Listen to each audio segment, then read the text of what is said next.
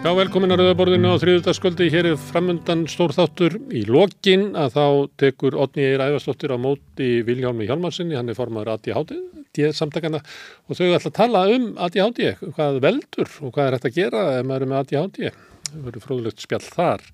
Það er dagur fátæktar og Otni Eir ætlar að taka á móti uh, konum úr, úr PEP, félagi fólks í fátækt og ræða við þær um fátæktina sjálfa en líka uh, vaksandi baráttu samtök fátakra sem að vilja fá rött í samfélaginu, vilja berjast gegn fátæktinni og berjast gegn fordamum gagvat fátæktinni, fá stjórnul til að opna auguna fyrir því að fátækt er félagslegt vandamál sem að henni fátæku verða fyrir en ekki sjálfskaparvíti hinn að fátæku sem að því miður verðist vera trú stjórnvalda og sömuleiti með því að kalla það þjóðtrú á Íslandi. Það var hér uh, fyrir viku eða svo þáttur í uh, ríkisjónvarpinu, heimildamind sem var sínd í tveimur hlutum um hrunið, hér baráttan um Ísland. Uh, hún fjall ekki í góðan jarðveg, fekk mjög blendnar viðtökur. Margir af þeim sem stóð á myndinni báðu rúf og framlegundur sagafilm lengst frá orðu að eða nafninu sínu, vildi ekki tengjast þessari mynd. Ástæðan var svo að að sagan af runnu sem að byrtist í þessari mynd er ekki í takt við það sem að almenningur kannski tengir við. Þetta var líkarið í að vera svo saga sem að þeir sem að voru valdir af runnu vilja að við uh, trúum og lifum innan.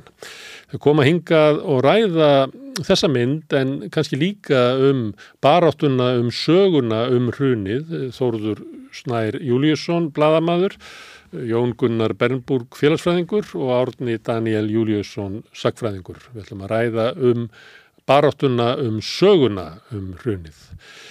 Það er dagur fátaktar eins og ég sagði áðan og við ætlum að hafa svona viku fátaktar hérna við auðaborðið. Það hefur komið fram í eh, öllum könnunum sem gerðar hafa verið á fátakt á Íslandi að það eru tildegnir hópar sem eru veikari fyrir fátakt, útsettari fyrir fátakt heldur en aðrir. Það eru innflytjendur, það eru einstæðir foreldrar, það eru öryrkjar og, og aldraðir e, og það eru leyendur og við ætlum að ræða við þessa hópa e, hérna á nestunni og við ætlum að byrja í kvöld á því að tala við Guðmund Raffn Argrímsson um fátagt leyenda en við ætlum líka að ræða við hann um fréttir dagsins.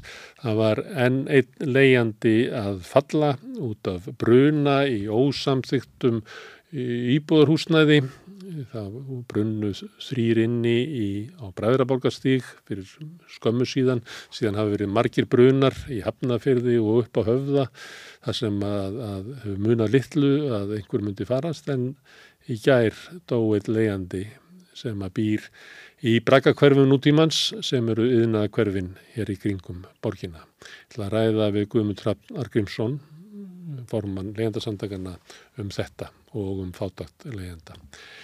En áður en að við skiptum yfir í viðtöld dagsins að þá vil ég minna ykkur á að samstöðin er fjölmiðil, e, útastöð, podcast, e, við erum með útsettingar á Facebook og YouTube en höfum byggt upp það sem við erum að gera með stuðningi ykkar og, og við viljum helst fá að gera meira við viljum, vilja, viljum hefja sjónvarsútsettingar en til þess að þá þurfa fleiri að koma og gerast áskrifundur. Þið sem hafið verið að hugsa um að gerast áskrifundur en ekki láti vera að því ég hveti ykkur til þess að láta vera að því bara núna. Og fara inn á samstöðum.is þar er nappur sem stendur á áskrift. Ef þið íti hann þá getið þið skráð ykkur sem áskrifundur. Því sem að viljið getið látið áskriftin að vera jafnframt félagskjöld inn í alltíðufélagið og það er einmitt alltíðufélagið sem á samstöðuna. Hvet ykkur til þess að íhuga þetta og láta verða að því ef ykkur, ef þið viljið blanda ykkur inn í hóp, hópin sem stendur á bakvið alltíðufélagið. En framöndan eru við til dagsins. Hvernig getur við réttlætt að um 63% eblingarkvenna eigi erfitt með að ná endum saman? Ebling stjættarfélag. Baróta fyrir betra lífi.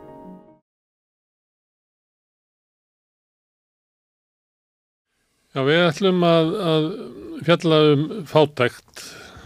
Við gerðum það aðeins í, í, í gær. eh, rættum um, um útækt á fátækt á Íslandi og sem að snýrist á sömuleitum það hvort það verið þjóðaslega hagkvæmt að, að vinna bug á fátækt og, og það var svo. En núna og næstu dag ætlum við að ræða við fulltrúa hópa sem að uh, eru í aðstöðum sem að fátæktin nær og dregur niður. Við ræðum við öryrkja og innflytjendur, einstæða fóreldra, fóreldra. Og hér á eftir ætlar Odni að ræða við eh, fólk úr, úr PEP sem er samtök fólks í fátækt. En einn af þessum hópum sem allar rannsónir benda til að, að lendi í fátæktargildu eru leyendur og yngaði komundur Rafn Argrímsson, forman leyendarsamtakana. En fréttir dagsins hérna blanda svolítið inn í þetta líka því að, að maður sem að var í brunanum á Funahöfða sjö hann uh, lést eftir brunan uh, og þetta er ekki fyrsta skipti sem að verða brunar í svona ósamþittulega húsnaði við þekkjum bruna, stórbruna í Hafnafyrði það var annar brunni upp á höfða og svo náttúrulega bræðurborgastíg þar sem að, að fórust þrýr leyendur. Allt saman uh, fólk svona á jæðri leikumarkarinn sem bara fær ekki almennilegt húsnæði og fristast þess að leia í yðnækverjónum sem hafa verið kolluð brakka hverfi nútímans þar sem eins og brakkanir eru óbáðulegt íbúðhúsnæði og brunagildur og þar með dauðagildur. Þannig að þetta, er, þetta segja sem að þarna hefur verið bara einna vikkur sem að fórst Já, já, þetta er uh, náttúrulega alveg óbúslega sorglegar hrettir mm. og þetta er uh, uh, bara tíma að sprengja þetta núti, það eru allavega 2000 manns sem búa við nákvæmlega þessar aðstæður sem að eru uh, upp á höfða. Ég þekki til þessu húsni, ég mani man, man vel eftir þessu húsnaði bara Uh, fyrir mörgum ánum síðan og fyrðaði með myndi á því þá að þarna væri verið að uh, leia fólki í herbergi og uh, ég þekkti fólk sem að bjóða þarna fyrir einhverjum 20 árum síðan þetta er til dæla landsíðan þetta, þetta þessi búsætta hófst á þessum stöðum. Þetta var skilgreynd á tímabili sem íbúðir en svo var því breytt yfir í sko skrifstuhúsnaði Já en hann í kring eru bara sko port fyrir vörubílavegstæði og hann eru bílapartasölur. Þetta er náttúrulega ekkert sem að kallar á eitthvað samengi við, við hérna, búseti fyrir fólk bara ekki nokkur hlutur og svo kemur það bara í ljós að það er ekki bara þegar við fáum fréttir af svona hörmulegum atbyrðum Uh, þegar við fáum insinn inn í eh, veruleika þessa fólks. Við erum aft okkur á því að þetta er, fólk býr við þetta 365 daga á hverja einustu ári nokkur þúsund manns uh, búandi við þessa dauða gildrur. Við, sáum, við erum alltaf bara eftir frettunum hérna frá uh, lönguhlýð miklurbraut frá því í, í vor. Mm. Um fjölskylduna sem að bjóð þar í kólakjallara nú þetta er bara víða. Við fáum sem sagt til okkar tölvast mikið af skilabáð fyrir fólki sem býr við svona aðstæður og við getum því miður ekkit útvegaði að hjálpa því að, ef við reynum að hjálpa því að, að finna húsnæði, við getum raunin ekkit hjálpaði því öðruvísi nema að tilkynna þeim réttin þeirra og, og, og hérna og, og svona um, geraðu meðvölduð um hvað, hvað, hvaða úrræðu hafa, en þetta er bara veruleikin, það er bara um, allt og lítið húsnæði til uh, og svo er bara þarna hákarlar þarna úti að því að það er eh, ekki mikið gott að segja um fólk sem að býður upp á svona vistafurur ef að það er einhvert göfurlindi eða svona álitlegur svona siðferðis áttaviti innræmir fólki eh, að þá uh, tryggir það uh, öryggi leyenda sinna mm. en því miður þá er bara uh, hérna, pottubrótun í þessu og það eru margir sem bara skeita yngum helsu leyenda sinna, því miður og, og svo er það líka þannig að að í þessu húsnaði er oft á tíðum hæsta fermyndarverið. Því þannig að vera að leia fólki kannski bara hlut úr herbyrgi ja. á 70, 80, 90 skall og svo þú raður þessu saman að þá er kannski hæsta útleiguverð per fermyndra í versta húsnaður. Já, já, og þetta eru húsnaði sem að svona braskarar hafa keifta og, og, og sko örfa á miljónir á sín tíma og, og eru með þetta bara sem einhver peningakú, endalusa peningakú vegna þess að vita það, það hérna, setjum þessar vistafurur að því að öðrum kosti er fólk á götunni mm. og fólk er að hrúast inn í þessi herbyggi uh, og þetta er, þetta er náttúrulega bara eins og við átt nefnt hérna sko, þetta er svona eins og bara að vera komin aftur á dikkans tíma mm. sko, hvernig uh, komið fram í fólk og hvað því er bóðir hennilega upp á. En svo er náttúrulega sko, við erum stjórnvöld ekkert verið að gera í þessu. Það er eiginlega það sem ég ætla að spyrja þau um að því að það er búið að ræðum þetta sko árum saman Já. og það er búið að teikna upp vandan, það er búið að teikna upp hættuna og þá er spurningin sko hver eru er aðgerðir stjórnvalda? Sko aðgerðir stjórnvalda ef maður svona skoða bara síðustu fjög og fimm árin að síðan þetta svona komst í hámæli uh, fjöldi fólk sem að býr við í svona óleifisbúsættu að uh, einu aðgerðir uh, bæði sveitafélag og, og ríkis hafa verið þau að breyta skilgreiningum á þessu, þessari búsættu. Það er þess að auðvelda fólki að búa við svona hættilega aðstæður. Mm. Uh, sem er náttúrulega að, að hjálpa þeim sem eru að leiðja út já, já. til þess að leiðja út. Að vera að normalisera uh, lífsækki óeðlegt ástand er gert eðlilegt. Já, óeðlegt ástand, það er ekkit annað gert í þessu. Það er engin, ekkit sérstætt frumkværi frá sveitafélaginu að útvega þessu fólki húsnæði eða sjá til þess að, hérna, að uh, það sé að borga eðlilegt leiguverð fyrir þetta eða þá að, að, hérna, að það sé sannarlega gengi frá húsnæðinu þannig að það sé Eh, örugt og við sjáum bara dæmi þess að eh, slökkviliðinu er ætlað að fylgjast með þessum kíma leikumarkaðins eh, og sko það er nú margótt komið fram að, að það eru sko takmarkað hvað slökkulegu getur verið að fylgjast með mörg þúsund manns sem að býr hérna ynga og þanga um höfuborgarsvæði í, í svona ólefis búsetu að því að þetta fólk kannski þekkir ekki réttindu sín og er ekki sérstaklega að tilkynna þetta uh, og það uh, ofta tíðum bara feigið að vera komið í eitthvað húsnæði. En það hefur komið svo fram að þrátt fyrir að slökkulið hafi farið vettfangsferðir og, og hafi tekið þessi húsnæði út að þá er þetta samt sem aður döðagildur að uh, sko þetta hús sem að, að það sem að kvikna í í dag, að þar hafði slökkviliði bara farið úttækt fyrir ekkit svo löngu síðan mm. uh, þannig að sko að bara það að, að, að setja þetta fólk í þessa hættu þar sem að það er býr í svona þröngt í húsnæði sem er ekki gert fyrir búsetu kallar þetta bara yfir okkur mm.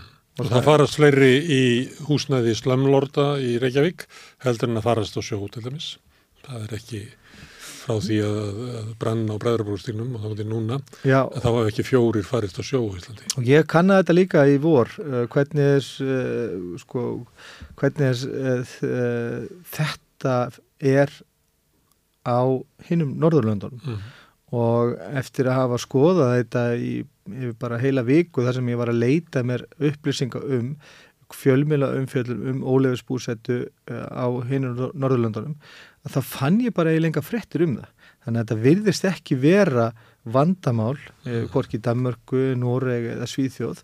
Uh, sko ég, ég veit það fyrir sjálfur að því ég var nú sjálfur að vinna í svona verktakavinnu í Danmarku að uh, sko erlend verkafólk sem að vinnur í Danmarku er uh, sko hefur ekkit mikið betri kjör heldur en hér það er því borga lág laun og, og hérna og uh, býr þröngt en Ég vissi ekki til þess að þetta fólk eh, væri að hrúast inn í einhver yðnaðar húsnaði að það var einhvers konar samþitt fyrirkomulag. Þannig að sko við erum stöður búin að færa þessi, sko, þessi síðferðismörk okkar alveg út fyrir sko, eh, sko allan þjóðabólk bara. Þetta er, minnir á borgir í svo kallaða þriðja heimi eða í bandaríkjónum í þriðja heiminum að þá verða svona reysisbyggðir eins og krægi í kringum borginnar hér er það yðinnaðar húsnaði sem er svo krægi í kringum hérna bíbúðborg í bandaríkjónum þá eru það hérna trailerparks sem að ræða sér svona. Já, og við vitum um það við vitum sangkvæmt uh, nýjastu skýslu uh, Reykjavíkuborgar þá eru 2000 manns uh, eftir þessar nýju skilgreiningu þá eru 2000 manns sem er búa við í ólefisbúsetu þegar að fyrstu skýslunum komu fram hérna þá var nú að tala um millir 5 og 6 þúsund og allt upp í 7 þúsund mann sem að byggja við þessa aðstæður mm. svo að farið í að skilgrina þetta eitthvað öðruvísu þá gott við er svona, þetta er svona þessi talna kunstum að uh, sveitafélagi beitir oft eða það vil líta betur út af svona, hérna, út af við. Það er eins og með bygglista fyrir félagslegt húsnaði breyta bara skilgarninguna því hverju með sækjum og þannig að svona sikta út bygglistana Svo verður oft bygglistar eða að komast á bygglistana sem er ekki taldið með. Já, nákvæmlega og hérna, þannig að þetta er þetta er bara ræðilegt ástand og og eins og þú segir réttilega þetta er bara einna okkur sem er að deyja og þetta er döðans alvara. Mm. uh, húsnæðisöryggi þetta er bara döðans alvara og þetta stjórnleysi í húsnæðismálum sem hefur verið viðvarandi alveg hérna sko frá því fyrir og í rauninu er náttúrulega bara að hefur í förmessel gríðarlegan uh, alvarlega, alvarlegan skada fyrir fjölskyldur og ekki bara það heldur hefur þetta gríðarlega alvarlegan samfélagslegan skada Erðu, Það var ástæðan fyrir að ég fekk þinga að okkur langar hérna við rauðaborðið að svona kortleggja fátakt, það er dagur fátaktar í dag, alltaf dagur, en við ætlum að vera svona bæði dag og næstu daga að, að ræða, reyna að fá svona insýn inn í þá hópa sem að koma fram, kemur fram í öllum skýslum sem eru gerður um fátakt. Það er svona vissar aðstæð sem að draga fólk niður í fátakt. Það eru meiri líkur auðvöld innflytjandi, það er meiri líkur auðvöld öryrki, það er meiri líkur Eh, aldraður, það er mjög skiptar, það er hópur aldraðara sem að býra við mikla fátækt, þeir sem ekki hafa mikil réttindi úr, úr, úr lífeyrissjóðum. Það eru einstæði fóreldrar, að hérna, fólk á lágum tekjum sem að kannski getur framfleytt sér á börnum sínum í, í, í einhvers svona hjónabandi eða, eða sambúð, að, að þegar fólk skilur að þá bara fellur það niður í, í fátækt og svo er það leyendur. Mm. Og þá langar mig að spyrja þig, hvað er það í aðstæðum leyenda sem að tógar þá niður í fátækt? Og það er fyrst og fremst uh, há húsalega. Uh, það hefur verið sínt uh, fram á það í skýslum velferðavaktarinnar sem var nú sam, unnir svona á sam-evróskum vettfangi yfir nokkur ára tífambil og kom út skýsla 2019 og aftur 2022 og þá kemur það bara í ljós að húsalega sem áhrifa þáttur í fátakt á Íslandi er þrefalt meiri heldur en að meðaltali annar staðar í Európu. Það er að segja að þegar búið að, að sko, uh, hérna, skoða aðra þætti eins og tekjur og nistlu eða lífstíl og, og annan kannski ekstra kostnað að þá hefur húsalega þrefalt meiri áhrif á hlutfall fátaktar hér heldur en annar staðar. Mm. Þannig að þetta er fyrst og fremst þessi há og húsalega og það helst náttúrulega í hendur sama við það að húsalega hefur hækkað 160% rúmlega þar sem við vitum um og nú vitum við að þessar, þessar tölur eru miklu herri vegna þess að við getum bara ekki mæltar herri út frá ofnböru gögnum eh, en við vitum að húsalega hefur hækkað meirinn 160% við bara, við höldum út velaseftiliti og við vitum það bara og þar lendir sko er þetta fyrst og fremst uh, sko, verðlagning á leikumarkað sem veldur uh, að stórun hluta til fátakt hjá fólki eða miklu meira magni heldur en annar staðar. Uh, og, og svo ofan í kaupið erum við með óregluvæta vísitölutengingu á Íslandi. Ég held á þess að full, geta fullirta ég hef búin að skrifa 37 Uh, hagstofum í Evrópu þar sem við erum búin að byggja um upplýsingur um þetta fyrirkomulag laga bálka í kringu vístölu, tengingu, húsalegu samlinga og tíðinni og frangvand og þess að þar að uh, þá erum við hugsanlega eina ríkið í Evrópu þar sem við uh, ríkir ekkit regluverk um vístölu, tengingu, húsalegu samlinga því að það var felt og gildi hérna í janúar 1999 þannig að það er löglegsa í kringum þetta fyrirkomulag mm. og svo annað er að tíðni vístölu, tengingar, húsalegu samlinga á Íslandi hér er eh, eins og við öllu vitum eh, að mánaða fresti. En eh, annars þegar Európu um, er að vísitölutenging fer hún bara fram einu svona ári. Og oft er það þannig að þeir vísitölusamningar, húsalegu samningar sem eru vísitölutengtir að þá má ekki hækka að öðru leiti. Þannig að þetta er fyrst og fremst uh, leiguverð sem er að valda fátakt og það er eins og segja, það sína allar skýrslur. En leiguverð er afleiðing af hústæðistefnum stjórnvalda hann kom hérna Kjartan Ólásson sem er félagsfræðingur og tók þátt í að búa til eh, enn eina skýrslum með fátakt eins og fátatólk segir að því að stjórnvaldur er alltaf búið til skýrslur en það er ekkit um ekki sínilega neinar aðgerðir. Að hann talaði einmitt um hvernig sko, stjórnvaldsaðgerðir getur sko, haft áhrif á fátakt, bæði jákvætt, bendi á lífrisjóðakerfið sem hefur bætt kjör aldraðra almennt en svo eru hlutið þeirra sem ekki voru á vinnumarkaði, heimavinnandi húsmaður eða þau sem eru með stópila þáttöku á vinnumarkaði meðal annars út af umsjá barna eða aldrara fóraldra á þar umtökvöldunum að þau sitja eftir.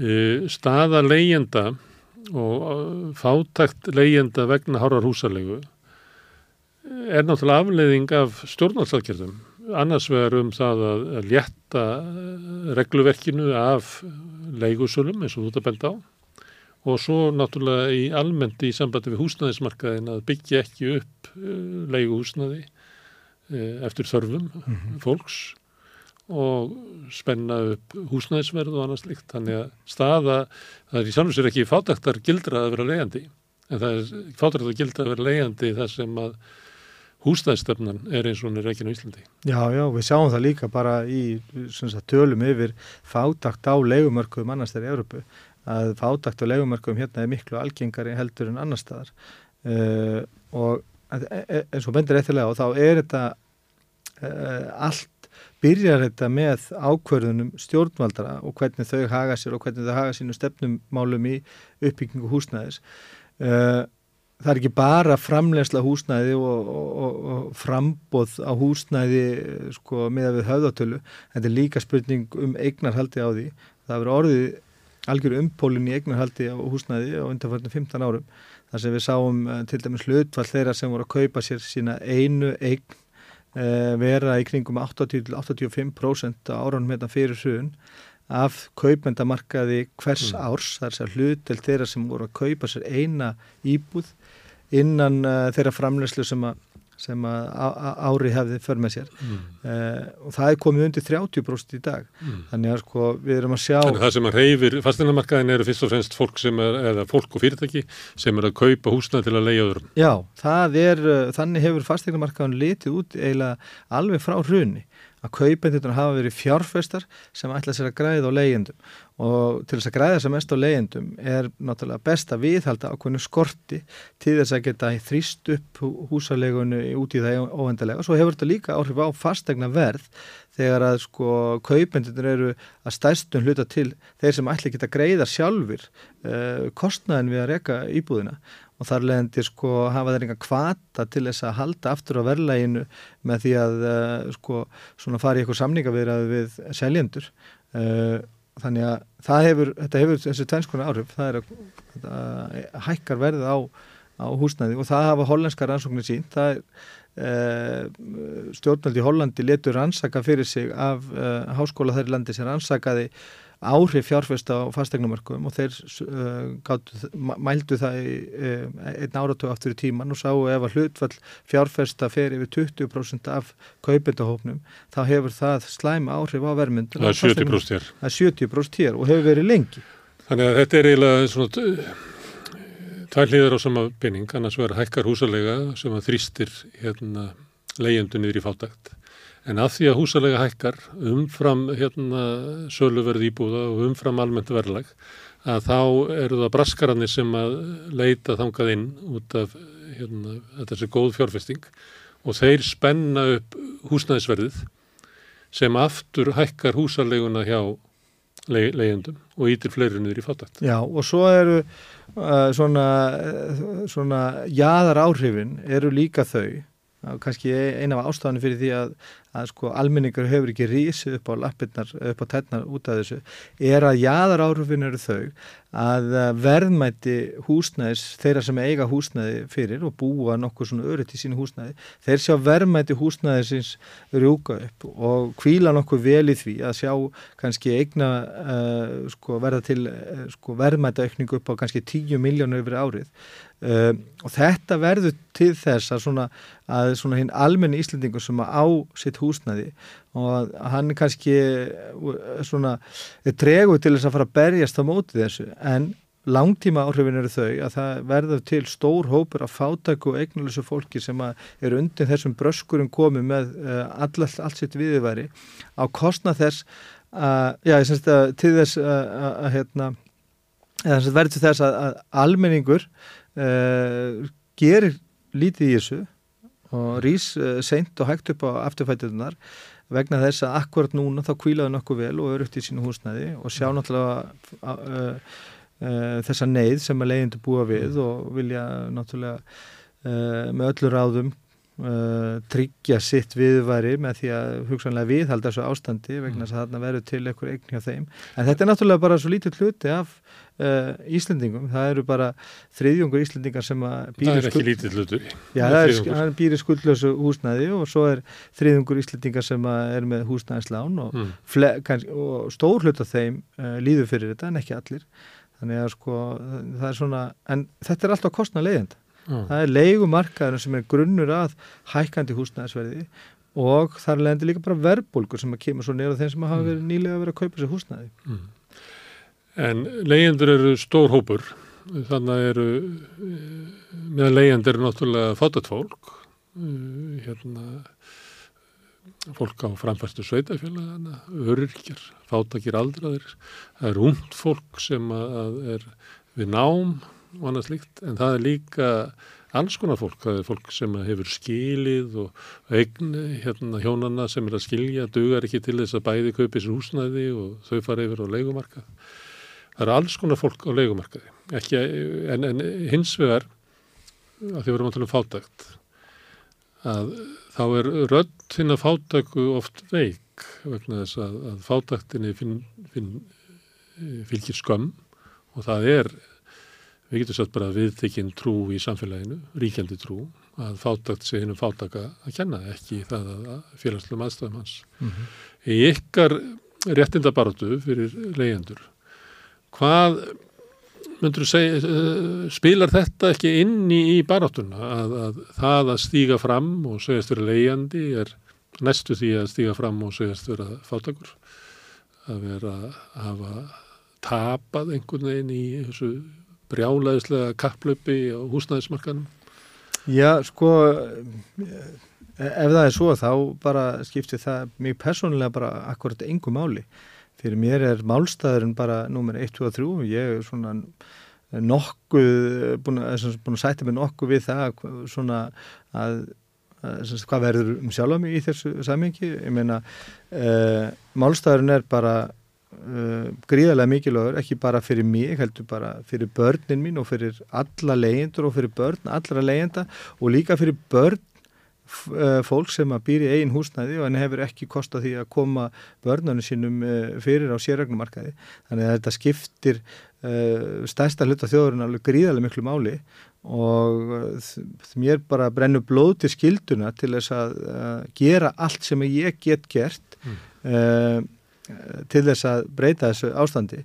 Þú talar hérna um hvernig fólk kemur inn á legumarkaðin og það er til dæmis í mínu tilviki kem ég inn á legumarkaðin eftir hjónaskilnað uh, og uh, ég kem hérna heim og námi í loka ást 2007 og við uh, kaupum okkur íbúð upp í Gravarholti um, og það sagt, uh, fór ekkit ítla um okkur. Við, ég reyndir reyndar svona ítla í hruninu eins og svo margir, ég missi vinnuna og verð atvinnlaus eftir að vera búin að skuldsetja mig e, við sexara háskólanam í Danmarku Um, en það er ekki sko fyrir að maður kemur á leikumarkaðin og sérstaklega í ástandi þar sem var erfitt að fá vel launaða vinnu að þá sko veldur þar heimlega svona að maður er við fátakra mörg, maður er alltaf einhvern veginn að að sko hafa fyrir því að, að geta borga húsalegu og fyrirsjáleikin er engin og ég til dæmis núna um þessa myndir að fara að flytja í fjóruða skiptið eða um fjóruða heimilisfangir sem ég mun hafa á fjögra ára tímanbili. Uh, ég er fimmbarnar fæðir og ég verði reynd að halda heimili fyrir börn sem ég og fyrirvendu kona mín eigum saman uh, og þetta er náttúrulega algjörlega ólíðandi ástand og það er líka mikill falin kostnaður í því að vera á þessum sífældu flutningum, þeir kosta mikið bara, bara reyn fjárútland við flutning. Uh, þetta kostar oft líka mikið að það þarf að skipta um húsgögn og losa sér við íminnslegt og kaupa annað. Og svo er þetta bara mikið vinnutab líka. Mér hefur svona talist til að þetta er svona nánast uh, mánadar ferli að pakka saman, flytja og koma sér fyrir. Og svona kemst voða lítið annað að á meðan með að maður er að koma sér fyrir og, og hérna og svo náttúrulega líka er eitt við þetta svona þessi fátagra gildra við þetta ótrúlega mikla húsnæðis óöryggi sem maður býr við að þetta hefur áhrif á alla starfsorku, getu og svona nánast á atkerfum hans að búa við svona óbáslega mikla óvissu vegna þess að það sem að veitir manni endurheimt það er þessu hotlusta við heimilið, þessi fyrirsjánleiki uh, og þessi nöðsynlega endurheimti er einmitt þar sem að fátakt fólk og fólk sem að e, kannski er að berist í bökkum þarf einna helst á að halda til þess að geta afla sér viðvaris. Það er endurheimt og endur nýja orkuna og, og hérna, til þess að reynlega hafa burði til þess að, að, e, hérna, að sko reyna allt sem það getur til þess að uh, sko afla sér viðværi eins og jafnvel að reyna að breyta hérna, félagsleiri stöðu sinni. En með því að halda fólki í svona mikill örvendingu og ángist og hafa það á sífældum flytningum það ná leyendur mjög sjaldan vopnum sínum uh, til þess einmitt að reyna að hafa áhrif á félagslega stöðu sína eða innkomu. Uh, og þetta er náttúrulega bara það sem að veldur hennilega fátagt fólk getur komið inn á legumarkaðin uh, í bærilega fjárhagslega start fólk sem að kannski rétt náðu bara ekki rétt inn á sérregnamarkaðin en legumarkaður veldur því svo fátagt mm. með því að, að, hérna, að draga úr uh, sko, getu þeirra til þess að, uh, að hérna, að uh, öðlast betra lífsviðiðvari og uh, hérna með þessari svífilega hári mm. húsalegu og ég er mm. persónlega uh, búin að leia á, á innan við áratug uh, þá hef ég borgað vel á 40.000 miljón í húsalegu þannig að sko þetta er svona mm. bara kaupverð sæmilega íbúða fyrir nokkur ára síðan sko. En ég er að vitna til svona eh, svona það sem að hangir í loftinu í Ísleikur samfélagi að, að fátakt sé hennu fátakt að kenna það sé þér að kenna að þú sért á leikumarkaði Og það byrtist í því að stjórnvöld, þótt að leyendur séu sko gríðarlega stór hópur, kannski 100.000 manns sem að búa í leiguhúsnaði með börnum og, og tölur allt neð. Vel að merkja mm. að að jafnaði þá borga leyendur er, er með meiri húsnaðiskostna. Borga meira. Heldur en eigundur. Já, já, eru þar leðandi sko samkvæmt þessari trú íslendinga og dugna og svona duglegasta fólkið. Eftir sem áður að þá styðja stjórnvöld samtök leiðandi ekki neitt. Nei. Þegar að þeir verið að, að skoða húsnæðismarkaðina þá hefur sjaldan kallaðir til fulltrúar leiðanda og við hefum nú rættið þetta áður guðmundur, að það eru nefndir og það eru kannski allir engin leiðandi í nefndinni og, og ég fyrir einhverju sem eru leiðu salar í nefndinni en engin leiðandi og það er verið að tala um það. Svo þegar stjórnmála fólk er að tala um aðgerðir húsnæðismálum að þá vilja þau ekki tala um leiðandur. Þau vilja tala um fyrstu kaupendur sem eru unga fólkið, duglega fólkið mm.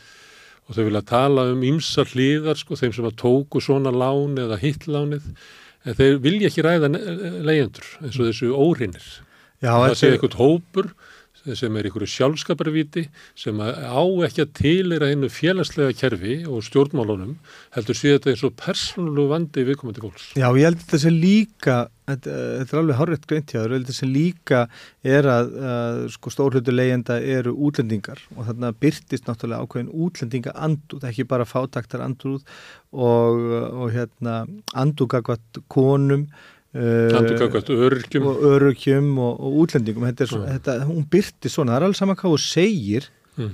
ég segi þetta ofta böðinu mín að það skiptir engum máli hvað þú segir. Þú getur skreitt, eigðar skreittið með alls konar orðum og, og yfirlýsingum en það skiptir öllum máli hvað þú gerir. Og, og verk stjórnvalda kakot þessu fólki sína stæka anduð á mm. þeim sem eru fyrir á legumarkaði gott og nefndir hérna rétt á þann um sko við hverja verið að tala þegar verið að tala um legumarkaðin og, og svona einhvers konar úrræði eða hugmyndur um úrræði. Ég áttur símtal bara í morgunu við mann þar sem verið að ræða um þetta að því að sko fyrir nokkur mánuður síðan þá svona skima í þess aðeins yfir uh, hverju það eru sem hafa tekið þátt í samtölum uh, við þið ofnbera um hvernig fyrirkomalæðið á að vera legumarkaði. Mm. Og þetta eru svona í kringum 70-80 einstaklingar sem hafa komið inn í starfsópa, setið eins og nefndum ráðum að við um stjórnmálaflokka og hagsmunarsamtaka. Þetta eru fólk sem sendir inn umsagnir uh, og, og, og, þess áttar. Og af öllum þessu fólki er einn leiðandi. Það er að segja að 99% af þeim sem eru að skipta sér af því hvernig fyrirkomulegið á að vera á legumarkaði eru húseigundur og þetta er eigna fólk. Þetta er eh, ekkit ólíkt því ef að sko, ef að hérna Þetta er svipað og hvennar ástöfna í Sáti Arabíu, það sem sýttar bara kallar í salunum. Já, þetta er nákvæmlega eins. Mm. Uh, fólk sem hefur enga einsinn í þetta uh, og, og hérna og þarf ekki að búa við þetta og þarf ekki að upplifa uh, þar aðstæði sem er legumarkaði. Það er það fólk sem er verið að ræða við sem stjórnand ræði við og spurja hvernig við eigum að hafa ástandið hérna á legumarkaði, hvaða fyrirkomalegu við hafa á þessu, hvaða regluvert og vend og, og hvaða frambóð og svona, hvaða bjóður þessu fólki. Þá er ekki verið að spurja leyendur sem að búa við þetta, heldur þá sem að græða á því. Hmm. Þetta er náttúrulega bara, eh, sko, í, á 21. öldinni eh, er þetta náttúrulega bara íla, sko, já mann á bara að valla lýsingur yfir þetta. Þetta er svona svipað ef að bruggararnir eh, ættu að móta líðhelsustefnu í áfengismálum eða síkartufyrirtækin. En þetta er þessi, sko, þessi fyrring stjórnvalda og þetta, sko, andvaraleysi og skeitingaleysi gagvat uh, heilsu, heilsu fólks og, og, og lífskjörum á legumarkaði að það, því þetta er ekki huga að bjóða í því samtalsum hérna, og hvað er það sem við getum gert þetta betur mm. heldur faraðir neyri í borgatún og tala við skugga stjórnaráði þar sem að í húsi atvinnlífsins og spurja hérna, hvað, hvað vil ég fá út úr þessu legumarkaði, hvað, hvernig best fyrir ykkur að, að hérna, sjúa sem mest út úr þessu legumarkaði og viðhalda ángjustu örvendingu og, og hérna, auðsöfnin fólk sem að starfa öðninni. Ég held að þessi afstöða sé mikilvægt að átta sig á henni ef við ætlum að ykkur tíma að vinna á fátækt að þá eru átt okkur á því að fátækt er afleiðinga stjórnastöfnunni og hugarfar þeirra sem að stjórna er svona að þeir hérna, sjá ekki og vil ekki sjá henni að fátæku. En við tökum leikumarkaðin sem dæmi, að því að ég veit að þú hefur verið að skoða leikumarkaðin hér í samanbörði við bara okkar næstan ákveðni, að það virðist sem að, að þetta hugafar sé miklu meira afgerand á Íslandi heldur en annar staðar því að í flestum löndum að þá eru þá er maður einhvern nátt reynd að verja leyendur, það er annarkort regluvöldur leikumarkaður eða það er byggt þannig að það sé nægt húsnaði þannig að fólk þurfi ekki að vera út í eðinar húsnaðinu við, í brunagildru. Hvað, sko, hvað veldur þessur mun á afstöðu ísletinga og okkar næstu nágranna? Ég veit ekki hvort þetta sé einhvers konar hérna hérkomi eða hvað sko, við höfum reykt okkur af hérna einhverju sérregna stefnu og verðum með hæsta... En hún er löngu fallið, sko, já, en það, ég veit ekki alveg nákvæmlega hvaða, veist, hvaða hérna, hvernig þetta byrtist í þjóðarsálunni, en sko eins og þetta byrtist bara í tölum, uh, sko, miða við aðra önnur lönd, að ég var nú bara að skoða það núna í vikunni í kringum verkefni sem ég er að vinna, að sko flutningstíðinni leyenda á Íslandi uh, samkvæmt Júrostat er svo langhæsta í mm. Evrópu. Það eru yfir 90% leyenda árið 2014 og hefur þetta vestna mikið síðan. Það eru yfir 90% leyenda sem hafa þurft að flytja sig um sett á uh, undagegnum 5 árum. Uh, húsnæðar sem anvikjastofnun hefur verið að mæla þetta og við líka. Og þá sjáum við að, að það er svona cirka á 20 mánuða fresti sem að, að meðaltali sem að leyendur eru að flytja. Og þetta eru sko tölur sem að eru óhugsandi, algjörlega óhugsandi í öllum öðrum Európaríkjum uh, það, sko ástæðan er svo að þarna uh, fyrst og næst verið að hugsa í öðrum löndum eins og bara í Skandinavíu sko þar er uh, verið að hugsa um að, sagt, að þetta er grundvallar þörf Eh, fyrir bara alla framvindu manneskunar, það er að hafa örugt heimili og, það er líka á, litið á þannig að sem leiðjandi uh, sem að verður ekki fyrir eign, neittni eignamyndu í gegnum allt, uh, allan þinn tíma sem leiðjandi að það óttu bara að borga mikið minna fyrir húsnaði. Það er að segja að uh, þetta er yfirleitt sko mörguleiti eins og í Danmörku þar er félagslega reikin húsnæðismarkaðu greiðlega stór, það er mikið leiguhúsnæði eða, eða sko 20% af öllu húsnæði og helmingurinn af leigumarkaðunum er reikin í samvinnfélagsformin þar sem að leiga er bara reikn út frá upphafnum byggingukostnæði og þar segja að það, það græðir engin á, á þessum, uh, þessu, þessu húsnæði. Hérna hefur orðið gríðarlega mikið svona fjármálavæðing á fastegnumarkaði og þetta er líka að gerast annar staðar en byrjunarstaða okkar í þessu málum er svo gríðarlega alvarleg að þar sem að sko fjármálavæðing er að eiga sér stað á fastegnumarkaðum eins og í Englandi og Meilandinu og Skandinavi þar er stert regluverk á legumarkaðum, þar er stór félagslega reikin húsnæðismarkaður, þar er uh, jafnbægi í frambóði eftirspurn og, og samninstöðu leyenda á almennu markaði. Við erum ekkert af þessu en... Ástæðan, Guðmundur, er svo að stjórnum þessu löndum hafa reynd að bæta aðstöðu leyenda og bæta öryggið þeirra. En stjórnum í Íslandi hafa bara ekkert gert það. Nei. Við sjáum ekki tilgangi með því. Finnst það ekki áriðandi? ekki aðkallandi, ekki mikilvægt ég held líka að þetta séu bara sko, ég ofta er að velta fyrir mig hvað, hvað veldur þessu vegna þess að ég svona vonast til þess minnstakosti að mikið af þessu fólki sem að uh, situ við stjórnvölinu að þetta séu svona manneskjur sem að uh, þekkja leyendur og kannski sínu, sínu umhverfi eða hafa verið á legumarkaði eða hafa bara samkjönd ég held stundum líka að, að þetta sé samblanda því að þarna eru uh, gríðarlega sterkir hagsmunni aðilar sem að fá sínu framkengt. Og þá er ég að fyrst og fremst að tala um samtöku aðlunlífsins, viðskiptur á samtöku einarinn, samtöku vestlunum og þjónustu, samtöku fyrirtæki í, í, fjármálu, hérna, í fjármálum og, og, og þessi aðilar sem að græða á því að, að húsnæðisverð sé að hækka og þar leðandi leiguverð. Við sjáum bara hvernig fleiri og fleiri stóri fjárfestar eru að færa sín á fastegnumarkaðin mm. og sérstaklega á leigumarkaðin. Eh, þetta, þetta væri óhugsandi í öðru löndum að, að sko að fyrir allra augum væru sko, grimmast, grimmasta kapitalið og, og hérna, gráðugustu fjárfæstatir að hérna, uh, koma inn á óregluvætan leg, legumarka sem býr við mikið skorta húsnæði á algjörlega á þess að stjórnveld myndu eitthvað grýpa inn í vegna þess mm. að einn byrtingamyndin er svo og þetta er bara svona nýjustu fréttinnar af, af hérna af reysastóru fjárfæstingafélagi sem er að kaupa hundruður íbúða hérna í, í vóakvarjunu að því að þeir sjá svo mikið tækja fyrir á legumarkaði nú uh, þetta er bara einn byrtingamyndin í hvernig stjórnveld hafa hagað uh, legu, svona regluverki fyrir legumarkaðin uppbyggingu húsnæði er að gráðugustu fjárfestar Íslandsins eh, hérna, eru allir að, að reyna að koma sér fyrir hérna.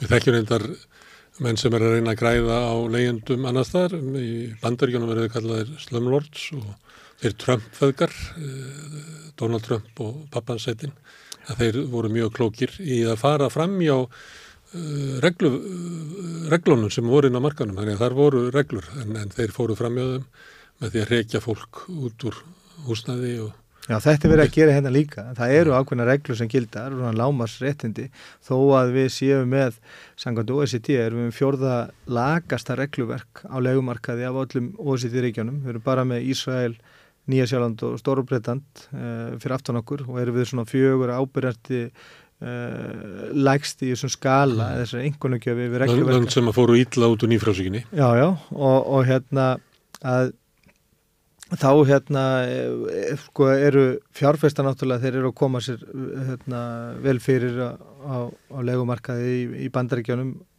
en uh, það er sko þessi mýta um að um að hérna að regluverk Uh, sé til uh, sé til uh, sé að vera vonda, sé að vera illa á legumarkaði, það er það bara er ránt þegar að kemur til alvöru fjárfesta vegna þess að við sjáum svona braskara vilja hagnýta sér veiktur regluverk. Og þetta bara gott dæmis og nendir hvernig þeir hafa hagað sér í bandaríkjanum að reynda að nýta sér veiktur regluverk. En þó eru bandaríkin með miklu meira regluverk á legumarkaði heldur en við við hérna, erum bara mm. sko, eins og þriði emsriki í, mm. í þessum álum og, og þá komum við líka bara að uh, ákveðnum svona hagstærðum í þessu það, það eru sko, eru til löndar sem er lítið regluverk á legumarkaði en ef maður kíkir á hagstariðnar uh, sem varða leikumarkaðin að þá lítur uh, ekkert land út sem ég hef skoðað og ég hef skoðað held ég bara öll lönd í Evrópu og skoðað Ástralju og Japan og, og Bandaríkin og Kanada og og ég hef svona aðeins verið að líta yfir hérna í Suður Ameríku mm. að þá kemur bara í ljós að, sko hagstæri sem að varða leyendur eins og með íbúa þéttni með eignarhald, uh, fluttningstíðni uh, framlegsla húsnæði og, og hérna stærð félagslegs leikumarkaðars og, og, og hérna reglverki kringum leigufjaraðir að sko þá er ekkit land með allt þetta uh, í svona slæm uh, málum eins og hér mm að sko það er svona eins og eitthvað svona fullkominn stormur sem ríkir hérna uh, að því að við höfum ekkert að þessum ekki stóran félagslega reikin húsnæðismarkað. Við höfum engin tækifæri fyrir fólk til þess að fara að byggja sjálft í, í samverðinfélagsformi við höfum með sko fordæmalest hrun í uppbyggingu húsnæði uh, sko uh, yfirstandandi. Við höfum með hæsta hlautalli heimi af íbúðum í, í skamtímalegu Við erum með sko 15% öllu húsnaði þar sem er ekkert skráð lögheimili. Það er ekkert land í, í, í sko allavega í Evrópu þar sem er svona stórt hlut og allavega öllu húsnaði hefur sko þar sem er ekkert skráð lögheimili. Uh, við erum með algjöru umpólun í eignarhald á fastegnumarkaði sem við höfum hverki séð. Við mann eftir frettaflutningi frá bandarækjum held ég að það hefur verið fretti frá 2018-19 þar sem að, þar sem að sko hluteld uh, uh, fjárfesta E, inn á kaupendamarkaði í bandaríkjónum hafi aukist um 6% á milli ára. Þar að segja sko að hérna sem er þá lítið hlutveldi og ferði yfir sko, sko heldar eignar, e, eignarhaldi á, á, á öllu húsnaði í bandaríkjónum en það færði þessum 6% á milli ára að það fó bara fyrir þingið, það var talið ógna bara sko lífskjörnum alminnings að fjárfesta væri verið að auka svona hluteld sína á kaupendamarkaði Við hefum búin að, þetta hefur breyst um, um sko 70% hér. Uh, við erum talað um 6% innan eins, eins ár sem að kannski 23% hlutdeild svona af heldinni þegar það var litið yfir sko heldar eignan hlutan. Uh, sko 20-30 falt meira. Uh, við erum með langhæstu flutningstíðina eins og ég nefndi hérna á það. Mm. Við erum með lélegasta regluverkið og við erum með lang, langhæstu og mestu hækkun á húsalegu sem hefur sérst í henni vestræna heimur með yfir 160% hækkun á húsalegu á rúm áratug og meðan að meðaltals hækkun á húsalegu e, á meilandi Európa á saman tíma er 18%. Þetta er nýfalt meira. Þannig að sko það ber alltaf saman brummi. Þetta er svona fullkominn storfur og þetta skapar gríðarlega mikil áföll fyrir fólk. Þetta veldur fátækt þetta veldur andlegum erfileikum, þetta veldur alls konar tengslaröskun, þetta hefur áhrif á þroska og, og atgerfi barna, þetta veldur bara alls konar, eh, ekki bara erfileikum, þetta veldur veikindum í fólki og það er gríðalegu samfélagslegu skadið af þessu vegna þess að þetta endar allt uh, í fanginu á stjórnvöldum aftur og á velfærakerfinu sem að þar sem þetta fólk er að leita sér eftir þjónustu sem er ekki til. Ég satt nú nýlega bara uh, farsældar þing í hörpu hérna upp af byrjun september að þá var verið að tala um hérna gríðalegu aukningu á uh, ungmennu sem að þyrtu einhver konar sálræna aðstóð Uh, og þá komur þetta bara berlega ljós bæði eftir uh, konunum og meðal foreldra þessar barna og rannsóknum, uh, ég man ekki hverju þóða þeirri rannsókn, það var kynntanda rannsókn, að þessi þjónusta sem að, sem að stjórnvöld eða fólk er að leita eftir, hún er ekki til, þar að segja, þessi þjónusta er ekki búið, en verkefni stjórnvalda er hins vegar núna, gegnum þessu farðsaldalög, það er að sko einfalda leiðina að þjónustunni sem er ekki til. Það er að segja, úrræð þeirra er að skipa fólki og fóruldrum sem að eiga börn sem að klíma við þessi erfileika, skipa um eitthvað svona teng, teng eh, sko, þeir fá ykkur að tengiliði, mm. eh, en þjónustan er ekki til og það var ekkert rætt um það hvernig getum bætt þess að þjónustu og að sjálfsögðu var ekki rætt um hvernig getum við komið í veg fyrir þessa flóðbylgju ungmenna sem að upplifa kvíða, vonlesi, deburð og örvendingu heldur Við ætlum að, að búa til tengilið fyrir þessar foreldra sem eru í nákvæmlega mm. sömu örvendingu og vanlíðan yfir, yfir hvernig börnunum uh, þeirra vegnar að við ætlum að búa til tengilið í þjónustu sem við getum heldur ekki veitt. Mm.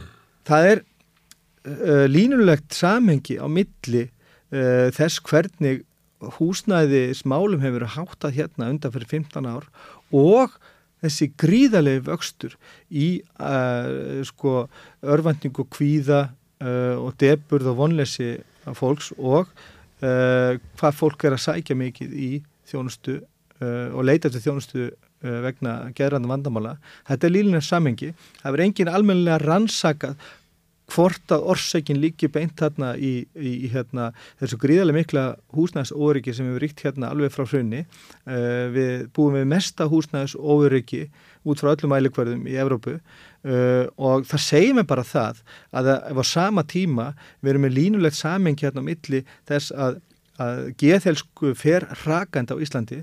Við erum með sko 20 falt meiri nótkun á alls konar geðljum handa börnum heldur en mörgun ákvarðanlöndin.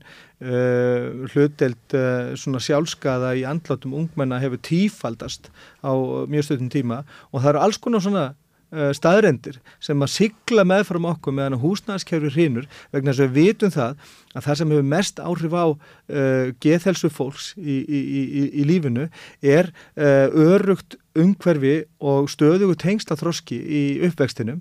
Og ef hann raskast þá fáum við uh, alls konar vandamál setna lífsleginni sem að byrtast einmitt í skólakerfinu sem byrtast svo inn uh, í, í sko þessari miklu þörf fyrir, geð, hérna, sko, fyrir þjónustu sem að stjórnvöldum uh, þau, þau ætla hvort sem er ekkert að veita en þetta byrjar allt með stöðugu eða svona óöryggja á uh, húsnæðismarkað. Mm. Sem að er afleðing af því að uh, stöðun á húsnæðismarkaði, það sem að þeir sem er að leia, að, að þeir mega hækka húsaleguna og, og kerfið er þannig að það ítir undir hækkun húsalegu sem að ítir fleirum niður í fátækt og fær, fleiri festast inn á leikumarkaði og komast í út af honum og eru þar með fastir í fátækt þurfa þá að flytja oftar og þarfandi gotunum og stjórnvöld venda ekki þetta fólk, heldur frekar braskarna sem er að leia. Já, Þannig það má segja sambandi við leyendur að fátætt leyenda er afleiðing af gróða annara. Það er svo einfalt. Það er bara uh, staðrind. Já, herðu, Guðmundur Hafn, takk fyrir að koma hér og tala um fátætt leyenda og atbyrjutaxis. Takk. Við ætlum að halda áfram hérna við rauðaborðið. Framundan er umfjöllun um hrunið og svo meira um fátækt og svo ræðum við líka um ADHD. Hvernig getur við réttlætt að helmingur eblingakvenna býr við slæma andlega heilsu? Ebling stjættarfélag. Baróta fyrir betra lífi.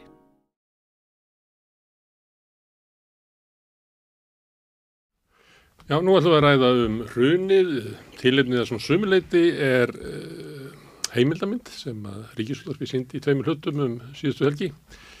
Uh, Baráttan um Ísland hétt svo mynd og viðbröðin við henni voru mjög blendin, svo vakt sér til orða tekið. Uh, margir af þeim sem tóku þátt í framlöslunni sögðu sér frá henni, vildi ekki tengja nafnsitt við þessa mynd. Og maður átti sjá á samfélagsmiðlum að mörgum fannst eins og það væri verið að falsa upp einhverja mynd um runið og það minnur okkur á að eins og í öllu að þá er baróttan um söguna kannski mikilvægast að baróttan um hvernig eigi að tólka runið og afhverju það varð, hvað gekk á, hver voru afleðinga þess, hverjir eru fórnulömbin og þar fram eftir guttunum.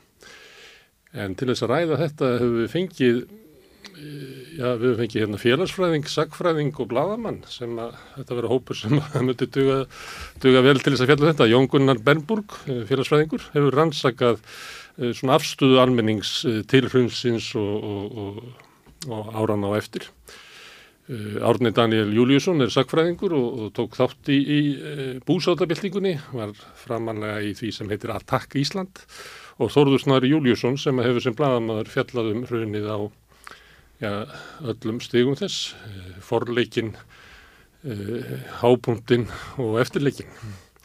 En að því að þú tengist nú myndinni, varst skráður þar sérstakur ágjafi, en sagði þið frá myndinni. Og hvað, þú bara gefur okkur aðeins hugmyndu það, hvers vegna þú vilt ekki tengja nafnið til þessa mynd? Já, og, og tengist henni þar að leiðandi ekki lengur. Nei. Ég var hérna bara í mjög stöttu máli uh, fengin til þess af sagafilm árið 2019 uh, á fengin að fundar eftir að ég ekki út bók sem heit Kaup Thinking og fjallaðum hrunið með svona Kaup Thingstæsta bankar sem aðalpersonu og ég held að, að mín, mín greining og niðurstaða á því sem átt sér stað komi skýrt fram í þeirri bók. Uh, þá var þeim grundvöld sem uh, sagafilm hafði samband við mig og var þá með þetta verkefni á taktinnum var raunlega ekki með neitt annað en titil og hefði uh, voru búin að snerta á ímsum erlendum sjónvastöðum, BBC og skandinarsku sjónvastöðunum, öryggis sjónvastöðunum þar á meðal um það að framleiða myndum íslenska bankarhunni fyrir erlendan marka og svo fenguðu inn uh, sænskan rannsóndablaðamann Búsi Lengvist sem hafi gert plassbarkamálinu meira skil en okkur annar, gerir frábæra heimildamindum það mál meðal annars til þess að leikstýra verkinu. Og ég var ráðinn fyrst síðast til þess að uh, vera til ráðgjafa fyrir hann. Uh, þarna átt að vera í tí, tíu mánuði svona innan handar á meðan verkið yrði klárað að koma með bæði að, að svona leiðbunum og hjálpunum vegna þess að flest, uh, flest literatúrin var á íslensku mm. og hann sænskur uh, og svo uh, komið tilugur af viðmælendum Uh, og svona hjálpa til við að móta synopsið og narratífi sem átt að vera í þessu og okkar hugmynd var svo að hans og mín að, að segja þessa sögu í gegnum fólki sem rannsaka það mm. uh, og, og fannst það áhugaverðasta sjónarhóttnið fyrir kannski alþjóðamarka en vegna þess að það eru alls konar svona ránkumundir um það sem átt sér staðinn á Íslandi erlendis, hérna, fólk heldur að við höfum hérna, rannsakað allt fangelsað flesta og smíðað nýja stjórnarskrá úr öllum rústónum og þetta er allt í bestafalli hálfsannleikur og stundum enginsanleikur þannig að þetta þótti mér áhugavert sjónarhótt og svo var það þannig að að búsi og framleiðanda myndarinnar sinnaðist eitthvað um það hvernig þetta nálgast verkefni 2020 hann saði sér frá því en svona hvað þetta myndi þess að halda áfram í þessu ráðgjáð hlutverki þetta var bara ráðgjafi, bara enga ábyrð á verkinu. Eh, svo kom bara COVID og lítið gerðist og ég hafi verið hóað í mig svona endrum og sinnum eh, yfir nokkru ára tímabil þar sem eh, mér hafi síndir einhverjir bútar af myndinni og aðalega viðtöl og síðast einhver tíman fyrir part síðast ás þá var hann mjög rá og allt uppfyllingarefni vandaði og hérna og annars líkt og, og svo mynd sem þar var dregin upp var sannlega allt öðru síðan þessi enda pródúkt sem sínd var á rúf fyrir ekki síðustu helgi, þar síðustu helgi Hver, hver var svona helsti munurinn eða þú gefur okkur ykkur hugmynd? Já, hann er heimin og haf, raunverulega ég var alveg, hérna, ég var alltaf meðvitaður og með opinu augunum það gefkvært í að, hérna, að það var viljið til þess að reyna að fá fólk sem hafði uh, verið dæmt og, hérna, og, og verið svona beinið þátt ekkert því sem gerðist eins sem viðmælendur. Við töldum að það myndi styrkja myndina og kannski að það verið tíu ára liðin rúmlega myndi eh, gera það verkum að, að fleiri myndi vera tilbúinir í það. Eh, þannig að hérna, ég vissi að það var að búa að taka viðtöl við ímstast líka eh, stæsti mununni sá í loka útgáðinu sérstaklega setni þættinum þá er búið að auka umfang þessara aðila mm. sem eru þarna til uh, viðtals, Láris Aveldings, Jón Sóskis, Jóhannessonar sem hefur mikið tengsli sagafilm mm. og uh, Sigur Ekki Guðjónssonar lögumanns og Ármanns Þorvaldssonar fyrirhandi bankastjóra Þingsingur og Frídlandir og núvarandi bankastjóra Kveku uh, mjög mikið, miklu meira en ég taldi að nokkuð um að þetta segja og það er búið aðlega finnst mér aðra viðmælandur að þeirra narratífi mm. þannig að tilgangur myndarinnar eins og hann blasti við mér er að selja þá sögu að á Íslandi hafi átt sér stað eitthvað skonar uh, nornaviðar gagvart bankamönnum sem hefðu nú ekki gert neitt annað að sér en það að reyna sitt besta mm. og uh, tilgangur allra þessara rannsókna hvort sem það var á vettvangi rannsóknendar alþingis eða e, á vettvangi sérstak saksóknara eða annara e, embætta eins og fjármála eftirlitsis hafi fyrst og síðast verið eitthvað svona músefin mm. til þess að hérna að beina aðtiklinni að þessum uh, fáu óhefnu aðilum uh, í staðin fyrir að, að, að hérna, beininni ekkert annað þegar ég leita sögutólkum. Það er sögurskýring sem ég kvitt ekki upp á með neinum hætti. Er fullkomlega ósámála og hef sett skýrt fram með allt öðrum hætti meðal annars í bókaskrifum. Þannig að hérna ég var uh, já mjög kumsam, ég fannst ég að vera blektur vegna þess að þetta var aldrei það sem þeir sem stóða verkefnu hjá Sagafilm sögðu við með að stæði til að gera og uh, kreditlistin var ekki byrjar að rúla þegar ég sendi skilabóð og baði um að fjarlæga mig að þessu verkefni samstundis og síðan hafa fleiri gert það meðal annars Búsi Lingvist sem segir að, að sko hann er svo ósáttur við þá stefnu sem verkefni tók af hálfu framlustu fyrirtækins og sagafilm hafði sveikt verkefni eitthvað allt annað en hann vildi fram með það. Já, það er miklu alvarlegra sem er gert gagvart honum en mm. gert gagvart mig. Ég bara er aftur ykkur ótindur ráðgjafar hlutverki mm. Uh, og uh, hef ekkert uh, að segja um hver hver end próduktið er, ber ekki ábyrðaði hvort sem framleiðandin er leikstjóri.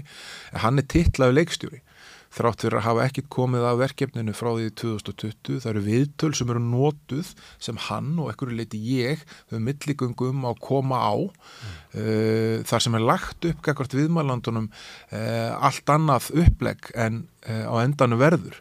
Þannig að hérna, það er svona virðist vera eins og þetta hefði einhvern veginn átt að nota okkar trúveruleika gagvart einhverju fólki til þess að dragast það á og síðan nota það með þessum hætti. Uh, það sem er gert kakvar tónum, hann hafði ekki hugmyndum að myndin hafi verið sínd fyrir en að það var hægt samband við hann daginn eftir setni þáttinn og hann er sagt frá því.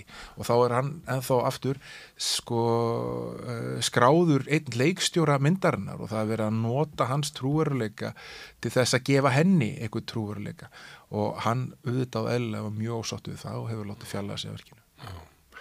Jón Gunnar, þú rendir yfir myndina. Já, já, Hvernig slóðum þig? Hvernig slóðu þessi myndið? Sko, það sem að mynd aðalega gerði var að minna mig á mjög mikilvægt aðrið og það er það að hrunið, sko, það hvernig við skilgurum en að útrúlega flókna atbyrð og þess að löngu atbyrðarás e, það er bara veist, það er bara opið, þú veist, við getum skilgrenda á svo útrúlega marga vegu og það hefur verið gert og baróttan um það hvernig á að skilgrenda en atbyrð, hún byrjaði í seinastala í 5. oktober 2008 þegar Geir Horti heldur þessa frægu þetta fræga ávarp þar sem hann eh, er að segja, er, er að skilgjörna hruni sem sko alþjóðlegan storm mm. og eh, einhvern atbyrg sem á að þjapa okkur saman, við höfum að slýra sverðin, þannig að sko þar byrjar hérna baráttan um skilgjörningu hrunsins strax þarna og Geir Horti er greinilega í ræðinu mjög meðvitaður um það að þetta verða átök, mm. það verða átök um þennan atbyrg og þessa atbyrðar ás. Þannig að myndin setur setur, finnst mér setur málið í það samhengi og í myndinu þetta heyru við sko, þessar, þessar rattir sem að koma þessar rattir sem er í ágætu samrami við það hvernig Geir Horti vildi ramma inn hrunið sem eitthvað svona alþjóðlegan storm þar sem að allir sem eru þarna að akta inn í þessum stopnunum þeir eru að gera sitt besta en þeir bara ráði ekki við aðstæðunar vegna þess að það, er, eru stærri öll að gangi að verki. Mm. Þannig að ég sé myndina aðala svona. Veist, Svo heldur myndina áfram með því að segja að þá var almenningur rosalega reyður Já. og stopnari samfélagsins eins og saksóknari og domskerfið beigðu þessu undir hinn reyða almenning og dæmdu þá sem voru bara að reyna sitt besta, voru að reyna að bjarga því sem hægt var að bjarga. Já, sko það sem að gerist, sko, sko fyrst reynir Geir Horti og, og, og, og svona þær rattir að, að sko þakka niður hrunið sem svona alþjóðlega storm, getur við sagt. En það, það er allavega tvent alveg rosalega mikilvægt heldur sem gerist á sama tíma þegar hruni gerist. Í fyrsta lagi þá náttúrulega gjör breytist pólitist samhengi. Þú veist, það bara, þú veist, stjórnvöld líta alveg hræðilega illa út. Þau, þú veist, það voru hérna kvítar legar, það var búið að segja okkur að bankanir væru að fara að lefa þetta af og fyrrum, fyrr, ég minnir í janúar, februar 2008 þá kemur yfirlýsingum að, þú veist, að það sé okkur annarlega öfla verki að fara að þú veist, efast um lánsæfismat bankana og, og, og ríkisins og svona.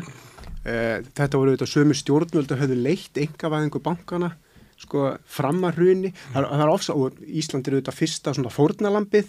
Þú veist, það er rosa margt sem kemur saman sem að lætu stjórnvöld líta mjög illa út af þessu augnabliki.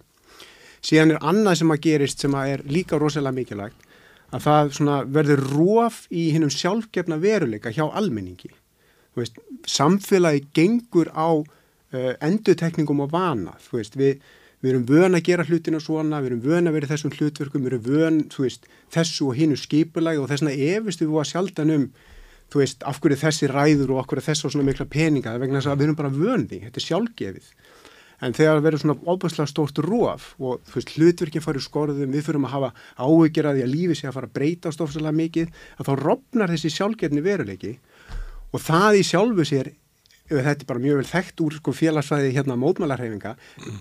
býr til alveg rosalega stórt tækifæri fyrir andof og fyrir sko fólk að sapna saman og, og, og mótmæla og þjappa saman fólki á bakvið ykkur aðra orðræði heldur en er ríkjandi og það er það sem að gerist það eru okkur aktivistar, þeir hlaupa á tækifærið mm. og, í, og það stækkar skindilega hópur þeirra sem að efast um óbreytt ástand hann stækkar, hann stækkar á svona kannski einum og halvum mánuði hann mm. byrja mjög lítið sko, alveg upp af hrunsist, þá erum við bara eitt stort spurningamerki það er bara, þú veist, þessi frægi frasi helvitis fokking fokk mm. við erum bara í eitthvað svona frustration við veitum ekki hvernig við höfum að skilgarna þetta og fólk er að leita svörum og þú veist, og það eru aktivistar sem að halda fundi og þanga fyrir fólk að leita svörum. Þetta er mjög skýrt í öllum mínum viðtalskögnum til dæmis, hvernig fólk upplifar þessa fundi bara sem, veist, bara við verðum að fá okkar samiðlega sín og hlutina. Og stjórnvöld líta ítl út og þannig og þannig að sko mótmæli verða og, og öllu umræði tengslu við þau verða svona, hvað ég var að segja, svona kjarni þess að það verður til svona alternativ sjónarhorn á þennan alþjóðlega fjármálastorm. Og þetta sjónarhorn og sko það verður, og svo eftir því sem að mæta flera mótmala því sko hraðar stekkar svo tilfinning að við séum öll að evast, að við séum öll sko, þú veist að hínir séu líka að evast, ekki bara ég, heldur allir hínir sko Já. og síðan endar þetta þannig eftir öll mótmælinu og eftir kostningarnar, ég er nú með tölurnar hérna hjá mig, ég fann það hérna fyrir viðtali að, að ég held að séu 90% með rúmlega 90% þjóðarinnar sem að, kendi, sem að var á þeirri skoðun að ríkistjórn Geirs Horti væri um að kenna mm. allavega að hluta til. Og 98% töldu að bankunum var um að kenna en, en yfir 90% töldu að ríkistjórnir var um að kenna. Þannig að svo innrömmun voru 2009 vann, skilur ég, í þeim skilningi. Já, en síðan var reynd að snúa ofan af þeir, þeirri tólkun þjóðurinnar hluta því. Já, það er náttúrulega, það er náttúrulega alltaf bara átt að um þessa tólkun, held ég alla, allan söguna mm. en ég menna við sjáum hvernig veist, stjórnvöld bregðast við þegar ný, nýja stjórnvöld bregst við með því að setja á stofn rannsóknar nefnd og, og hérna stjórna setja stæða stjórnarskráferli og, og sérstakar saksóknar og þetta er allt leiði til þess að reyna endur heimta tröst mm. og, og svona að því að, þú veit, ég held að stengurum sé að segja rétt að hluti þegar við urðum að gera eitthvað í þessu vantrösti sem myndaðist í þessum atbyrði en þú veist, þetta er ótrúlega stóra flókin atbyrður og það skiptir alltaf máli bara hvaða rattir heyrast þú veist, rattir það sem heyrast það er skilgerina atbyrðin, hann er oflókin hann talar ekki fyrir sig sjálfur sko. hmm. Átni Daniel, hvernig náður að renna við myndina? Já og hvernig fannst þér? Uh, hún var mjög skrítinn uh, eitt auknarbleik standa upp úr svolítið þannig að Gimur Guðni T.H og er að afsaka geir á horti og hérna, vorkina honum sko. Og ég skil ekki, þú veist, það er svona svolítið dæmigert fyrir myndin að draga hann inn þennan fórsetta okkar sem að nýtu nú talsverða vinningar en hann var einmitt uh, viðstattur þannig í, uh, í hruninu. Við vorum uh, í Reykjavíkur Akademíun hann var í Reykjavíkur Akademíun þá.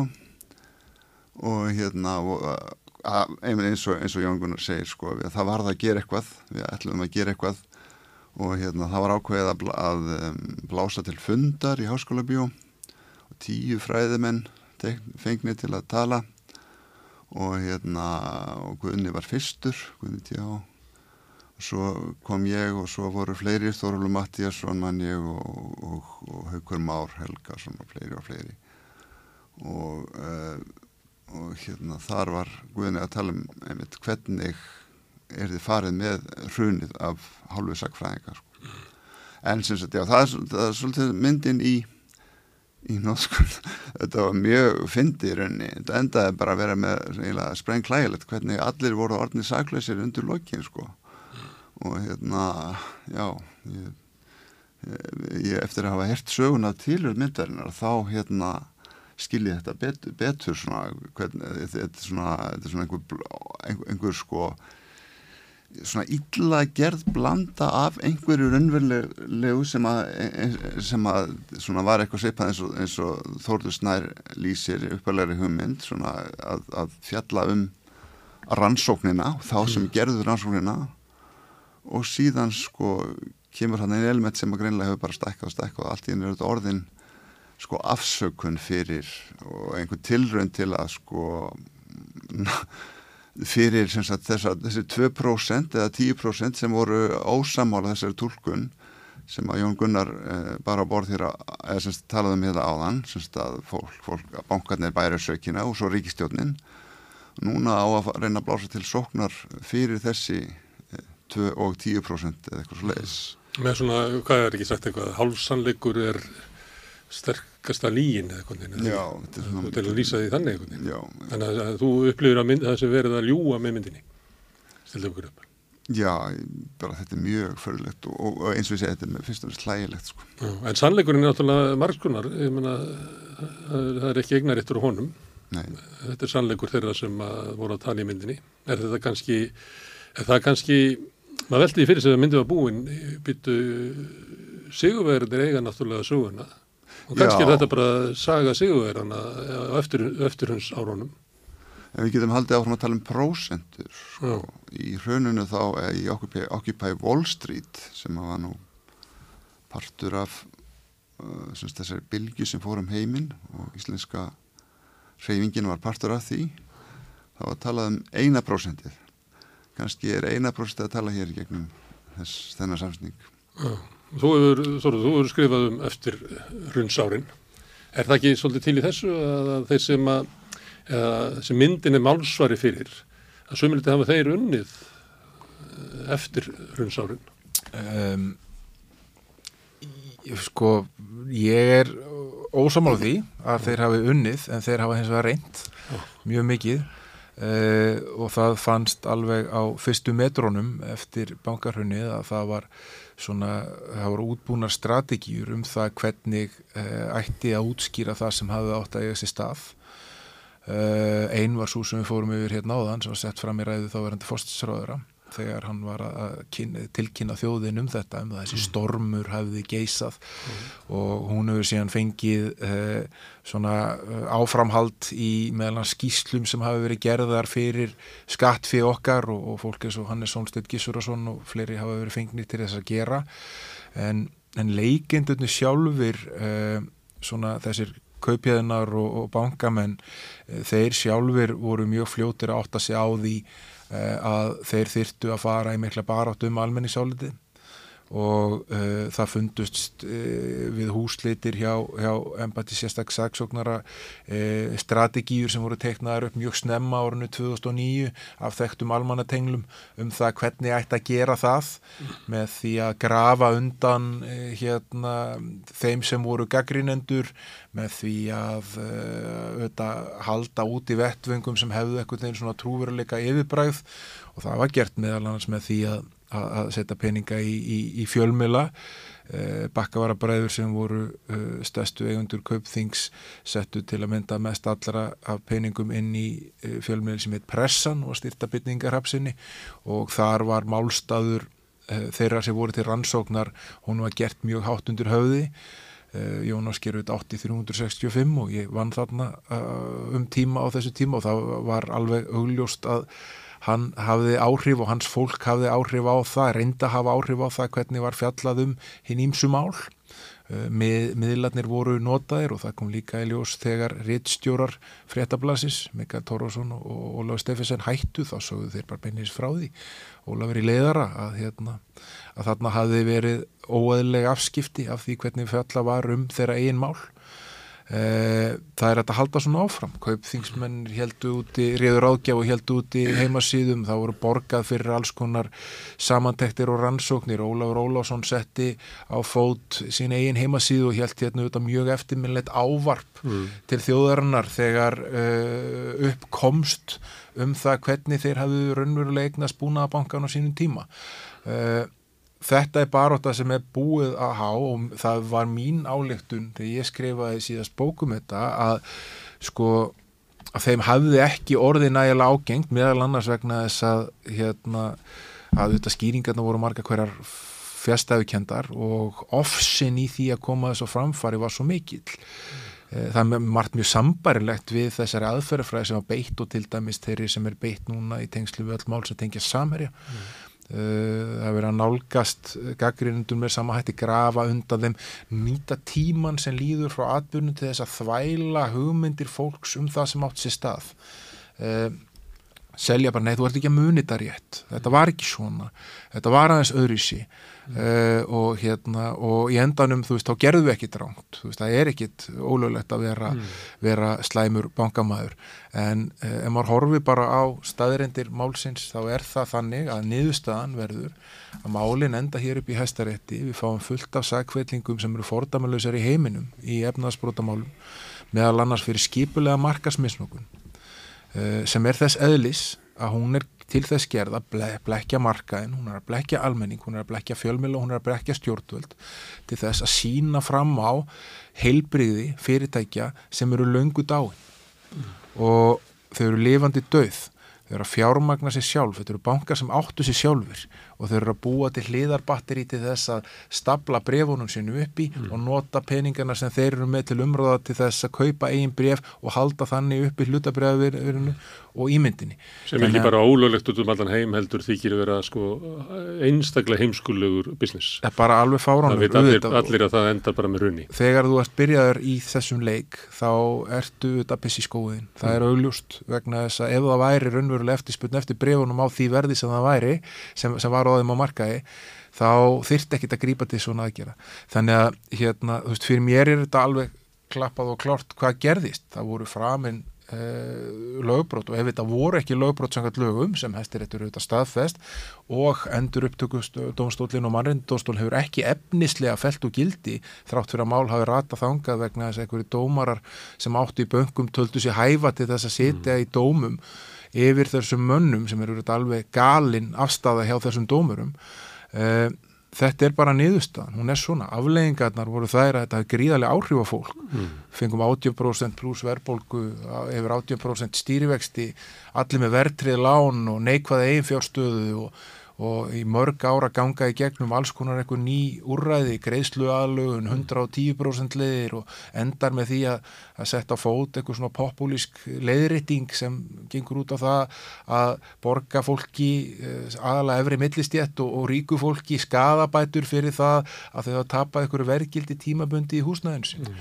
Þannig að veist, þetta er alveg... Þetta það sem ég átti við með sigurvera, ef maður skoða til dæmis eh, stærstu eigundur hérna, skráður af félagi í kaupallinni að þá eru það hérna, sömu menn og stjórnum íslensku viðskiptalífi fyrir hrun. Já, ég held að það sé engin vafi að uh, flestir þessara leikenda komust mjög vel frá uh, þessum atbyrði fjárrakslega mm. og fundu sig aftur. Þeir fjármálastofnarnir aðlugur sem mjög fljóta þeim aftur, tókuðu peningunum þeirra, eru búin að hjálpa þeim á fætur og þeir eru mjög umsjöðameklir í íslensku atvinnlífi í dag. Mm. Það er kannski líka eina ástafanum fyrir því að þeir sé að sækja sér svona hart helbriðisvottor fyrir fortíðina eh, að þeir vilja kvítþó sig vegna þess að framundan eru mikla rendingar í íslensku aðunlifi meðal annars í eigna fjármálufyrirtækjum og þeir vilja mögulega vera í stakk búnir til þess að geta stíið þar inn eh, en um, þetta er fyrir mér þetta ekki sérstaklega trúverðugt. Mm. Eh, það er margt sem eh, allan hefur ofnberað í fjölmjölum og, og ég hef tekið þátt í ofnbera um það hvernig þessir aðeins komu sér í þessari stöðu meðal hans með því að ferja peninga í gegnum Sælabankan hérna inn í landi og tímum hafta án þess að nokkur aðtöða með upprunna þeirra mm. peningar sem ekki voru greiti kannski rétti skattarað eða hefðu átt með réttu að vera eigin ykkur að kröfu hafa Eh, það eru þetta fullt af eiginkonum eigin manna sem voru fyrirferðarmerklir hér fyrir hún sem eru skindilega orðan mjög fyrirferðarmerkli í íslensku aðunlífi og svo framvegis mm. Þetta, ég held að sé rétt hjá þér að, hérna, að það má líta á, á þessu sigurverða út frá þessu en þetta er svo sem alveg blasa við held ég í lengri tíma mm. uh, að þeir hafa mikið á milli handana og geta verið fyrirferðarmerklir í íslensku fákittsungurfi Eh, það sagan sem ég er að tala um er kannski fyrst og síðast um það hvað gerðist mm. þeir sem eiga peningana eru venjulega naskari í að halda þeim en, en hinnir sem vilja taka á aðeim mm. Jón Gunnar, þú var svolítið að, að byrjaði á að tala út frá svona baratunum söguna já, mm -hmm. í ávarpi í gers og það er sigurverðin sem að hefur tökað sögunni, er það ekki þannig? Já, sko, er ykkur sigurver í sögurni? Já, ég, ég er búin að vera að hugsa kannski aðeins á með að við erum að tala saman þetta, þetta er mjög áhugavert umræða sjálfsög og þetta er eitt flötur á málinu það er hvað bankamerinni gerði og hvort það var löglegt eða ólöglegt og en sko almenningur, já sko í fyrsta lega þá held ég að ég var alltaf hægt að tala um sigurvegara í sögunni vegna þess að þetta er náttúrulega bara rosalega flókin þróun. Mm. eitt, eitt atrið sem að má uh, muna og ég reyndar segir sérstakur saksóknuna hann undir lókmyndarinnar að sko burt sér frá ólögulega, ólögulega, löglega, ólögulega aðtæfi að það var hrunið. Og hrunið er stóra myndin þar sem að bankarnir vaksa tífalt á við hagkerfi, það er þessi stóra saga og það er hvernig stjórnvöld uh, leifa þetta með því að gera sluti af einhverju alþjóðlegu regluverki og er einhverju verið leifa alþjóðlegum öllum að ganga yfir almenning með þessum hætti. Burt sér frá löglega og ólöglega aðtafi inn í bunkunum, það er stóra sagan og það er þetta sem almenningu var óanæð með. Þú veist, e, ef maður skoða hvað, þú veist, mótmælinu voru að tala um í ræðunum og öllu þessu, þeir eru minnst að tala um bankamenninu og hvað þeir gerðu ólöglegt, þeir eru mest að tala um hvað stjórnvöld gerðu ekki og, og hvernig þau einhvern veginn þú veist, á örstuðnum tíma voru, þú veist, bankar, ríkistofnanir og allt í nöru þeir bara, þú veist, gráðar eða gráðu fyrirtæki sem voru að hafa okkur peninga og gera okkur svolítið ábyrg fyrir því það, það var þetta sem almenningum var hérna, reyður yfir og þetta var þetta er megin intakið í orðræðinu sem verður til þá. Mm. Svo orðræða, hún er ennþá til og hún hefur, þú veist hún, hún er spór í, þú veist íslenskri menningu, þú veist hún, það er þessu orðræða sem að verður þessu valdandi að að, þú veist, allt í einu, 1 og 3 mæta 20.000 manns eða 25.000 manns frekar nýri bæ, þú veist, 4. april 2016 bara 1 og 3 út af neykslismáli þegar hérna Panama-leikin á sér stað bara án, án, án, þú veist, allra þessara vennjulegu þú veist, mótmæla undirbúin það er yfirleitt rosalega mikinn aktivisma og vinnu til þess að koma svona mikil fólki á staðin. Þetta var þetta mótmæla fundur sem hafi verið bóðar af allt öru tilefni allt öru tilefni, já. Svo var Kastlus þáttur síndur og það fylltist þessu já, svo er líka mjög gott veður já mjög gott veður náttúrulega eh, eh, það er margt sem spilar inn í það sko. en, en pointið er að, að þú veist, viðbræðið til spórið er til staðar veist, þessi orður að það var til fólk eh, og ég held að ég minnir að stuðningurum við þau mótmæli, þessi panamalega mótmæli alveg svo í búsahaldabildingunni sé svona 70-75% hjá mm. almenningi, í alveg tala mm. það er bara mikill meira hluti almennings sem að þú veist, telur þú veist, þetta vera bara risasút vandamál og er mm. sammólað þessu, þó það fari ekki endilega alltaf allir á staðin. En svo sömuliti má segja að sé ennþá því það eru 70% almenning sem að vilja ekki Bjarni Benedikt sem sitt í ríkistöldinni.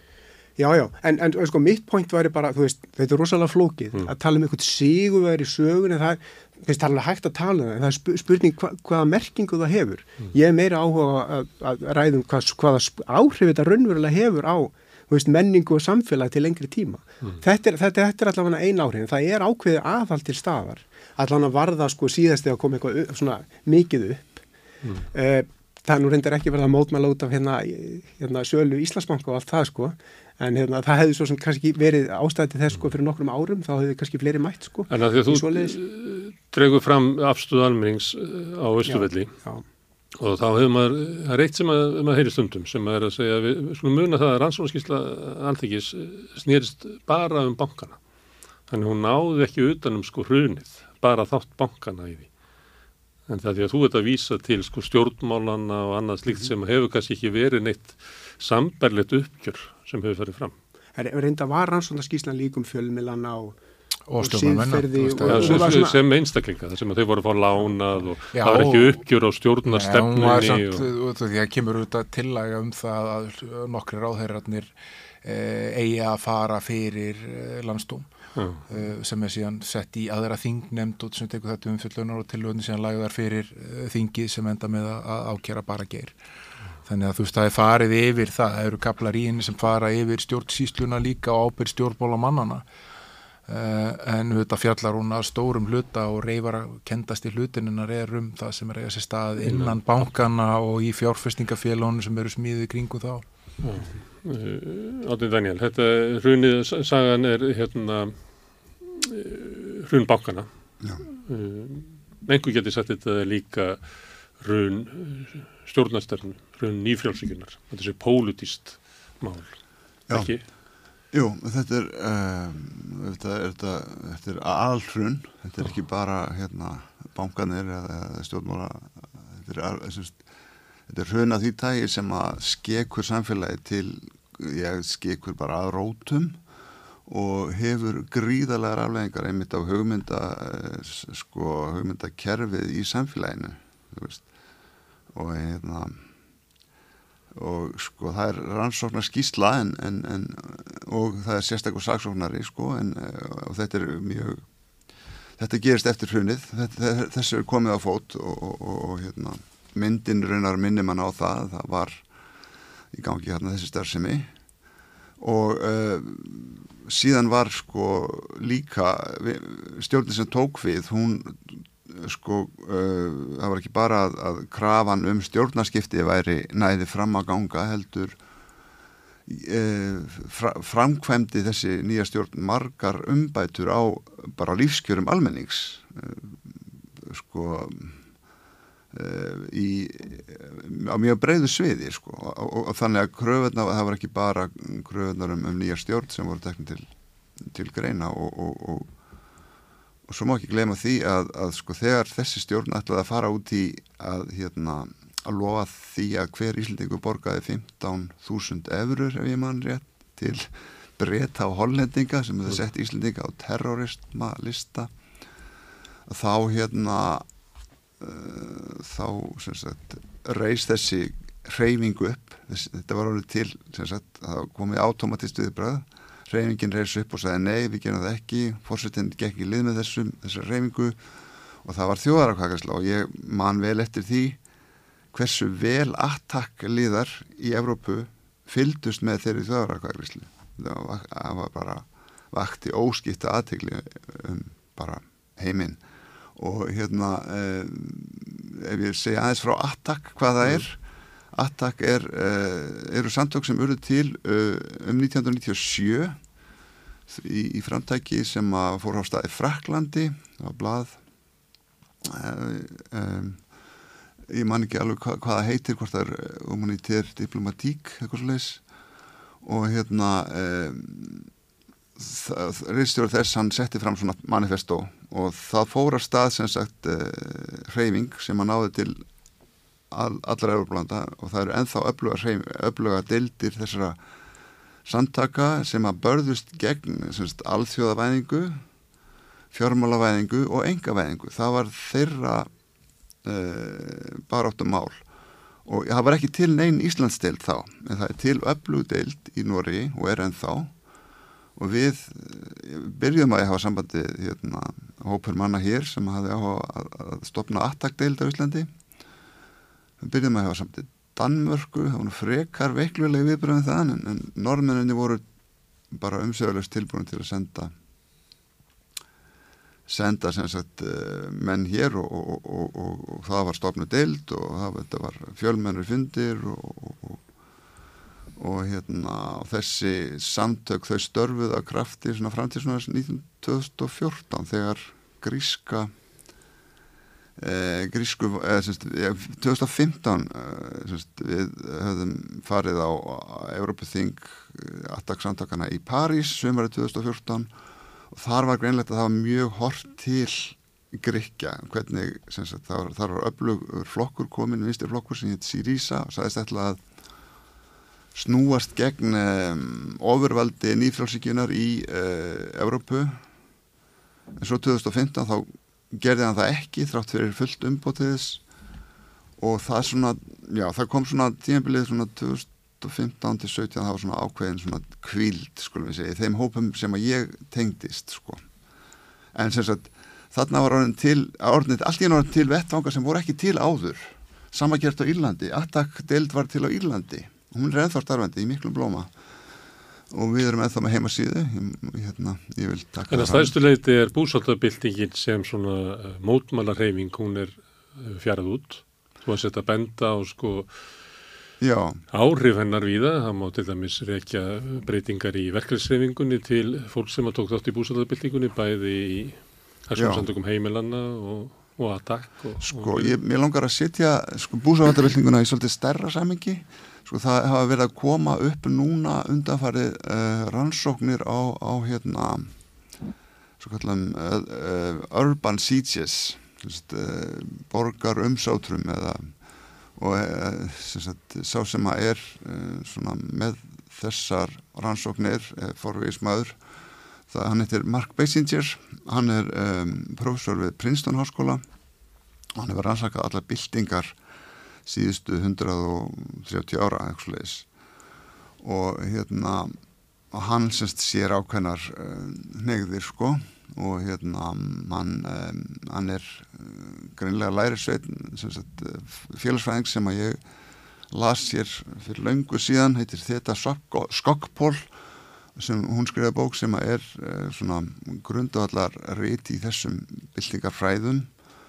Heitir States and Social Revolutions og um, sem sagt Basinger segir, í, ég las viðtalið hann í, í Jakobin eh, sem er vitt bandarískunnisti manna uh, segir að, að sko þessir að, að, að það hefði það hefði breyst sem sagt byltingar ástand þegar að verði byltingar ástand þá er það öðruvísi heldur en þegar rúsneska byltingin, þegar kýmverska byltingin varð þar var uh, svona hljómgrunni byltingana var sko einhvers konar uppgjöru við uh, aðalstjætt í sveitum gerðeganda uh, og það voru bændur sem voru hreyfi af breytingana miklu leiti, kannski ekki alveg í Rúslandi og í, um, í Þískalandi varð byltingar hreyfing árið um, árið 1918 og 19 sem að var fullkomlega svona kerð af verkefliðstéttinni og mm. flokkunum þeirra. En svo ég drægir sakfræðingin að nútímanum uh, búsaldabildingin er hvers konar bilding samkvæmt þessum fræðum? Hún er sko þessi nýja tegund sem er ekki með, hún er sko basically að skrifa bók sem heitir The Revolutionary City mm. og hann, hann fer sko í gegnum uh, margar, hann fer til dæmis í gegnum litabildingarna svo kvölduð í Ukrænu mm. og, og viðar í Östur-Európu og hann segir semst þetta gerist allt allstaðar eins. Uh, það, það kemur upp einhvers konar óanæg með stjórn uh, stjórnvöld og aðgerður þeirra. Þá uh, sagt, sarnast múu manna og herrtekur mið, miðlagsvæði í borgum og heldur upp í sagt mótmælum uh, lengri að skemmri tíma og oft lengri tíma eins og íslenska tilfellinu þar, þar var fjögur að mánaða umsátur um stjórnvöld og uh, þannig að þetta er búsvaldabildingin var alls ekki einstækt fyrir bæri og hérna átti sér marg, mörg fordæmi og síðan áttum sér, áttum sér marga eftir það komum margar svona Mm. Og enginni þessara uh, byltinga er það að það er fjár út? Nei, alls ekki sko. Mm. Þetta er hérna, við erum að tala um Occupy Wall Street til dæmis, það er, það, það er reyninga þessari þessu tægi sem hefði gríða, gríðarlega áhrif í bandaríkjunum með þá og hérna uh, en síðan kemur annað fræðmaður, ef ég má tala um hann Jamie Allinson frá Edinborg í Skotlandi hann, hann byggir á, á Basinger og skrifaði nýlega, hann skrifaði bók um arabísku byltingarnar og orsakir þeirra og hann er ósamála beitsinstir, hann er ósamála skokkpól, hann segir að jú þau eru með skilgjörningu á byltingum sem að er ágætt fyrir sinn hatt en þau gleima einu, þau gleima fjöldarhefingunni þau gleima því ástandi sem kemur upp þegar svona róf eins og Gunnar, Jón Gunnar talaðum verður, þessum að stjórnvöld affjúpast gjörsanlega og þá verður til semst algjörlega þetta var sérstaklega sláandi í íslenska dæminu vegna þess að Ísland það var búin að vera svo mikil svefn hérna. Var svo,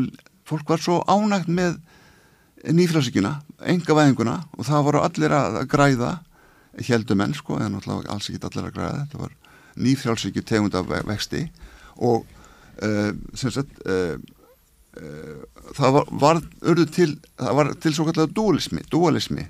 Það og það er sá dualismi sem að dúkar upp eins og í hérna, þegar Panamaskjölinn komi upp sko. það eru tvennskonar megin skýringar á því hvernig samfélagið er, hvernig það á að virka og uh, sagt, það þessi þetta ástand það getur varað uh, lengri á skemmri tíma og, og eftir því hversu öflugar hreyfingarna sem komast að stað í svona aðstæðum eru og, og, og Allensson notar þessi hugtök til að greina arabísku byltinguna og það er kannski svolítið langt að fara út í það nákvæmlega hvernig hann gerir það en, en, en hans greining er mjög áhugaverð og, og samfærandi Jóngunar, er þú að bera búsaldabildingur saman við önnur rústur? Já sko, það er bara sagt, vel þekkt umræða að, að efnaðarskreppan alþjóðlega, hún kom af stað alþjóðleiri mótmála bylgu það er mjög vel þekkt og, og það, það voru mótmæli í Greiklandi og Spáni og, og, og hérna víðar og, og Austur-Evropu og víðar og þetta er allt mótmæli sem að tengjast kreppunni náið, þetta, sko, kreppan hún, hún hitti lönda á svolítið með svolítið ólíkum hætti og ólíkum tímapunktum, hún er hérna fyrst hér mm. og að því leiti er búsvöldabildingin svolítið svona sögulega merkilegi alþjóðlegu ljósi vegna þess að við erum svona fyrstu uh, rísa mótmælin sem að uh, kreppan veldur. En, hún, en þessi mótmæli þau ferðast um og, þau, og mótmælendur líta til annara landa og sjá að að fólk annar staðar er að rýsu upp vegna kreppunar ég menna á Spáni þá voru indignatos þeir voru að veifa íslenska fánanum sem svona merki um að þú veist mótmæli séu möguleg og þau geti fælt ríkistjórn Hugur okkur þjóðs Já, ég menna, Ísland var svona smá svona, svona hetja í þessum kreðsum, getur við sagt. En já, já, þetta er vel þekkt. Ég menna, við, við tölum mjög gerðnan um alþjóðlega mótmæla bylgi í kjölfar alþjóðlegu fjármálakreppunar og, en hún er bara fyrst hér. Hún er eiginlega sko tveimur árum að undan hér þessi mótmæla bylgi heldur en við annar staðar. Það er rísa mótmæli í Greiklandi vísu árið eftir 2010. En eðli hennar, eðli hennar er sama og annara svona, það er mjög svolítið svona undanfannir bara missir yfir að fjalla um þetta tímabil og menn er að reyna svona að gera það upp og líka þessi klóra sér í kollinum af hverju það hefur ekki skila meiri árangri öll þessi sko alþýðu mótmæli gegn stjórnvöldum. Já, já, það er bara, það eru sterk öll sem að rýsa upp á móti. Mm. Það er bara svo leiðis. Við erum náttúrulega í þessu alþjóðlega fjármála, þessu alþjóðlega efnæðislega umhverju og það er mjög erfitt að fyrir almenning að breyta því sko. En það eru spór, held ég. Þau eru mjög sterk í mismunandi löndum. Ég held að hafi orðið, ég held að við séum, séum heppin að því leiti hversu óbúslega rætt þetta gerðist hér.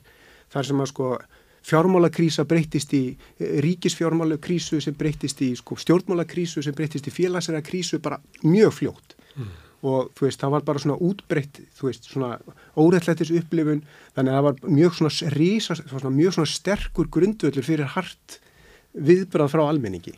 Ég held að það hefði verið hefni vegna þess að það kom almenningi saman og fælti ríkistjórn og það hefði áhrif á stjórnmálinn. Það var heilmikið svona grásótastarf árin og eftir, alls konar svona andofs grásótastarf og mikil trú á og svona mikið, mikið af svona líðræðist tilraunum í gangi hérna á Íslandi árin og eftir. Sko, andstafan við þetta eru lönd þar sem að gerðist mjög lítið og það sem við fáum í staðin hægri populisma setna. Mm. Það, það verður auðvitað líka til vantröst á stjórnmálum en það brýst út með öðrum hætti. Þannig ég held að við hefum reynda verið heppin að því leiti og kannski tengist það auðvitað líka bara það hvers konar menning við erum, við erum frálslind og, og allt það sko. Við lítið að innflytjendum á þessum tíma og svo framvegis. Þannig þú veist, sagan er flókin en þú veist, jújú, jú, við erum case Mm. Veist, við erum, við, veist, við erum náttúrulega vöna að upplefa þetta sem rosalega atbyrði sem er alveg sérstök við okkur sko, en við erum náttúrulega bara eitt keisið af mörgum sko, líka. Mm.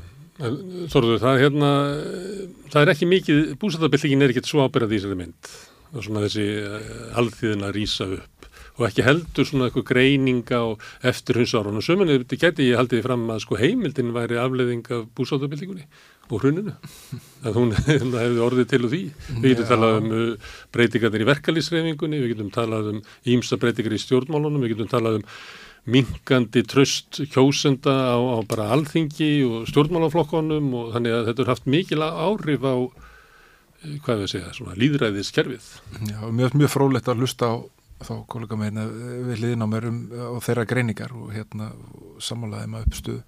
Ég held að það sem gerðist hérna er það trösti hverfur frá ámeilli almennings og helstu stopnana samfélagsins, hvernig sem stopnanir eru skilgrindar og úr verður svona, hérna, ef maður ætlar að horfa á þetta í ákvæðum augum, einhvern veginn svona gerunapottur um það hvernig samfélag ætlaði að byggja upp.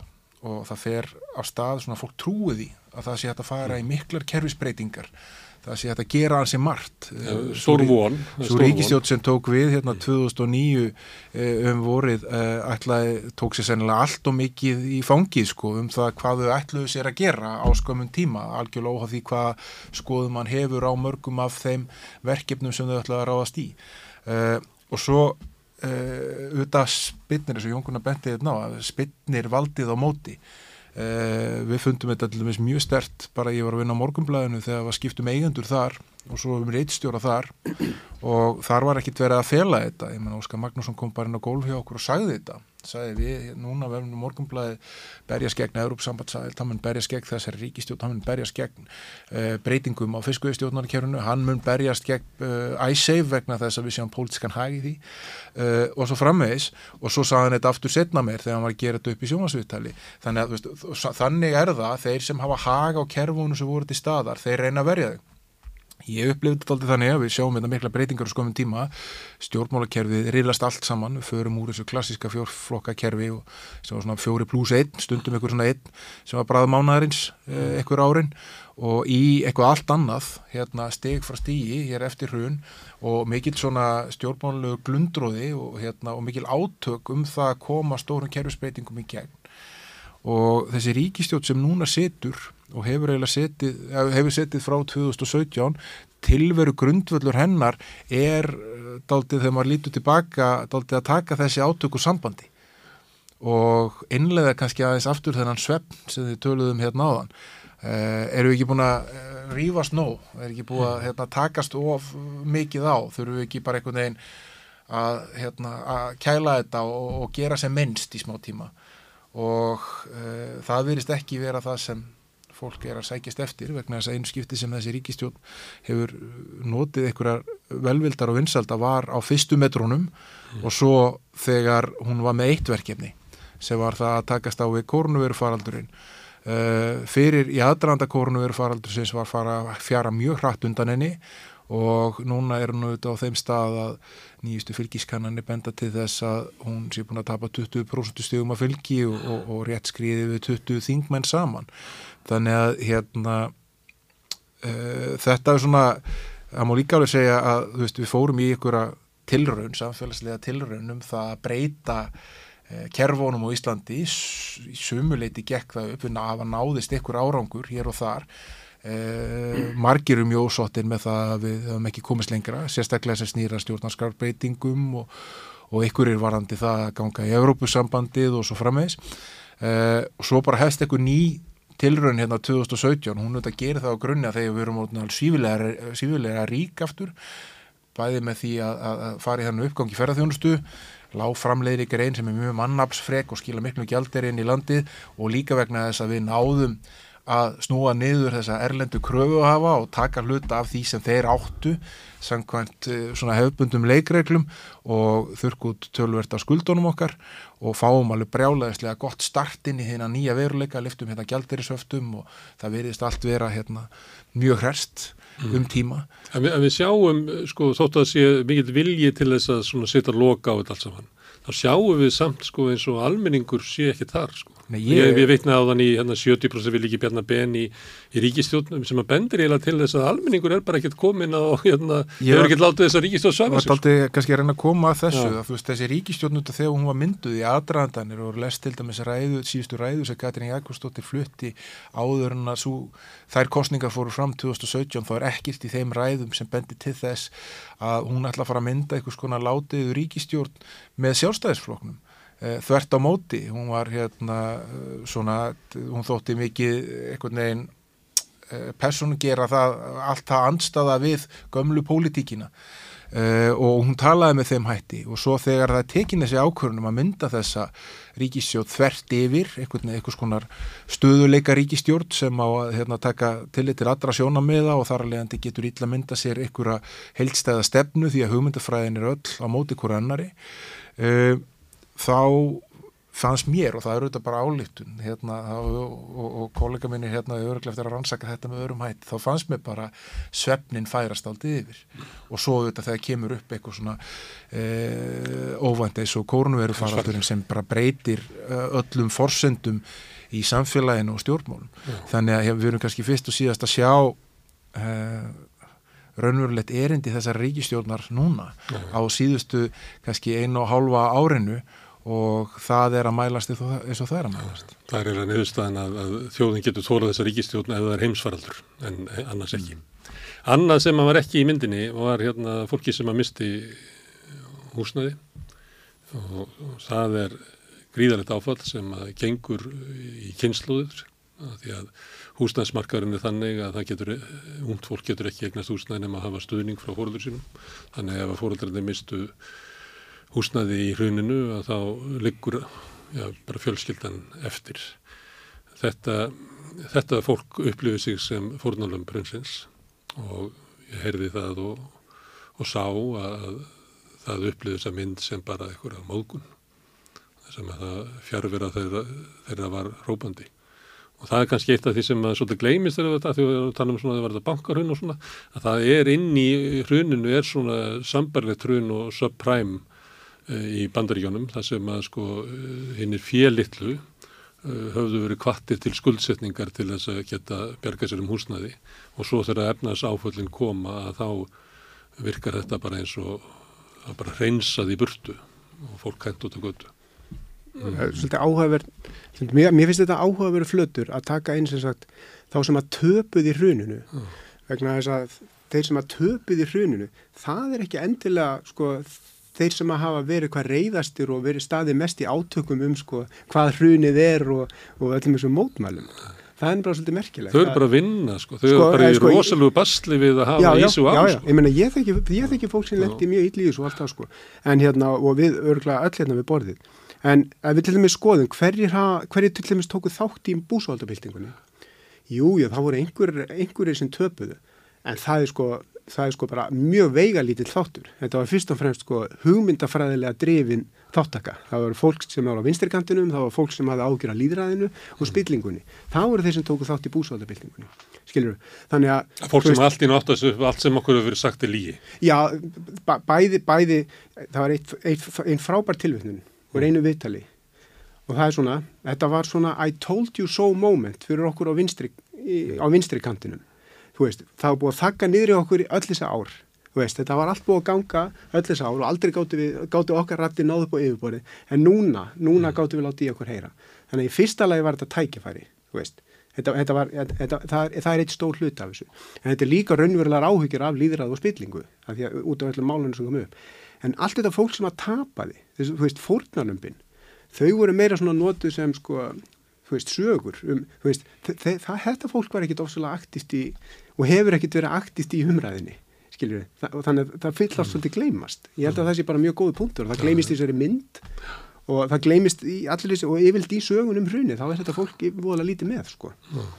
Og þetta er uh, verðust verkefni fyrir einhvern sem hefur áhuga á búið til heimildamindir að elda fólkið uppi og, og skrá saman hvernig áfallið er, hvernig það raunlega vindur upp á sig áfallið. Já, sko, ég má ekki draga hérna inn í hugdag sem að Antonio Gramsci diskaði upp með í fangjálfisdagbókum sínum uh, Organic Intellectual. Og uh, hérna menn hafi átti rosalega vandrað með að þýða þetta högtak en sko ég held að sé einfaldast að þýða þannig að þetta sé semst, uh, menn, sá sem að tala fyrir hérna samtökin organizational getur líka orðað þannig organizational intellectual og uh, sko samtökin eru það sem eru vopn hérna, fátakafólksins og litlamannsins og slíkur uh, slík samtök þurfa að hafa sér talsmenn. Og kannski voru talsmenninir svona uh, talsmenn þessara fátæku þessara versettu þeir hafðu verið, verið lamið á þeim hansi lengi sjáuði hvað gerist í Sovjetríkunum mm. og svo framvegis og síðan hrundu Sovjetríkun líka. Og hérna en þarna kom eins og eh, hérna, eins og Jón segir að, að, að þarna kom tækifæri fyrir þessa rattir að, að láta í sér heyra. Og eh, en það var eitt þáttur og eitt þráður í þessu. En síðan er sko eitt aspekt sko hér er bladmaður, ég er sagfræðingur þarna er félagsfræðingur. Þetta virkar svona eins og sko ábyrg og, og hérna og ég er kokkur. Já, þú er kokkur og svo framvegs eh, ábyrgsam, mjög ábyrgsamt koma ætlum við kannski að, að, að hérna, halda áfram að rannsaka þetta og, og því að ég held að það sé mjög langt frá því að sé nokkuð. Ég held sko að, að sko eiginlega ætti að stopna sérstakka sérstakkt svið í háskólunum hrun rannsóknir og ráða þangað fólk sem hefur kompetens á því sviði og bara halda þessu áfram og hérna vera með e, tengsl við erlendarnarsvonlega sviði og, og svo framins og svo framins. Er það no, e, sumt í myndinni? Eru svona, ég veit ekki hvað að kalla þetta, svona sagna minni. Það er að, að réttarhöldin yfir Geir Horti hafi verið pólitísk réttarhöld hemd, pólitíska anstæðingar sem voru sárir eftir átökum við hann og hafi nota tækifæri til að hefna sín. Annað er að svona umsátrið að hérna það verið erlenda þjóðir, norðurlanda þjóðirna brúðust okkur, breytar og hollendinga fóru gegn okkur þegar við ætlum að leita hjálpar hjá bandaríkjamannum að þá svikuðir okkur. Þið kannistu þetta. Þetta er svona, það eru nokkur svona minni sem að ganga í gegnum allar hrunvarnir. Við losnum ekki við þetta. Nei og, og, kannski eðlileg ekki vegna þess að hérna ef það er eitthvað sem við getum tekið út úr þessu samtala okkar hérna í dag þá er það hver sé söguna sínum augum mm. og þeir sem uh, voru beinir þáttakendur þarna þeir hafa mikinn hag á því að reyna að mála hann upp í öðru litum en kannski við erum að sjá hana og þeir munu gera það áfram og þeir munu beita þeim tækjum og tólu sem þeir hafa til þess. Það er kannski bara mannlegt að, hérna, að vilja einhvern veginn rétta sinn hlut mm. og, og fegra sinn hlut í því sem átt sér stað. Það er nú sjaldan sem að sér einhver mjög heiðaleg uppgjör hjá fólki sem hefur framkvæmt einhver gríðaleg mistök og, og standi bara upp og segja bara, herri, nú er ég búin að gera upp á bakk ég ætla að eða því sem ég eftir á til þess að reyna að bæta um fyrir það sem ég hef gert. eh, vanalega reynir fólk fyrst að horfa á það hvernig það geti reynd að rétta sinn hlut. Og það eru þetta gert með uh, klifun á þessu sagna minni sem þú ert að, að minnast á sem eru séð þetta mjög reglulega og alveg frá fyrstu stundu. Þetta er svona narratív sem var lagt upp með og átti kannski uh, rætur í ræðu uh, geirs en kannski á undan líka í þessu þessari skoðunum það að uh, hafa komið þannig fyrir böngunum fyrra árinu 2008 vegna þess að óbylgjarnir útlýtingar væri einhvern veginn að breyða fyrir okkur fæti vegna þess að við höfum náð svo miklum árangri mm. uh, að, hérna, að danir væru öfundsjúkir vegna þess að við höfum keft illum og eitthvað svo leiðis og var þess valdandi að, að fósfarsmenn þá verðandi ríkistjórnar fóru í bara bladamanna fundaferð um, um heimindi þess að tala máli bankana sem er ótrúlur atbúrur e, í sérstaklega ljósa þess að maður sá eftir á hvernig ástandi á þessum bönkum var á þeim tíma að þeir hafi ekki kynnt sér það betur áður en að þeir fóru og töluðu því máli. E, en e, þetta fer ekkert, það mun aldrei verða einhver einn stóri sannleikur sem allir fallast á. Það mun alltaf vera einhverjar mismunandi útgáður á hann sem munur Það er ójafn gefið þorður, sömur eiga peninga til þess að búa til svona myndir og sömur eiga peninga til þess að reyka fjölmila og, og þannig að Sko mér finnst eh, hérna Það er eftir að horfa á þetta svona fjarska frá Mars og þá myndur maður eiginlega veðja á að saga sögurskilningu þeirra sem hafa mesta peningana, hann mun vinna Já, það, það er eðlilega álutum dragandi, ja. en hérna, það er mín reynsla af því að vera nú bara meir og minna í aði alla mína fullonu starfsæfi ykkur skonar ja. og út af ykkurum svona málum, það sem oft eru mjög fjársterkir aðilar sem vilja eh, einhvern veginn berja á þeim greiningum sem ég og samstarfsfólk mitt er að setja fram eh, að þau er ekki neitt rosalega oft rosalega góðið því sem er að gera og uh, það sást til dæmis, ef við fyrir okkur næri tíma í þessum samerjamálum þegar það var ákveð að fara miklum ofsa uh, framleiða alls konar dýrar uh, hérna, videoframleiðslur sem var dreift út um allt og allar batn og Íslandi sig að torta á YouTube án þess að fá Þorstein Má á milli þátta uh, og svo farið í mjög skipulega uh, herrferðum það að grafa undan allskins fólki sem hafi verið gaggrinnið á starfsemi samherja í Namibíu uh, og svo framvegis uh, ég er ekki vissum að þetta eldist mjög vel og ég er ekki vissum að þetta skila neitt rosalega miklum árangri fyrir þessa einstaklinga. Ég er ekki vissum að tiltrú fólksinn sem býr hérna á Íslandi hafi eða þess vegna margra alþjóðleira banka og, og kuna þeirra hafi aukist neitt rosalega mikið við það að þeir hafi dælt peningum í svona lagað. Uh, sama má alveg segja um margt sem var gert hérna eftir hrunnið kannski uh, success storyið ef maður leifir sér að sletta er morgumblæð ég er þeirra skoðunar að, að þeir sem kiftu það og beittu því frá þeim stað sem morgunblæði var á þeim tíma, það var mjög öflugt ennþá þá, mikið lesið og hafði mikið slagkraft í samfélaginu, að þeir hafi náð mörgum af þeim markmiðum sem þeir sett sér upp með og sennilega verið fjárhagslega mjög hagkvæm aðgerð í ljósi þess að tapið sér eru búin að borga fyrir kannski ykkur í 2 miljardar á, á, hérna, á uh, 13-14 árum. Uh, það bliknar í samanbörðu við arsemina sem þeir hafa haft af því að koma í vekk fyrir breytingar og þeim kerfum sem snerta þeirra stærstu sjóði. Mm. Jóngunar, hérna, svo reytti þessu að hérna, almenningur lætur ekki allt yfir sér ganga. Uh, hérna, sér þú í þínu rannsóknum bæði þetta sambandi við umsátrið að, að, að afstáða almenning sé einhvern veginn að við hafi verið ráðist á litlu þjóðina og við verðum að standa saman gegn hérna erlendri okn, að, að það séu eða þá að, að hérna að fjársterkir aðilar séu að sveia afstöðu almennings til samfélagsins. Uh, ég er svo sem, já það sem ég sé í viðvorum almennings já. og það sem að er það sem að þessi sí endutekni stuðningur við þessa típu af mótmælum sem við erum búin að vera að tala um er að mjög stór hluti almennings e, veist, hefur áhyggjur af þessari veist, líðra, þessi, þessi, þessum líðræðis vanda þar sem að veist, auðmagn og völd þjapast saman og þar sem að líðræðirinn verið býður skarðan hluti í alþjóðavæðingunni.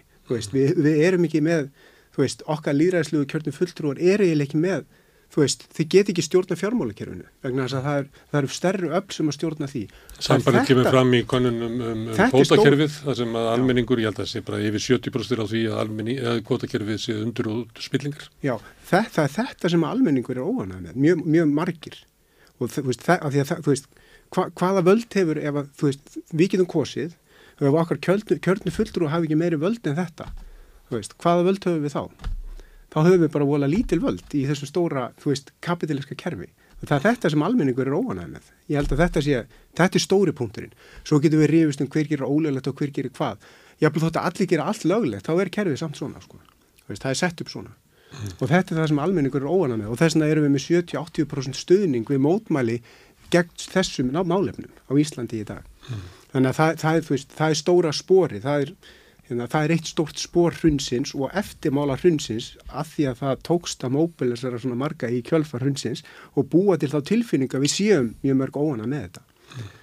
Þannig að það er svona væri mitt svar. Já, láta þetta eh, vera endapunktinn Jón Gunnar, Átni Daniel og Þorður Snær, kæra þakki fyrir þetta. Við munum ekki leysa, koma með hérna einu sögu af hruninu hérna í þessu þætti. Við munum líklega aldrei koma fram en það hefur komið fyrir það fram að það þarf að halda áfram að fjallunum það jáfnveil að opna sérstaklega deild í háskólunum, hrun rannsóknardeild.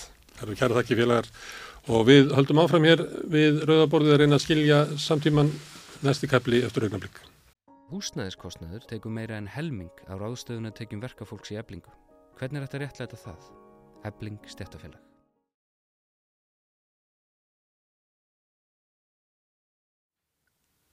Komið sæl, uh, í dag er alþjóðlegur baráttudagur gegn fátækt og við hefum fengið til okkar þrjár uh, magnaðar konur sem vinna græsrótastarf í félagi sem heitir PEP Ísland og er eiginlega um og fyrir fólk í fátækt.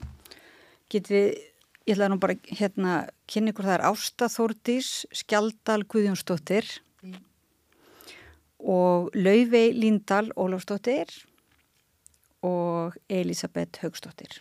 Verðið velkomnar. Takk fyrir að koma til okkar í dag. Þetta er ekki beint svona þetta er ekki beint hátíðistagur en þetta er baráttudagur og á að hérna blása fólki baráttu andaði brjóst. Þannig að mér langaði bara til að byrja á að byrja ykkur um að segja okkur aðeins frá þessu fyrirbæri, PEP. Hva, hvað eru það að gera? sko, hérna PEP byrjar sem græsrótastarf í, í stærri samtökum sem að vinna á Evrópugrundvelli. Og hérna síðan gerist það að, að hérna það verður svona ákveðið misræmi í, í þessu öllu saman. Og við lutum áður stjórn fólk sem ekki þekkir fátætt á eigin skinni. Mm. og til þess að, að hérna halda okkar baráttu sagt, á grás rótar levuli bara semst á, á því stígi að þá stigum við út úr því samstarfi og hérna sóttum við megin kennitölu og, og erum í dag með stjórn fólk sem að þekkir fátat á eiginskinni því að hérna baráttan snýst uh, gegn fátækt og félagsleiri einangrun. Mm. Mér langar einmitt að fá að byggja ykkur um að segja, segja okkur ykkar eigin sögu hérna á eftir en, en byrja kannski svona á Þessar eiginlega reynslu ykkar núna á Íslandi, hvað eru þið búin að sjá, hvað eru þið búin að vera að gera og hvað eru þið búin að sjá? Ástandi er, ástandi hefur vestnað á Íslandi, er það ekki svo?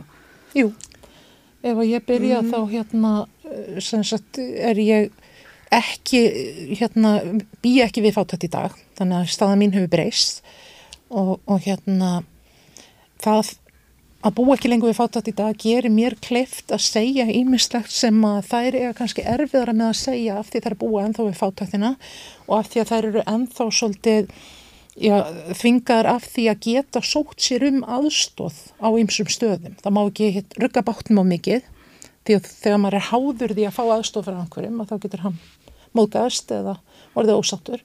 Þannig að, að það er ansi margt þarna sem að gera mér kleift að segja það sem ég byrja í brjósti út frá minni reynslu af því að ég bý ekki lengur við aðstæðunar. Já, þú ert komin í gegnum þennan eh, erfiða dal eins og ég æfintýr, þú ert komin í gegnum þrautirnar og, og hérna... Ég búin að skila skömminni, fjölskyldan mín þekkir þetta, þau skamma sín ekki fyrir það þó að ég standi upp og segi hvernig hlutinni hafa verið. Mm. og ástríðan mín kemur út frá því að hérna, ég er búin að gangi gegnum mest allt sem að þær er að tala um og er að gangi í gegnum.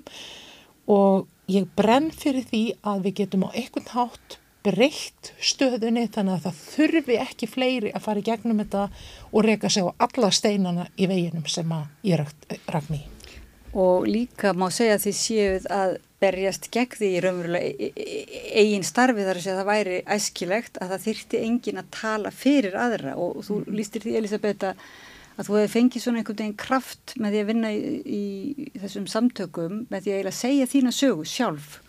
Já, ég get alveg sagt að ég bjóst aldrei við að standa fyrir fram að fullta fólki og segja mitt og lífum, ég er alltaf náttúrulega núna, líf mitt var aldrei, hvað maður segja, að dansa á einhverju rósablöðum. Ég bjóst aldrei við að ég myndi að hafa einmitt röttina og þóra að segja bara, heyrðu, það bara, vá, ég er búin að gangi gegnum ímislegt og jú þau hafa gefið mér rosalega rödd og munu að gefa mér áframröddina. Og ég mun ekki að hægt að berjast fyrir þó ég sé kannski ekki eins og ástofar að segja veist, alveg ennþá ég fáta til fátatinni ég get alveg en ég get ekkert leift mér allt eins og margir. Og að heyra mitt eins og börni mín bara en þessi, já ástaf mín ég þarf aðeins að hægra það þú veist. Ég get leift mér meira en ég þarf samt alveg að vera með bremsunar ennþá á mér sko og þú finnur að það hefur verið gríðarlegu kraftur fólkin í því bara að geta sagt og tala um valdan. Rósalega mikið og það hefur hjálpað mér rosalega mikið bara að átta mig á að það eru líka mun fleiri út í lífinu sem er að gangi gegna það saman ég. Ég er ekki einn og þetta er eitt til að skamma sér nefir. Við göngum öll eitthvað tíman í gegnum erfileika og þá er bara að standa upp og vinna úr því og vinna saman úr því. Ekki að vera einn út í hotni, þú veist, og ég er einn sem að lifi í eitthvað nei, við erum rosalega mörg og ef við stöndum saman þá er verið miklu meira úr verkunum. Mm. Þú hefur verið að hjálpa, að, þú ert sjálfbúðalið og hjálpar öðrum að finna sína rödd og segja sína sög og koma fram, leita sér hjálpar. Já. Já. Þannig er það svona kjarnin í starfseminni, það er þetta raunverulega að, að, að vera vettfangur þar sem hægt er að tala um hlutina og, og losna við þessa skömm. Já, sko hérna, svo ég grípi boltan frá þeim hérna félögum mínum hérna þá hérna sagt, þegar við byrjuðum peppið í upphæðu sem var eiginlega bara ég og Óstadís sem fenguð það í hendurnar það var held í 2012 eða 13 Ég byrja 2012 og svo já. Já, í lokast 2011 byrja ég og svo já, kemur þú inn á árinu 2012, 2012 Já, emitt og þá sem sagt fórum við uh, fyrir hönd eða pjann á ráðstöfnu sem er haldinn árlega í Brussel sem að hérna ber nafnið PEP, PEP mm. um, sem að stendur fyrir People Experiencing Poverty ég man ekki hvort ástafa búin að útskýra það mm. en þetta er sagt, eh, svona nafn sem að hérna EAPN eh, e í Brussel hefur notað yfir fólk sem að er sem sagt, sérfræðingar í fátækt sem er sem sagt, bara fólk sem hefur reynslu af því að búa við fátækt Um, Og EAPN það er skamstöðum fyrir þóra- European Anti-Poverty Network. Já, já, já. þannig að þetta er svona það, þetta er svolítið svona Evrópusambands hérna, að það er rosalega mikið af hérna, skamstöðunum fyrir alls konar hluti. Og hérna þannig að þetta er svolítið litað af því. En sem sagt að því að við sem sagt eiginlega byrjum þetta starf uh, 2012 uh, og þá náttúrulega bara rendum við blind í sjóin en við urðum vara við það að það var rosalega erfitt að fá fólk bara til að mæta á fundi Við vorum alltaf að reyna að skipulegja fundi og hérna, Ég mátti ekki nota fólk. fátækt um leið og ég Já, notaði orðið einmitt. fátækt í fundarbóði að þá vildi fólk ekki koma. Fólk vildi bara koma ef ég, ef ég notaði orðalagi eins og að ná ekki endum saman og annað slíkt. Þannig að það var Þannig að fátakt er auðvitað vondur stimpill Já. og fylgir því mikið stigma sem fylgir orðinu fátækt. Já, ég held líka að fólk sko veigri sér við að nota það ekki endalega út af stimplinum þó að það sé að sjálfsögðu oft hérna skýringin. En sko træðan við að nota þú veist, orðið fátakur yfir sjálfa sig er þú veist að um, þú kannski hefur ímislegt þó að þú efnislega búir við fátakt þá kannski þú veist er fjölskyldaðinn stuðningsrík og er til staðar. En þú veist þú sjálfur þú veist ferð ekki gegnum greiðslumat til þess að kaupa þér íbúð eða þú veist og ert alltaf að telja hverja krónu og svona þarft að maður tengir umverulega fátakt bara við sko fátakt fólk Emilsson, einhver, eitthvað sem áður einmitt, Íslendinga, eitthvað gamla daga. já. og svo Eða í við öðrum sko í öðrum heim, þrið, þriðja heimsins þannig að það er einmitt þessi kannski líka skringileg heit að fara að tala um sjálfan sig Já, í samaburði við einhvern sem er við döðan styr Já, akkurat og bara degur hungri og hérna en þið hefur samt, þið notið samt hugtækið þið eru ég- að raunverulega reyna bara að, að Já, svolítið að eign okkur, eða þú veist, að hérna, fá það tilbaka, að því að sjálfsögðu, sko, þá er, er svo margt líka sem fælst í því að búa við fátat og það er náttúrulega bara það að það er gríðarlega misskipting í samfélaginu. Og það er einhvern veginn ef þú lendir svolítið, þú veist, á vittlasum enda á þessari misskiptingu, sem sagt í þessum lægri tekjuhópi, þá bara er, þá, þá eru bara girðingar, þú veist, sem að þú bara færð ekkert að komast yfir. þú talar um í, í grein sem þú skrifaðir uh, um fátakra gildru Já. Já, Það eru, það eru gildrur á milli kerfa og þú getur beinlinis orðið eftir í einhverju rifunni á, á milli kerfana og þá mætur þeim ómöguleika að kerfið segir bara nei. Þú getur ekki fengið aðstóð hér af því að þú ert ekki komin fangað að, að þessi tilbúinur að segja en þú getur ekki fengið úr gamla kerfin heldur af því að hérna þú ert komin út úr því. Þannig að þú, þú lendir á milli skips og átt þá hvergi rétt á að sækja um aðstofn einstæðar og þá stendur þú frammi fyrir því að hérna, eina leiðin er að, er að hérna, finna einhver staðar ölmusu eða, eða fá tíma hjá félagsrákjafa og sem betur fyrir að þá nú komið betra kerfi núna að sækja um slíka aðstof þú getur sótt um rafrænt því að, að hérna á meðan að fólk varð að fá tíma hjá félagsrákjafa til þess að geta sótt um að þá var það oft uh, sko eitthvað sem tók nokkra vikur að, að ná inn og fá þann tíma. Þannig að hérna Svo þarf fólk náttúrulega að vita að það eigi kost á því og, og það er náttúrulega augljóst í, til, í tilfelli innflytjanda sem kannski tala ekki málið og átta sér ekki á grunnreglum samfélagsins en svo reynist uh, staðan vera svo, svo í, sko, sérst, um bara okkur mörg í samfélaginu, við, það er svo við áttum ekki, okkur ekki alls ekki á því við fáum ekki beint mentun í því hvernig uh, kerfið virkar eða sko ég lendi mitt í því að lenda í raun og vera á milli í kerfinu á tímabili og ég, ég vissi prívat persónulega ekki allan rétt sem ég átti. Þú veist, ég, ég sótti bara um það sem að þú veist, þessi einstaklingur sagði mér að gera þetta og ég gerði það. Og svo þú veist, sagði einstaklingurinn kannski á hinuborðinu, bara eitthvað, nei, þú ert ekki rétt þessu. Og maður var orðin, þú veist, á tímundabili þá var ég orðin bara eitthvað, já, en hverju á ég þá rétti á? En svo kemur svona eins og maður segir, manneskja sem að kann á kerfi og, og þekkir það og grípur mann og þá var maður bara eitthvað, já, ok, þá átti ég alveg rétt á þessum en ég bara sagði kannski ekki akkurat þetta á blaðinu eða þetta á blaðinu eða glemd að segja frá einhverjum einu litlum hlut. Ég sagði ekki að þú veist, já, ég get ekki keft um skó líka í hvern mánu, þá hefði ég strax komist inn. Og ég er mitt, eins og ég segi, ég fældist held ég á milli í kerfinu sko, ég held að vera hálft ár eða ár. Þá er allt fór svolítið svona að rúlla. Já. Þetta er yfirleitt ekki byggt upp þannig að það liggi alveg ljóst fyrir hverju þú áttur rétt á og, og hvað þú getur, getur farið og sótt um. Þannig að þarna kemur jafningafræðslan rosalega stertinn og ef að þú sagt, ert að vi- vinna með fólki eins og, eins og hérna alla var að gera sem að, sem að er búið að reyka sig á, á þessa mannkanta og þessa steina í kerfinu að þá er hægt að benda á farðu að talaði við þennan og byttum þetta. Þannig að en þessar upplýsingar liggja ekkert á lausu. Já, það er vandi. Það er náttúrulega líka dýrt að vera fátækur að menn geta náttúrulega ekki ráðið sér lögfræðing eða, eða einhver, einhvers konar fengið. Eða endurskoðanda Eða eða- endurskoðanda kannski sem að setur, tekur þeirra mál virkilega fyrir. Já og af því, einmitt af því að segja þetta, það er dýrst að vera fátækur, að það er hérna mjög algengt að þú getur sótt um endurgreislu á einhverju, en til þess að fá endurgreisluna það þarf þú fyrst að leggja út fyrir því, síðan skila gögnum og fá endurgreitt. Og það ef þú átt tíma. ekki upphæðina til þess að leggja út, þá ertu bara í djúpum skýt, svo ég segi það bara hreint út. Og það er, það er nokkuð sem að okkar fólki reykur sig reglulega á. Já, að það, það, það er svona eins og bara gott dæmi um að þú veist, ef þú veist á félagslega bótum að það áttu rétt á, þú veist endur greiðslu með leikskóla þú veist, uh, aðstof með mat í skólum og ekkert vandamál. En alltaf í byrjun hvers mánar þá þarf þú eins og að fara að segja að borga þetta og þetta er ekki lág uppáð og ekkert mál, þú borgar þetta. En svo geta liðið alveg sko, við erum ekki, þú veist, við erum ekki að tala um einn dag eða tvo dag, það geta alveg liðið þrý, fjóri dagar. Þannig að þú færð endurgræsluna en tilbaka og þá ertu, þá ertu strax komin í bara út af því að þú tókst þennan pening sem er, er hérna þá ertu strax komin í vanda. Og þá ertu komin aftur í ringjaveitlisuna með allt sem þú ert með. Þú ert farin að skulda þessum, ok, svo þegar þú borgar honum, hvað gerist þá?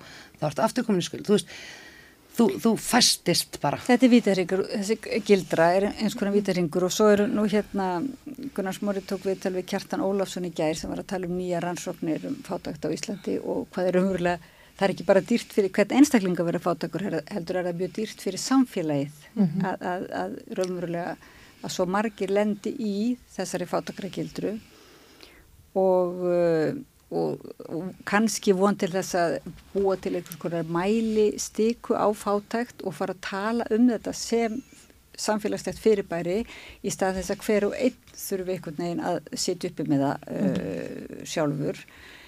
Og það sem ég bara aðeins að hugsa um í, eins og í heilbriðskerfinu, ég hef aldrei vörð við það að það sé einhvers konar, eigi sér stað einhvers konar skimun uh, varandi fátækt og það sé þá hægt að, að hérna, einmitt veita upplýsingar þegar koma mm. mótsvið. Það er náttúrulega verið að skima fyrir alls konar uh, öðru geðrænum kvillum en fátæktin verður er ekki einhvers konar tvískinnugsháttur á Íslandi varðandi fátækt. Það er svona eins og við tölum ekki tölum, við tölum ekki um fátækt við börn til dæmis þótt að þau skinnja auðvitað að það er mjög misskipt. Já, með mitt.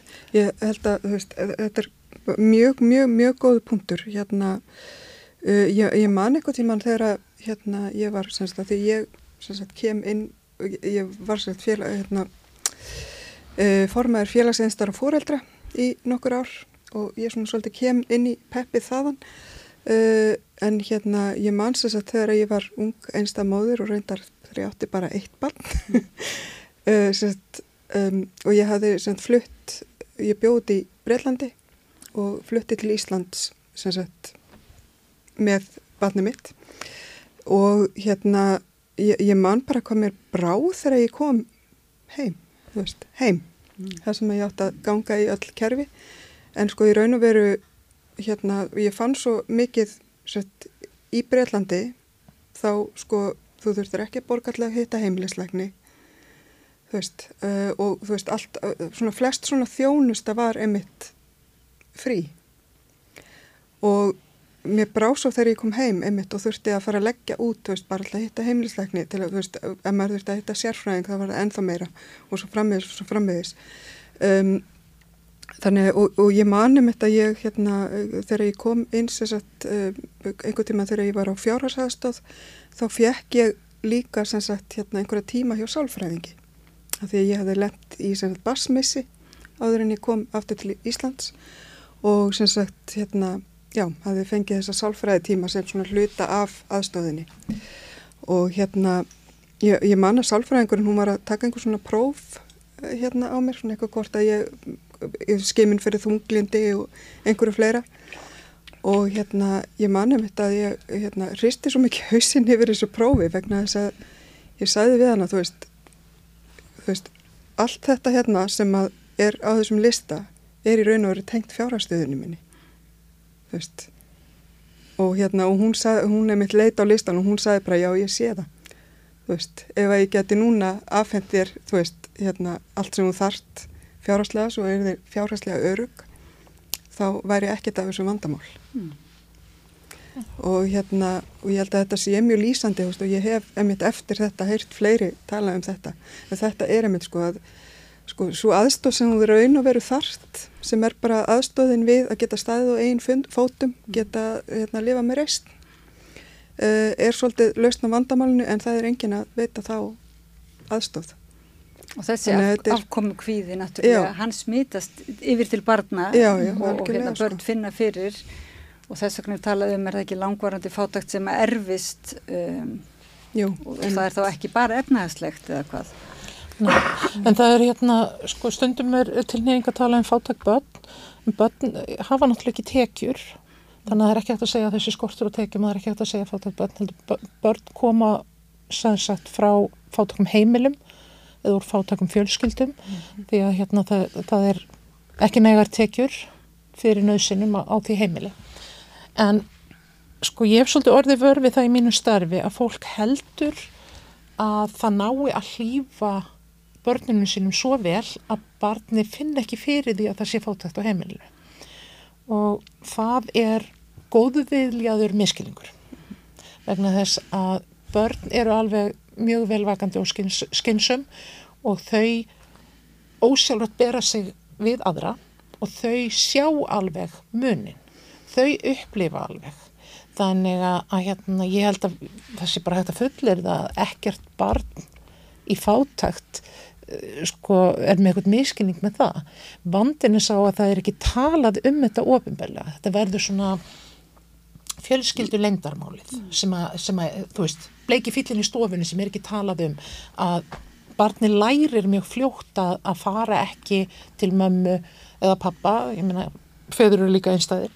Og hérna og byggja um peninga fyrir bíó með það því að all, allir í begnum að fara í bíó þannig að þetta er eitthvað sem lærist mjög snemma þú vilt ekki, þú finnur hvernig svona væntingastjórnum já, þú, já. þú finnur að fóreldrinu fyrir að líða illa og, og, og þá ferður bara að beðast afsökunar já. þú veist, ég tók eftir því til með sem með, ég er með þrjástraka og ég fór að taka eftir því að þú veist eins og að það var bóðið í ammali þú veist, á tímblei að það kom svona afsökunin, þú veist, æg mamma, ég, ég þarf ekki að fara, þú veist, eða uh, æg mamma, þú veist, þetta er alltaf lægi, ég hérna, ég talaði um að, þú veist, ég myndi ekki geta komið, þau voru líka farin að tala um og vissu það að það væri líklegt að mamman myndi vera svona, að ah, hvað segir ég, að panta pítsu frekar, þú veist, því það var kannski þetta, eins og í mín til ekki þá var ég rosalega dölur við það að strákunum mínum var búið jamalega eitthvað og sérstaklega eins og það er oft gert daginn dag að það er haldið svona eh, fleiri en eitt bann,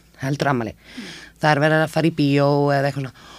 Og sem er allt hvað það blessa, ég er ekki sett út af það. En þá þarf það að reyta þú veist, þá þarf það að ná í meiri gafir það er kannski þúsakallar bann og þetta er kannski fjögur bönn þetta er bara fjögurskall ok, ég var að fara að snúa þessu þannig að þú veist, bara ok, það kostar fjögurskall að panta pítsu, þú veist ok, maturinn er nöðsynlegri ok, þannig ég var alltaf bara hei, þú veist, hvað segi ég, ég var að panta pítsu og þú veist, það var á vídeo.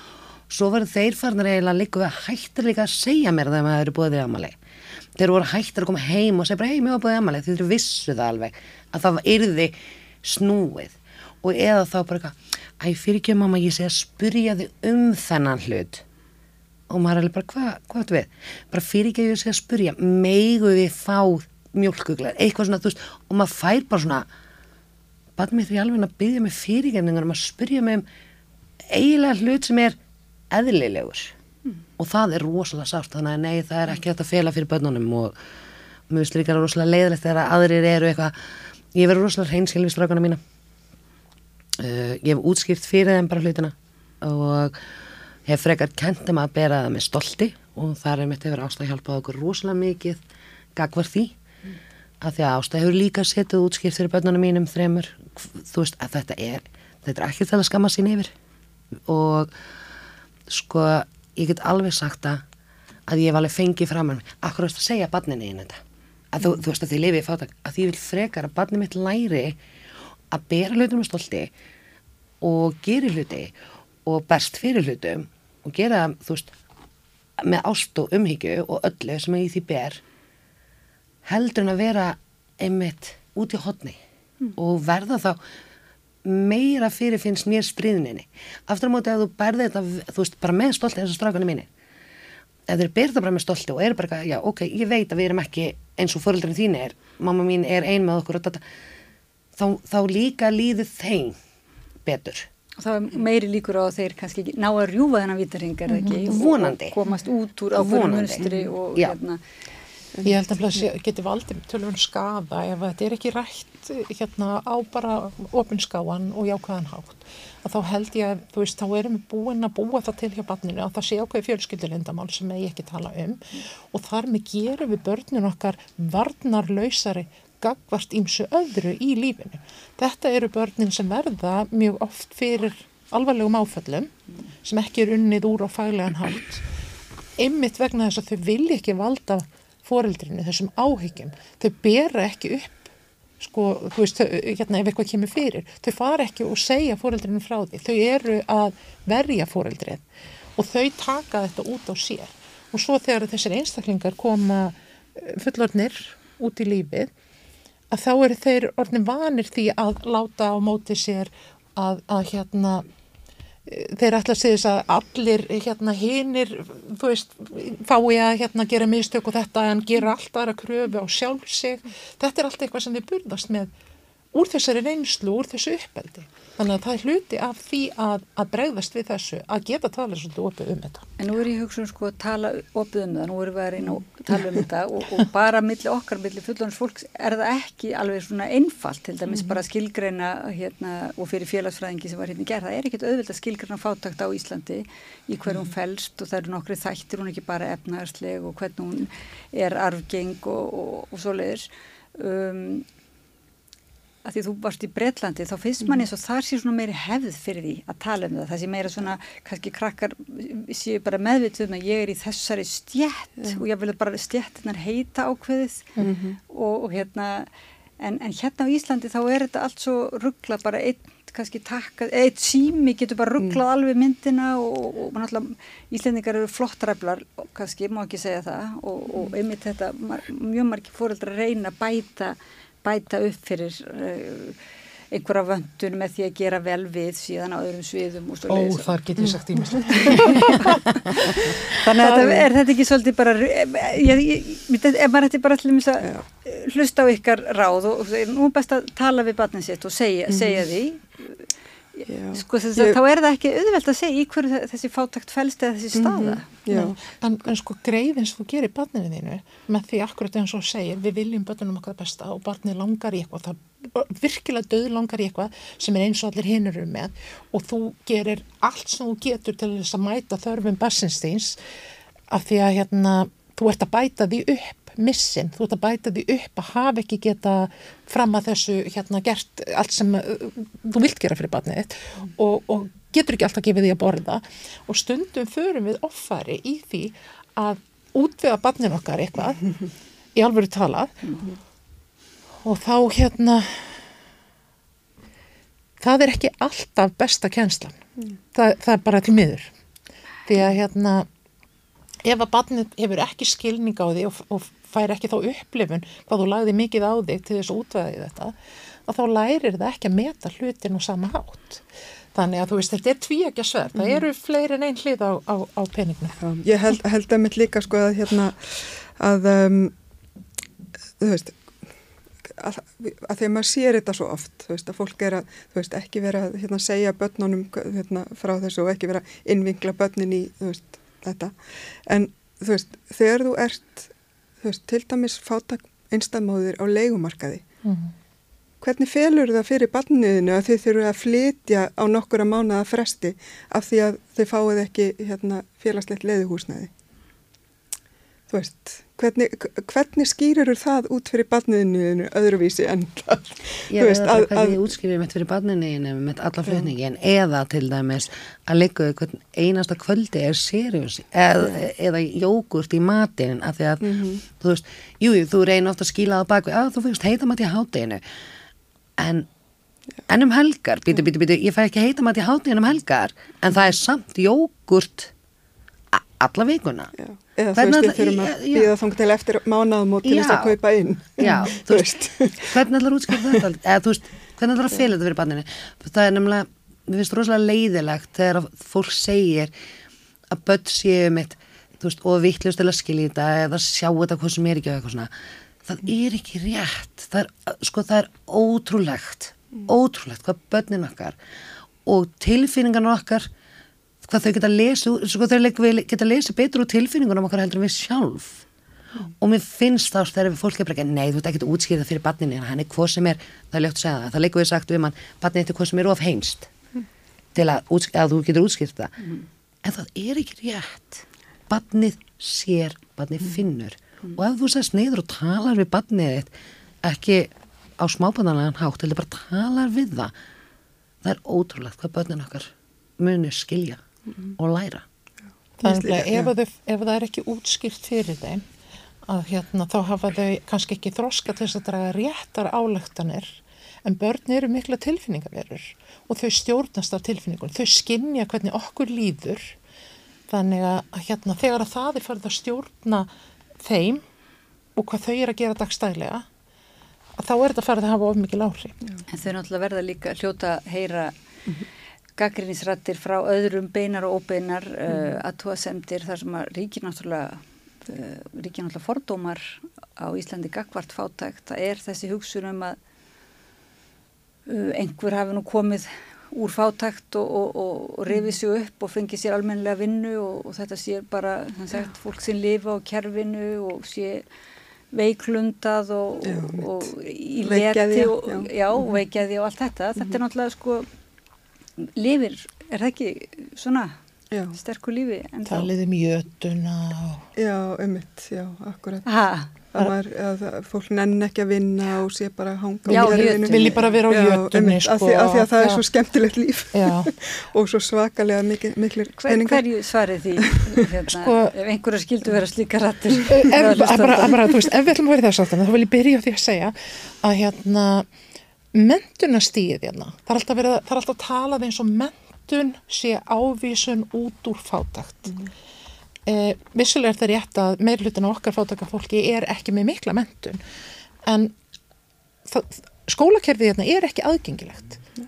ekki nema þú sért ungur og helst með bara peningana beint úr, vasanum á pappiða mömmu mm. Þannig að hérna, þeir sem að missa af lestinni, veit ekki hérna, hvað er, veist, bara höndla ekki að leggja það á fórildra sína því að staðan er slæðin þar að fara í nám og fer út á vinnumarkaðan, að leiðin inn í náma nýju er mjög erfið mm. og hérna svo skoða maður í öðrum löndum, þar er mentunasteg hjá fólki í fátætt oft mjög hátt. Mm. Þannig að við erum ekki að bera okkur saman á, á réttum grundvelli. En nú er þetta eitthvað að breytast á Íslandi. Raunverulega eru fleiri kannski á undarferðum misserum sem eru með mentun og sem hafa ekki kannski geta flokkast sem uh, fátækir eru núna að færast niður um flokk eða færast niður í mm. fátækt eða er, er það ekki svo? Nú hef ég ekki tölur upplýsingar. Nei, ekki tölur en, en, en, en þú saði mér að ég hef þetta nú Já frá okkar samræðu líka raunverulega þú upplifir að það séu fleiri sem eru farnir að upplifa, ekki bara kannski að geta nota, orði, nota orðin heldur fleiri farnir að finna fyrir bara fátækt í okkar samfélagi. Já, já. mennar þá svona hérna uh, já. Að, efna, efnahagstegi Já, ég myndi, ég skil þig, já, akkurat jú, þetta er, já, ég, já, akkurat, ég skil hvað þetta við ég held að þetta sé, þú veist, það myndi eins og ástafar að segja með mentunina, sko, að hérna mentakerfið náttúrulega er ekki aðgengilegt og við höfum alveg séð það undanfarið og hérna uh, og í okkar hópi. Já, já, og í okkar hópi, ég menna það eru hérna konur hjá okkur sem hafa gengið mentabrautina og ég er sjálf með háskóla próf um, en þú veist þetta eitt og sér liftir þér ekki upp úr fátakt vegna þess að þú veist, í fyrsta lagi þá hérna erum við mjög ofta ment okkur í fögum sem eru ekki endilega hérna hraðbraut inn í hérna mjög vel launustörf uh, ég held, veit allavega margar af okkar félögum sko sem að hafa farið þessa braut eru að menta sig í heilbriðisgeiranum í hérna mentavísinda geiranum uh, og félag, félagsrákjöf og, og fleiri svo leiðis þáttum. Og við vitum að störfin sem að þessi mennur býður upp á er ekki hálunastörf þetta er kannski einn þáttur. En já, ég held líka bara eins og ástafur að benda á að það er rosalega dýrt að vera í námi á Íslandi. Mm -hmm. uh, og fyrir utan alltaf aðra þröskulda sem þú þarfst að stíga yfir ef þú hefur til dæmis að alist upp í fátækt. Um, og kannski mentakapitalið í þinni fjölskyldu er kannski ekki endilega hátt. Þá er það ennþá fleiri hérna, þröskuldar sem þú þarfst að fara yfir. Um, þannig að já, ég held einmitt að hérna, þetta að menta sig út úr fátækt þetta er náttúrulega rosalega viðtekin mýta og einmitt þetta sem þú varst að segja um áðan um svona hérna, fyrirmyndir svona já, hún gati þetta, þú veist, akkur gerur þetta ekki bara mm. þú veist, en þetta er náttúrulega bara þetta er svo fáranlega mikil gaslýsing Já. að hérna einmitt endalust vera að benda á sagt, hérna svona uh, farsaldarsögur farsaldarsögur en sem enda geti, við ævindir enda já. vel og svo bara taka já, verða allir bara að upplifa séu undantekningin en ég held einmitt að þetta hafi líka svolítið að gera með eins og ég var að benda á áðan sko þegar ég kom heim til Íslands þú veist að það er þessi endalösa sko gjaldtaka allstaðar mm -hmm. og eins og við erum líka einmitt að tala um þú veist bara að leita sér hjálpar kostar peninga þú veist, að það er ekkit allra að vera í einhverju sálfræði meðferðum. Nei, líka það, þú, þú, þú veist, ok, þú færð eins og, þú veist, þú veist, í vissum prógram og svona, það færðu mm. sálfræðingarna og alltaf, en þetta eru svo, þetta eru svo, þetta eru svo fáir tímar. Mm -hmm. Við erum að tala um, þú veist, þú færði eitthvað fjóra, fimm tíma mm -hmm. eftir langverandi veikindi við langverandi hluti, þá duga ekki einhverjir sex tímar eða? sálfræðingi. Og þá sækjur um fleiri já. tíma þá og þá kannski færðu hérna nokkra tíma til viðbútar en ekki hjá samanleikni hjá okkur um öðrum. og þá þarf, þarf aftur að mynda tröst og tekur aftur svolítið tíma Já og þú þarf alltaf að endur taka söguna hérna. Þetta er eins og, eins og við vorum að tala um mentadótið, þú veist. Nú er ég alveg með gruninni þjóni, bakstri og kokki. Ok, já, ég útskrifast af sérbraut í MK uh, ég er er útskrifað sem ferðunafræðingur vinn ég við eitthvað þessu? Nei, út af bæði skólaganga mín var í fyrsta lekki auðveld út af líka út af því ég er með lesblindu, skrifblindu og tölblindu og því verum meður þá grýpur kerfið hérna á Íslandi skólakerfi ekki svona einstaklinga. Þú veist það er, jú, ég fekk alveg hlust, eða þú veist ég fekk alveg aðstofana en það var samt ekkit aðstofan aðstofan uh, Adi Hátibönn þau lenda rosalega mikið á milli mm. þú veist, í kerfinu að því að þú veist og ég er með, bat sem að ég og hérna ég, ég veit ekki hvernig skólagangan hans áhættur að enda sko, eins og staðan akkurat núna en ok, ég er með þetta menta það hjálpa mér samt ekki að vinna úr öllum áföllum og öllu, þú veist öllu sem ég hef lengt í mm. af því að þó ég, ég, ég geti menta mig öllu ég get alveg öruglega orðið skurðlæknir ef ég vildi það þó ég sé með þessar greiningar en það hjálpa mér ekki, ekki líkamlega eða andlega eða það. Þannig að já, mentunin er merk eða veist, er góð en hvað með allt, hitt sem er á bakvið. Mm -hmm. Þannig að það fara tóltið djúft ofan í að grasrótina og þið kallið ykkur, ídrykið það þetta er grasrótarstarf. Mm -hmm. þetta er ekki eitthvað, eitthvað stofn fyrir ofan, þetta er fólk og, og fólk kemur til ykkar og fer síðan að starfa sjálf. Get aðeins sagt í stuttumbáli bara út á hvað gengur ykkar starfi eða semst hvað, hvað, hvað gerir þið? Mm. Valdeflingu og, og jafningafræslu, það er, það er hérna grundvöldurinn. Og fólk við, leitar til ykkar, er þið með húsnæði? Við, nei, við vorum, eins og segi, hérna við vorum í samstarfi þar sem við vorum með húsnæði og vorum með hérna kaffihús Eh, núna erum við, já, hérna, núna erum við að leita að húsnæði til þess að geta opnað aftur vegna þess að, að þessi hugssjón sem við vorum með að hérna, geta bóðið upp á frýtt kaffi og með því vera nokkuð skonar félagsmiðstöð þar sem fólk getur komið og tekið þátt sem sjálfbóðaliði hérna fyrir þá sem að, hérna, hafa huga á því. Til, þess, til dæmis að fara úr því hlutverki að vera alltaf þykjandi yfir í að vera veitandi. Það er mjög valdeflandi fyrir einstakling sem hefur alltaf verið hlutverki þykjandans að fá að vera hinum yfir borðið og vera veitandi, vera sá sem að, að hérna, réttir þér kaffið og, og, og gefur þér það sem að getur að koma til að sækja. Ég, og líka bara spjallað og sagt um manneskina liruli þú ert ekki einn Já. það er rosalega mikið það hefur gefið mér mitt opbúðslega sko ég bjóst aldrei við að ég myndi nokkuð til að tala um mig eða mína sögu eða neitt. Og ég held ég gleymi þið aldrei þegar ást að koma með eitthvað mann til mér niður frá og var eitthvað ó, með þetta mannesku til að tala við hérna nema sem er að læra hérna félags já. Og ég eitthvað svona, ha, já, já. Og ég bjóst þau svona pínu litur borði. Veist, bara svona eins og við sitjum líka við við og við með kannski svona fjórum, fimm manneskim og ég bara, ég, ekkert mál, þú veist. Svo þegar við löpum um inn á hóteli sem við varum að fara, svo þegar ég að lappa upp styrna þá heyri ég bara svona skvaldur og ég fæ bara svona hvað er hún búin að koma mér úti? Já, bara, guðmur góður, hvað, hvað er ég fara að gera hérna? Og jú, ég stóð. Og jú, ég þurfti að berjast í þárun hjá sjálf mér. Það kom stúlkan til mín eftir einmitt þetta, hún horfði á mig.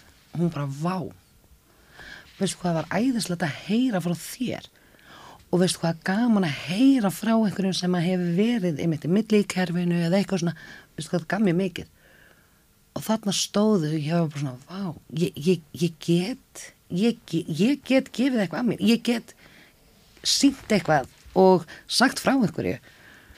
Og manneskjan er bara eitthvað takk. Og þetta var bara þessi dagur, hann fyrir bara ekki úr mér.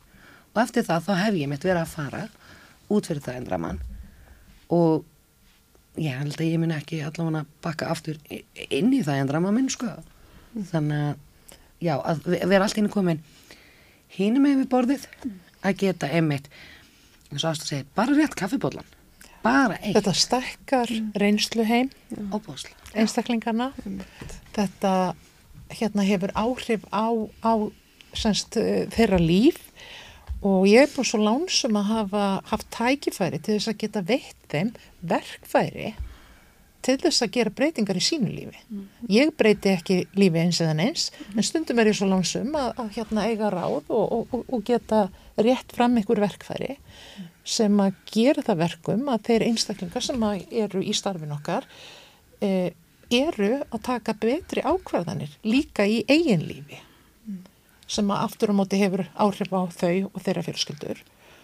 Og það er held ég eina leiðin sem við eigum út úr fátæktinni. Það er þessi valdefling byggð á reynslu og byggð á því að taka á móti fólki með áfalla miðaðari nálgun Því að Þið ítrekkið það líka að þið sjálfar hafið upplifað Já, það sem þið eruð að ræðum þið, þið, og þið eruð kannski komnar svolítið út úr versta, uh, versta úr, út úr versta áfanganum á leiðinni. Já, ég held að þetta er, þetta er svolítið hérna, um, veist, ég, ég líti ekki á þetta sem eitthvað sko svona beina línu. Ég held að þetta séu oft, þú veist, maður getur farið út úr einhverju og svo inn í önnur göng og svo, þú veist, þetta er svona, þú veist, þetta er ekki alveg svona klift og Nei, þetta er skori. ekki- þetta er ekki ævintýrafrásögn Nei, alltaf, en, nei. en þú veist, þetta er svolítið, þú veist, að hérna uh, geta einmitt vald eftir hvort annað Mm. og líka bara að hérna líka gera sér grein fyrir sínum eigin styrk og eins og einmitt Ella var að benda á, þú veist, að bara sagan hennar Mm. getur hjálpað einhverjum öðrum Veikleikin verður að að á, já, og líka þetta með jafningafræðsluna, þú veist, að geta einmitt miðlað, þú veist, þú ert orðin upplýsingabanki, af því að þú Og sjálf eiga- hefur glýmt við kerfið. Já, en eiga líka þennan stuðning að geta gripið hérna hvert annað vegna þess að þú veist, þegar vel gengur það koma alltaf skref sem fæðir okkur aftur á bak og geta þá gripið hvert annað og mynd á.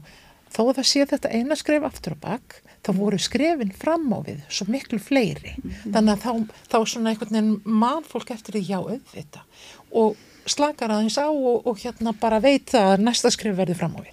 Hvernig er þetta að fylgjast með ykkur? Er þetta að finna ykkur á netinu, kannski þegar þið finnir stað? Já, Já, það er bara Eh, Facebook við eins og er. Já, já, einmitt. fá upplýsingar og Græsvot fólks í fáltakt. heitir það. PEP, já, Já. græsvara fólks í fátækt. Nú við mjög stuttan tíma því við erum Mhm. eftir, en gætu þið, er það ekki of stutt núna, verður ekki bara komið í annað viðtala, getur þið sagt ykkar sögur svona, hérna, eða sem sagt, Já. bara eitthvað ör, örlítið af, Já, einmitt. Ég held líka að það er kannski hérna annað sem að við vorum náttúrulega að gera þegar við vorum með húsnæði og það er að vera svona svolítið partur af ringrósarhagkerfinu mm.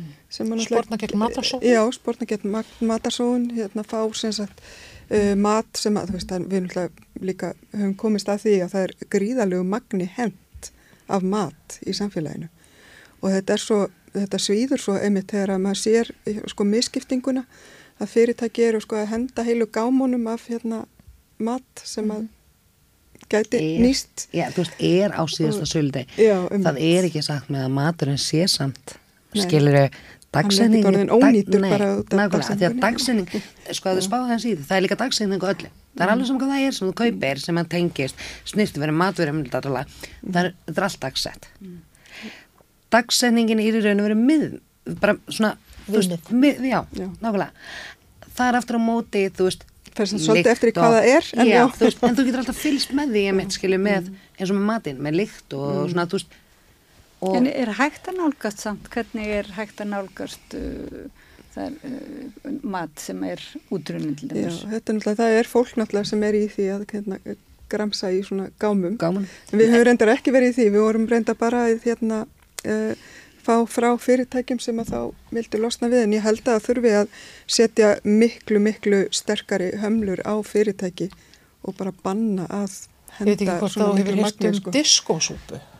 Nei, Nei, diskosúpa er þegar að hérna tekið við matvælum sem að hérna teljast vera ónýtt af, af hérna verslun og eldað úr því sem að hægt er að nýta úr því og hérna til dæmis hefur hérna fundur fólksins hefur oft verið með diskosúpu og þá er, er einhverju sem koma og elda svona úr afgöngunum og, og bjóða fólki og það er bara mjög góðar súpur. Já, og þetta er svolítið svipað og, og hérna við vorum að gera, við vorum að taka við matvælum og elda úr þeim og, og gefa fólki að borða Og- svo til að þetta er bara líka náttúrulega gott fyrir plánutuna Já, og, og er í einmitt, takt við einmitt. tímana þannig séð, þannig að Já. þetta er svona Það er þess sem ég vildi nefna þetta sko, því að þetta er svolítið svona uh, eitthvað sem að, hérna, já, sem okkar hópur getur tekið þátt í að gera og verið svona partur af lausninni á hérna ymsum vandamálum sem við og eitt af því sem að hérna stöndum frammi fyrir sem samfélag. þarf ekki að vera með, fátat fólk þarf ekki að vera með kannski svo mikið saminskupið yfir því að vera mestu neytundunir og, hérna, Nei, ég held mestu- líka að þú veist að við erum hópurinn sem að, hérna, sem að því miður sko fær að ke- kenna mest á því sem að hérna, já, á hérna hlýnunar afleiðingum jarðar sko. hérna, já. en, en höf, berum minnsta ábyrð nei, berum minnsta sem sagt, erum þau sem erum ekki hérna að valdónum Já. sem sagt þannig að það er En- þetta misvægi og Já, óréttlæti sem tengist uh, náttúru Já, en, Já. en það bytnar alltaf sem sagt á okkur allar aðgerðir sem að hérna er farið í til þess að en, En þetta er eitthvað sem við hérna gerðum mjög vel í mjóttinni þegar við vorum með rýmið þar. Þar vorum við með þetta elda úr svona og fengum til okkar fólk eiginlega úr flestum svona hérna marginalized, týndi orðinu, Já, svona jaðarsettu jaðarsettum hópunum. Já, sem að hérna komi til okkar og meiri segja hópar sem að hérna oft er allt gegn hver öðrum í ofnbæru umræðu. Þetta er fólk sem kom og satt hlið við hlið í, í góðu bróðirni hjá okkur. Nú er verið að etja saman einmitt íslenskum öryrkjum, íslenskum innfætum öryrkjum og svo hælisleitendum, mjög, mjög algengt, en það er ekki reynsla okkar, Nei. alls ekki og ég held að það sé af því að hjá okkur erum við bara mannleg, við komum þarna saman og, og hérna eh, sagt, upplifum mennskuna og mannlegu hliðina hjá hvort öðru. Eh, andrumslofti sem við byggðum upp var bara þannig að, að hérna, það sátu allir sátti við sama borð og borðuðu og spölluðu og þetta er eitthvað sem að hérna við höfum ákveðið núna af því upphaflega kom þessu hugmynd um fríkaffihús. Hún kom frá peppurum sjálfum. Hún spratt upp úr grasrótinni og hérna til byrja með var þetta bara styrkur hérna frá Reykjavíkuborg sem gerði okkur hreift að gera þetta. Og nú leitum við hérna loðandi ljósi að, að húsnæði til þess að, að hérna koma á svona frí kaffihúsi aftur. Þar sem þessi andi getur ríkt, þar sem þeir Já. eru lerið að umbreyta skömm og, og hérna sorg yfir í bara gleði og, og og líka bara sína að þú veist þú mátt vera í samfélaginu þú ert ekki að fela því heima ég er að baka ykkur að hurða þú veist, þú átt rétt að koma út og tala við annað fólk. Þú ert ekkert og- minni mannesk Það hafa allir hlutverk í að samfélaginu. Já. rétt og finna, finna sig í og hlutverki það er nefnilega málið að finna stað sem að hérna það sem þú finnur fyrir því öryggi að geta komið inn og verið þú sjálfur með jafningi. Já. og mega vera þú. Já. Já, og ég var þú. Æ, þakka ykkur fyrir kærlega að koma og, og uh, fræð okkur og pepp okkur Mm. uh, núna þegar það er nú að koma, koma jól og, og hérna svona skamdi og margir sem að byrja, byrja að kvíða þannig að það er ekki, það ekki vanþörfa á að opna umræðuna uh, það er alþjóðlegur baráttudagur gegn fátakt í dag og hjá mér sitja Ásta Þórdís Skjaldal Guðjónsdóttir, Laufey Lindahl Ólafsdóttir og Elisabeth Högstóttir. Þær eru allar starfandi í grasrótar félaginu PEP um fátakt á Íslandi. Takk og kærlega fyrir koma. Takk fyrir að bjóða okkur. Hvernig getur við réttlætt að sívaksandi hópur eblingarfólks festist á legumarkaði? Ebling stettarfélag.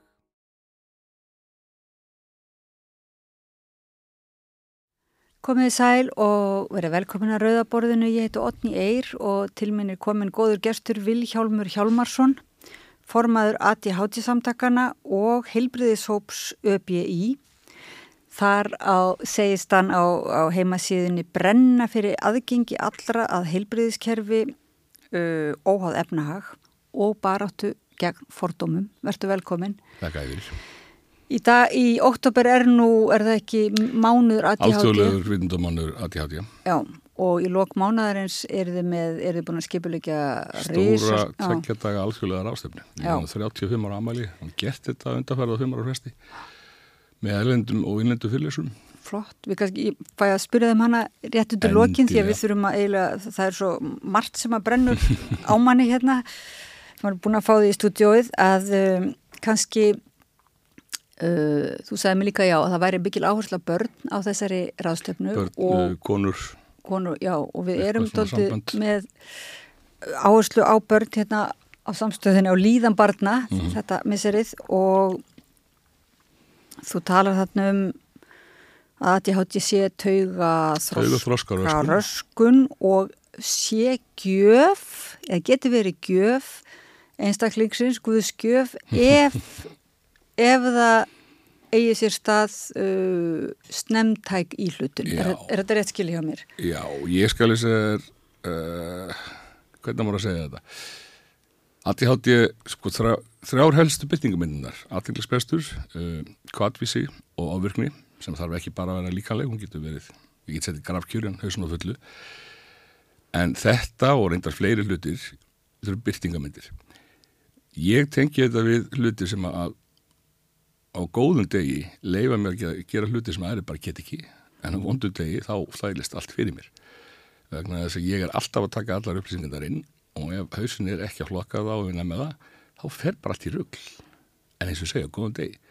Þetta eru eiginleikar sem að uh, já, geta bæði verið góðs og íls og það er mitt hlutverk í mínu lífi að skilja hvað áhrif þetta hefur á mitt líf hvað ég get nota til að vinna með þessu, það er struktúr það er að sofa, nærast mögulega líf, uh, samtalsmeðferð ham, ímyndstættana mm. og bara svo er það bara lífi sjálf svona eins og að færa eins og hringdans, tvö skrif til hægri og eitt til vinstri endur takist En, en þú fær greiningu seint Já, hef ég lesið 33 ára. og, já, og, og það er margir sem er mitt læra bara þennan dans og læra sjálf á sig en, en þú eiginlega brennur fyrir því að hjálpa börnum sagt þetta að þetta reynist það erfitt Bæði börnum vegna þess að leiði til bæði bönnum og fullum, það skiptir Já. svo miklu máli að grípa inn í fyrir og svo þetta þróist ekki endilega út í eitthvað vandamál. Ég segi oft sko hausun á mér, þú veist, það er eitt að mér hausun á mér hann bara fungur að svona en ekki hins einn. Það vil svo til ég fættum að ég, ég vil ekki döður þessu vera Hefði ég viljað vita þetta fyrr? Já, líklega hefði ég aldrei þurft að fara á líf persónulega. Uh, sérstaklega náttúrulega ég er bara típiskur svona klár fullorinn einstaklingur sem að næja berjast í gegnum og stætt mig vel í, í námi og, og vinnu og annað nefnum hvað ég skipt alltaf um vinnu og þannig til að fyrir einhver mm. mestalega áttið mánuði. En svo gerist eitthvað, þess að mínu divilli fór að hausa mig leiksinningu skildi við konuna og eitthvað svona slatti ég viðbútt og þá hrýnir bara allt í kringum hann uh, þetta getur gest náttúrulega í öðruvísi samingi fyrir bad sko.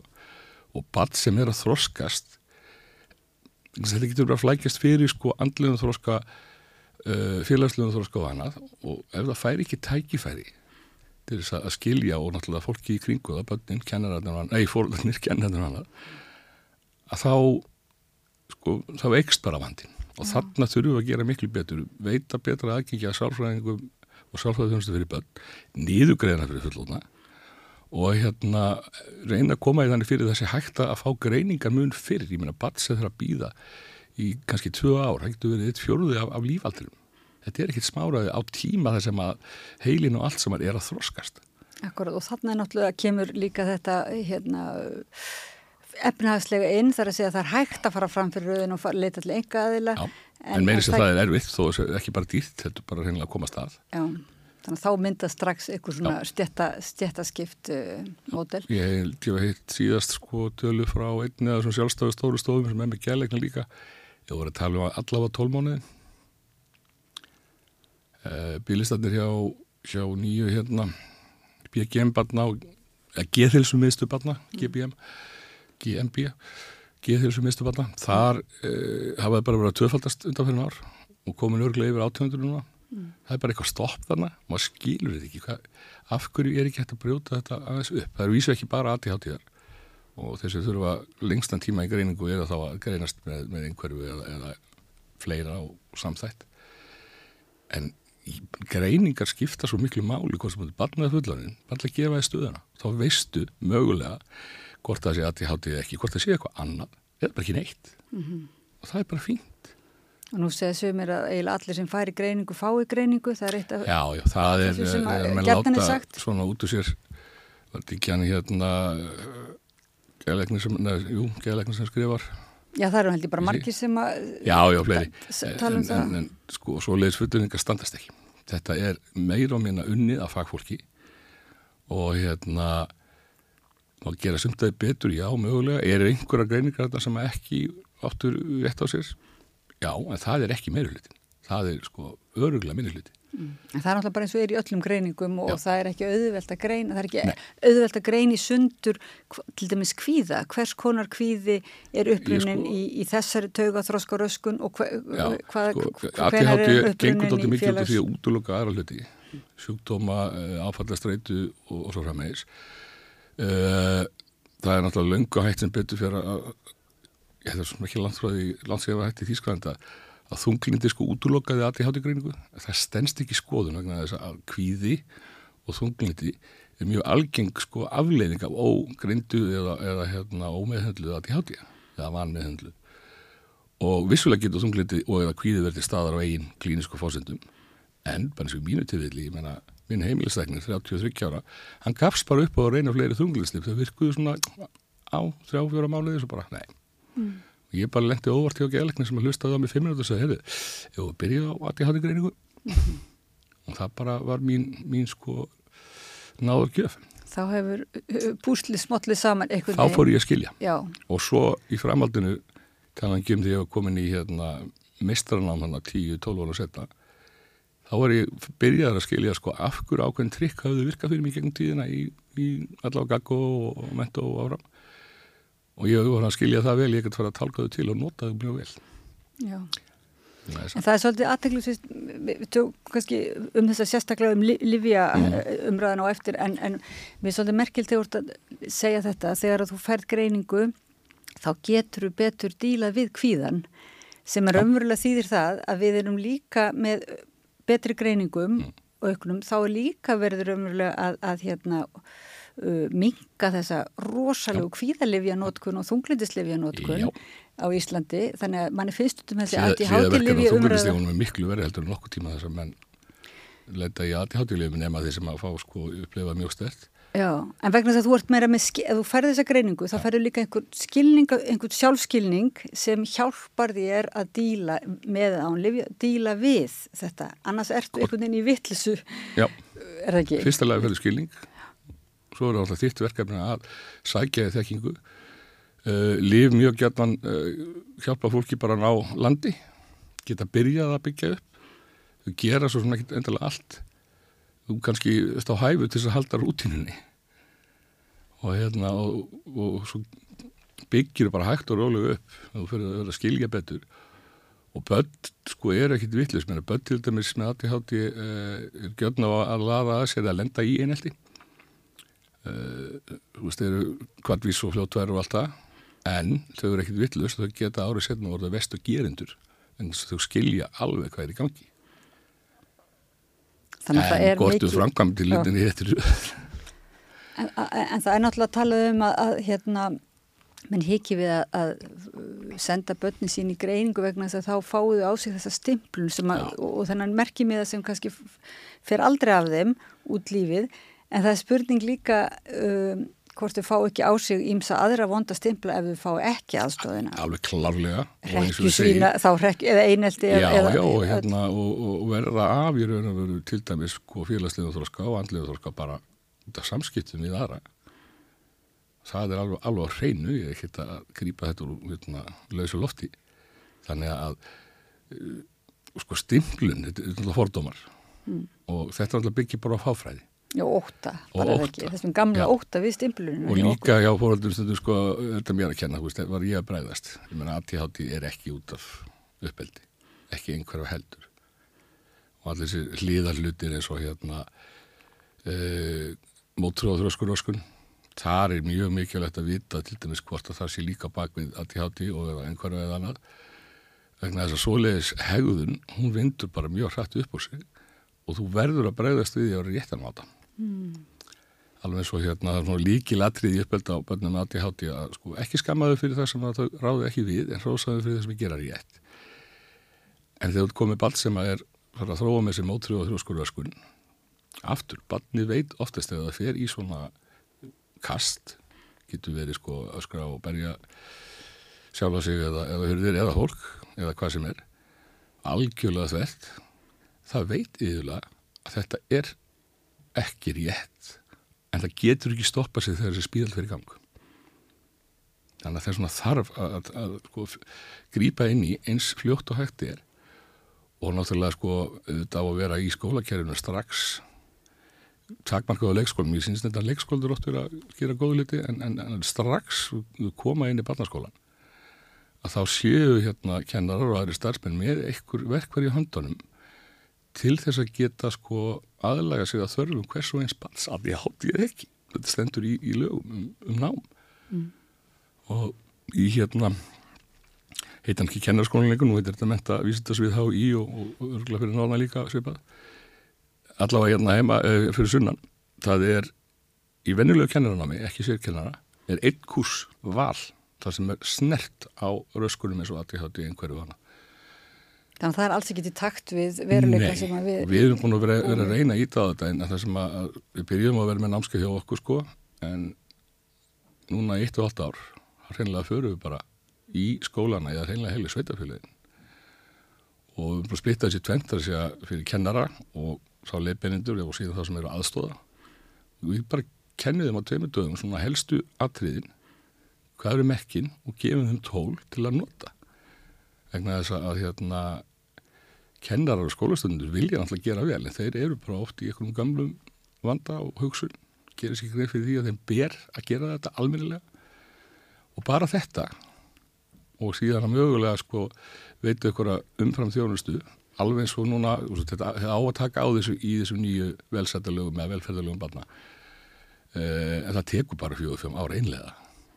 Og það týðir ekkert að vísa til þess eins og, eins og Kíðarsmiðstu barna var að gera um daginn að hérna, þeir ætluðu að hérna, að setja smá hvað segir maður ekki lokugreiningar en, en hérna, fyrst er það að reyna þetta þetta er ekkert komið í framkvæmt þeim ég örfa um tilhjóna sveitafélagum Þannig að það vantar ennþá bara að taka þetta alvarlega Já. sem, nú er þetta uh, Og finna býtum, flokk. höfum eitt í Já. huga sko, að því ég er svona kennar á spekulíði sem mjög lengi, Mm. sko, sérkenslu úrræði, ok, ef þetta er ekki þeinlega sko hjólastólarrampur og eitthvað, eitthvað sem er mjög skýrt, sérkenslu úrræði eða öðruvísi kensluðaferðir, það vil svo til að henda nú yfirlega oftast bara hópnum öllum að mestu leiti.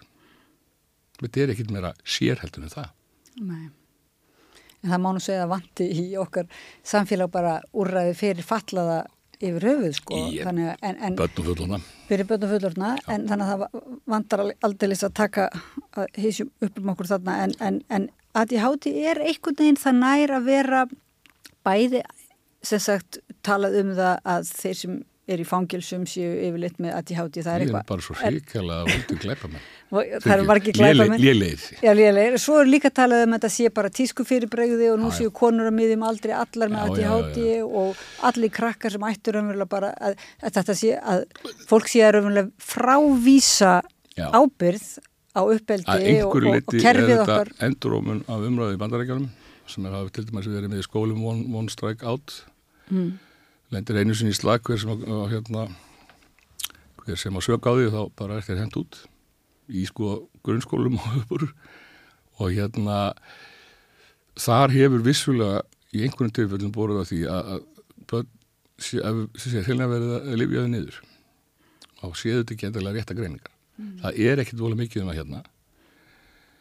En þessi umræða sko, jú, jú, allir eru með, ADHD það finna allir fyrir ADHD líkum, líkum einhvernum einhver tíman lífsleginni Eh, er það álagi og streitu, álag. Ímsi sjúkdómar, skjaldkirlisjúkdómar eru mjög líklega til að orsaka þetta ADHD lík einhverni Mm. munurinn á, á fjöldanum og, og mér og mínum hópið er sá að við dílum við þetta á hverju degi, allan daginn alla daga Mm. það er stóri munurinn En, en það eru nú margir sem eru greindir í dag sem að sp- spyrja sig eh, hvort þetta sé hægt að ávinna sér, sem sagt, eh, hvort að rannsókn hafi, sí- nei, en Þetta er sko, þetta langmæstuleiti gena tengt, það er lítill hópur sem er til dæmis tengist setjum tíma sko heila skemmtum eða semst, já, ekki höfuhökuð eitthvað. Flestu tilfelli það er ekkert að það með sömu lifi en, en yfirgnæfandi er þetta er þetta hérna er það tengt, en það getur ímislegt breyst í lífinu, álægið kringu þig uh, veikindið annað, það getur breytt byrtingamöndanum og hvernig áhrif hefur þitt líf. Og bara til þess badd sem að fær greiningu snemma í, í grunnskóla heilin er að þroskast að fullu fram til 25 ára. Mm. það getur verið að breyta breytast mjög mikið hvaða áhrif þetta hefur lífið á þeim allan hann tíma. En eins og það nú talaði um að, að konur hafi verið mjög vangreindar og, og, og það séu umverulega þegar það er svona sumir jáfnvel hefðbundna greiningar aðferði séu einhver leiti úreldar þegar kemur að því að, að greina uh, ADHD í konum, eða stúlkum. Stúlkum. sko sérstaklega skólaaldri þá var alltaf ímislegt sem að spila er inn í eins og félags uh, svona félagslegu þrýstingur. Það er algengara að hérna stelpnahópu til dæmis sko líði það ekki að þú standir út á hópnum. Og þannig að þá eru stelpuna mjög oft sko sérst ekkert á þeim í skólanum en flippa út þegar að koma heim. Mm. uh, en það er eitthvað meira að þetta það er löngu búið sína fram á stelpur ekkert síðu sko ofvirka með við vorum bara alltaf að horfa á sko reyfa ávirknina og gleyma því að eitthvað helt aftur af kannski þessum hópi eins og stúlkum. En svo er það líka hormónar. Það er að koma mikið upp núna síðustu bara ég veit ekki fjögur, fimm árin. Það er reitt fyrir lesari okkur sem að fer í þetta. Og það hefur þá bæði sko alveg frá því að hérna, stúlkur byrja gækjunni og síðan gerast ákveðin hlutir í hérna hvað köllum við þetta að? Ekki, ekki tíða Já, korfin já, hérna, jú, Já. já. bara breytingaskeiði sjálft er sko mikil breyting þannig að það er ákveðin sko mikla breytingar á hormónum ekki bara þessu aðal og svo enn annað eftir að því líkur menn eru kannski fyrst núna á síðustu árum að átta sig almennilega á hvað þetta getur haft mikil áhrif bæði hjá stúlkum og fullandi konum Mm. En svo er það líka kannski samfélagi, nú er talað um að þeir sem eru kannski Það er hægt að horfa að greina einstaklinga frá, frá æsku með ákveðin enginni en síðan komaðu ekki beinlinis kannski fram hjá sumum fyrir eins og þú segir undir miklu álægi eða þegar hormónin hormonsamsetning breytist. eða, eða, áf, eða áföll. Tök, tökum bara kólunar og já, mér náttúrulega líka en hérna ákveðin hluti bara hóps sem að nær, ekki þetta fela þetta heldur, nær að díla við þetta ómeðvitað eða meðvitað en svo þau komum, komum með sko bönn og burur og úsnæðislán og ég veit ekki hvað hérna mm. þegar eitthvað gerist sko og þú missir tökinn þá er svo margt sem fer mm. og þá kemur það aftur að konunum það er uh, taka miklu meiri ábyrð beinlinis og inn á sig það að geta ekki sko haldið almennilega utanum uppeldu og bönnin og heimlið mm. þetta er alltaf kallar heimlega í okkur kallurum en hérna, þetta er bara starrið. Þriðja vaktin alltaf Því það er oft það sem eh, stendur út af það er umröðleikur óreiða á heimilinu. Já, þannig að það er einhver hlut af sjálfsmynd. Já. Þú sér þetta líka í sko konum sem var í fangilsi. Eh, það er upplöðað miklu meiri skömm til dæmis ef það er eitthvað barn og annað þjóðanlegt. Já. Það er miklu sko, verð í andlega hlutunum. Það er nú bara annað dæmi, ekki bara skólaði. Það á að fara með sko almennilega sálfræði og gæleikna þjóðanastu inn í fangilsin bara fyrsta stíi það er ekkit, ekkit sko, Er það ekki til staðar? Jú, en það er bara að gera að grípa miklu fyrir inni, það er ekkit, sko, ekkit óvart sem að, ég veit ekki hvað talan verður vendanum, 75-80 fanga eru með aðtíð hætti mm. eða þá, og eða einhverju rófið eitthvað leir, mm. það er ekkit óvart. Ég sæði við erum lélið hérna, þjóðar, sko, við löpum inn í bænstöðu og sem einhverju, nei, ég ætla ekki að stela henni núna. Svo maður óvart búin að setja hérna Breinsbóla í Vasa sko þó maður sé búin að horfa á kameruna fimm minútum áður. Þú veist þetta er náttúrulega sagt í gríni en, en þetta er málið. En, hva, en, en ef að þetta hérna ykst, það er allir þessir utan, allir þessir þættir mm -hmm. sem að, sem að hérna raunverulega auka þessi áhrif eða þessi, þessi áhrif, en hvað þá með sko samfélagsgerðina sjálf sko. hvað með skólakerfið og og, hérna, og samfélag, samfélagi sjálft ef það eru komin svona margir kannski og, uh, sem líður illa í þessu kerfi. Við náttúrulega, sko, áraður en ég kemur í stjórnana 2010 að þá sagði þetta ánandi formar við ætlum að breyta orðræðinni við ætlum að gera sama og uh, uh lesblindu samfélagi gerði á nýjunda áratögnum við ætlum að breyta orðræðinni við ætlum að tala um jákvæðu hlutina við ætlum að mæta fordómum og, og hérna neikvæður um líf og svona með stærindum fræðslu og það maður taka okkur 20 ár. Núna erum við rúmlega hálfnið og allt ínum fyrir snjóboltan að rúla. Við erum að breyta miklu um það hvernig almúin, almenningur, hvaða veit, hvaðan veit og hvaðan heldur um allt í háti. Mm. Og í leiðinni óbeint erum við að draga aðra að hópa miklu stærri vagn. Þú varst mjög reyður við Óta Guðmundsson gæðleikning þegar hann kom fram að, að, því fannst þið svo, einmitt þessi árangur því verið búin að stefna að þessu að breyta og svo kæmi hann svona eins og bara Sko, uh, í þessari viku kom, í þessari viku kom upp mjög ljótt málvarandi hérna að tjá til líf og axtur hjón í hverja geði mm.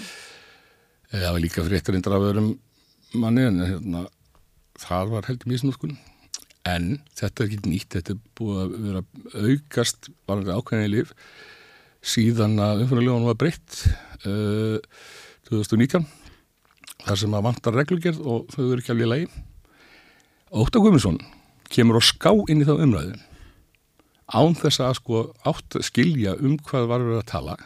Sem sagt, gall og lögum virka ekki undan þá sem eiga verið staðar framkvæmdinn er ekki lægi en hann kemur þannig algjörlega að ská inn í þetta og fyrir að tala um sinn stæsta sjúlingahóp sem eru sko einstaklingar í mjög miklu vanda og oft út af fíknu efnum að annarkvæmt virkið og virki fíklar.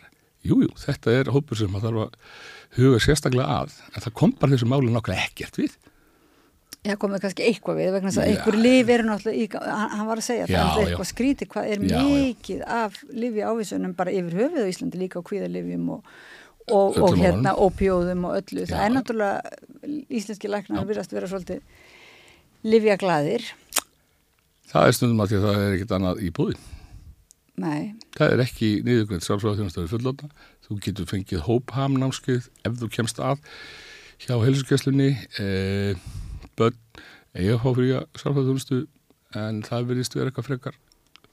Svona trekt, ég var að heyra einum um daginn sem að hérna fær aðtíð hátu greiningu öruglega í byrjun uh, kakko og fekk 12 tíma hjá sálfræðingi megna þess að veitir til þess að vinna úr einmitt kvíðanum og öllu hinnu svo eru þeir búinir og bara nei, það er ekki meira það sem að þú Þetta er bara það miklu meira. st- ég ætla nú ekki að sko gera lítið úr því að óttar að, því að, en mér fannst þess að sko, mér fannst bara hann kom hann með kvastlusi, þetta var eitthvað, það, maður fann alveg enn eitt skipt og Íslandi að umræðan var eitthvað skökk, hann, það var eins og hann var í einhver annari samræðu. Hann var í annar samræði Já, en, en eins og þú segir síðan í grein sem f- fylgir á eftir það er að vissulega sé ákveðin hópur og Íslandi sé mistnoti þessi líf en það sé bara svo opaslega ósangjart að, að hérna láta hina sem þurfa á þessum að lifjum að halda já, sem, að, að láta þá raunverulega þjást Já. og, og taka, taka skellin og nótum henni sumar þessum aðalum sem eru þá sko óvirki fíklar. Það getur hjálpað þeim að fá að vera á þessu lifjum á réttan máta og taka þessu læknisáði það getur, það getur verið ástæði þess að þeir haldi sér þurrum Já. ekki að því þeir eru að fá efnið eins og fíkil en þetta hefur ekkert með það að gera áhrifin sem að við, sko, nýtast okkur eru það svo mjög bara pínu lítið magn Mm. og, og það kemur ekkert náður þessum örfandi áhrifu sem að fíkillin er að sækjast eftir og, og það sem að gerist er í hausnum að, að, að þessar framheilastöðar það fara að virka þessum var óvastu Er það þannig að sá sem er með ADHD, hann tekur þennan smáskamt og, og, og smáskamturinn fyllir svona upp í hólu einhverja í heilanum, en sá sem er ekki með ADHD og tækir þennan smáskamt, myndi hann finna eitthvað fyrir því öðruvísi? Ef þetta verið rannsakaðu? Mm, ekki í þessar litlu, litlu magni það eru til rannsóknum þetta núna af uh, líklega menta háskóla nefndum svo sem ekki tekt sig yfir í, yfir í hérna, viðskipta hlutan en, en, en, lífið, en þetta ásist að þar. Einstaklingar er að taka þetta til þess að geta veist, lært, lært hraðar undir próf til dæmis. Og það sem kemur í ljós þegar að fara að skoða þetta betur í fyrsta lagi þá ertu ekkit að vinna hraðar. Þér finnst það bara. Og þú öðru lagi 30 og setna þá mannstu minna þessu heldur en annað. Þetta er eitt af því sem við sko vegum og metum. Þú ákveður hvort að með lækniðinu hvort að taka sko, þessi aðtíhátti lífið ekki. Það eru ákveðin ekkurinn hlýðar, aukaverkanir. Þetta er einn hlutu þar og það er bara talið vera vega minna heldur það sem fáum í staðin mm. alveg svo hérna sko afreiks íþróttufólk getur fengið leiði til þess að vera á þessum lifjum það þarf að passa sér alltaf í hérna rektinu vegna þess að hausinn finnur fyrir þessu og fyrir að hegða sér eins og sé að sko verða örvan. Og þá bara ofþjálfari, það er ekki örvinur en þetta er talið vera sko meira hamlandi heldur hún að þessi litla örfun gefið þeim í keppni Æ, nú skil ég ekki. Atvinnu, eða semst ekki atvinnu, hérna mm. afreiks íþjóttumæður Já. eða íþjóttafólk getur fengið lefi til að vera á þessu lifim í keppni vegna þess að það talið hafa meiri neikvæð áhrif að vera ekki Já, já, já. í aðtíðáttu líða meðferð heldur en svo litli möguleiki að eitthvað örfandi sé að hjálpa þeim meðfram aðra Já, og þetta á nú við ekki bara um afreiks Og- íþróttafólk heldur um alla þá sem Um alla. kljást við þess, já. Já. Að þetta Þú er, að það finna allir, eða, því mennir svona tvekk og það finna allar vendan fyrir örfandi áhrifum Mm. og hérna það er það sem að, að fíkillin gerir, hann er að taka mér meira magna, skýtur því og eða tekur henni öst til að fá alveg svona búm, dopamin flæði en í okkar tilfelli þá erum við ekkit endilega að auka dopamin magna í höstnum, við erum að, að, að, að, að tefur að, að, að hverfi í burtu áður en getur nota mm, og það er það sem er að gerast höstum okkur, þess vegna verða þess að framhælustöðu virkar Já. settu börn, öll börn í sko reyfingu í fyrsta tíma kl. 8 mánu og sérstaklega lati hátti börni verður svo englar örgulega framöndur hátti vegna þess að reyfing, hún framleiði dopamin Mm. heilin er að virka þannig að það er, mér finnst alltaf svolítið skrítið að tala um að heilin sé einhvern veginn vanvirkur eða fatlaður. Er ekki að tala bara um að þetta sé öðru vísi heilagerð? Núna með, með öllum þessum styrkum? viss, viss leiti, það sem gerist er að þetta er tauga þróska röskun, það er að segja að þessi heilasvæði er að þróskast hægar og minna heldur en gerist almennt séð. Um,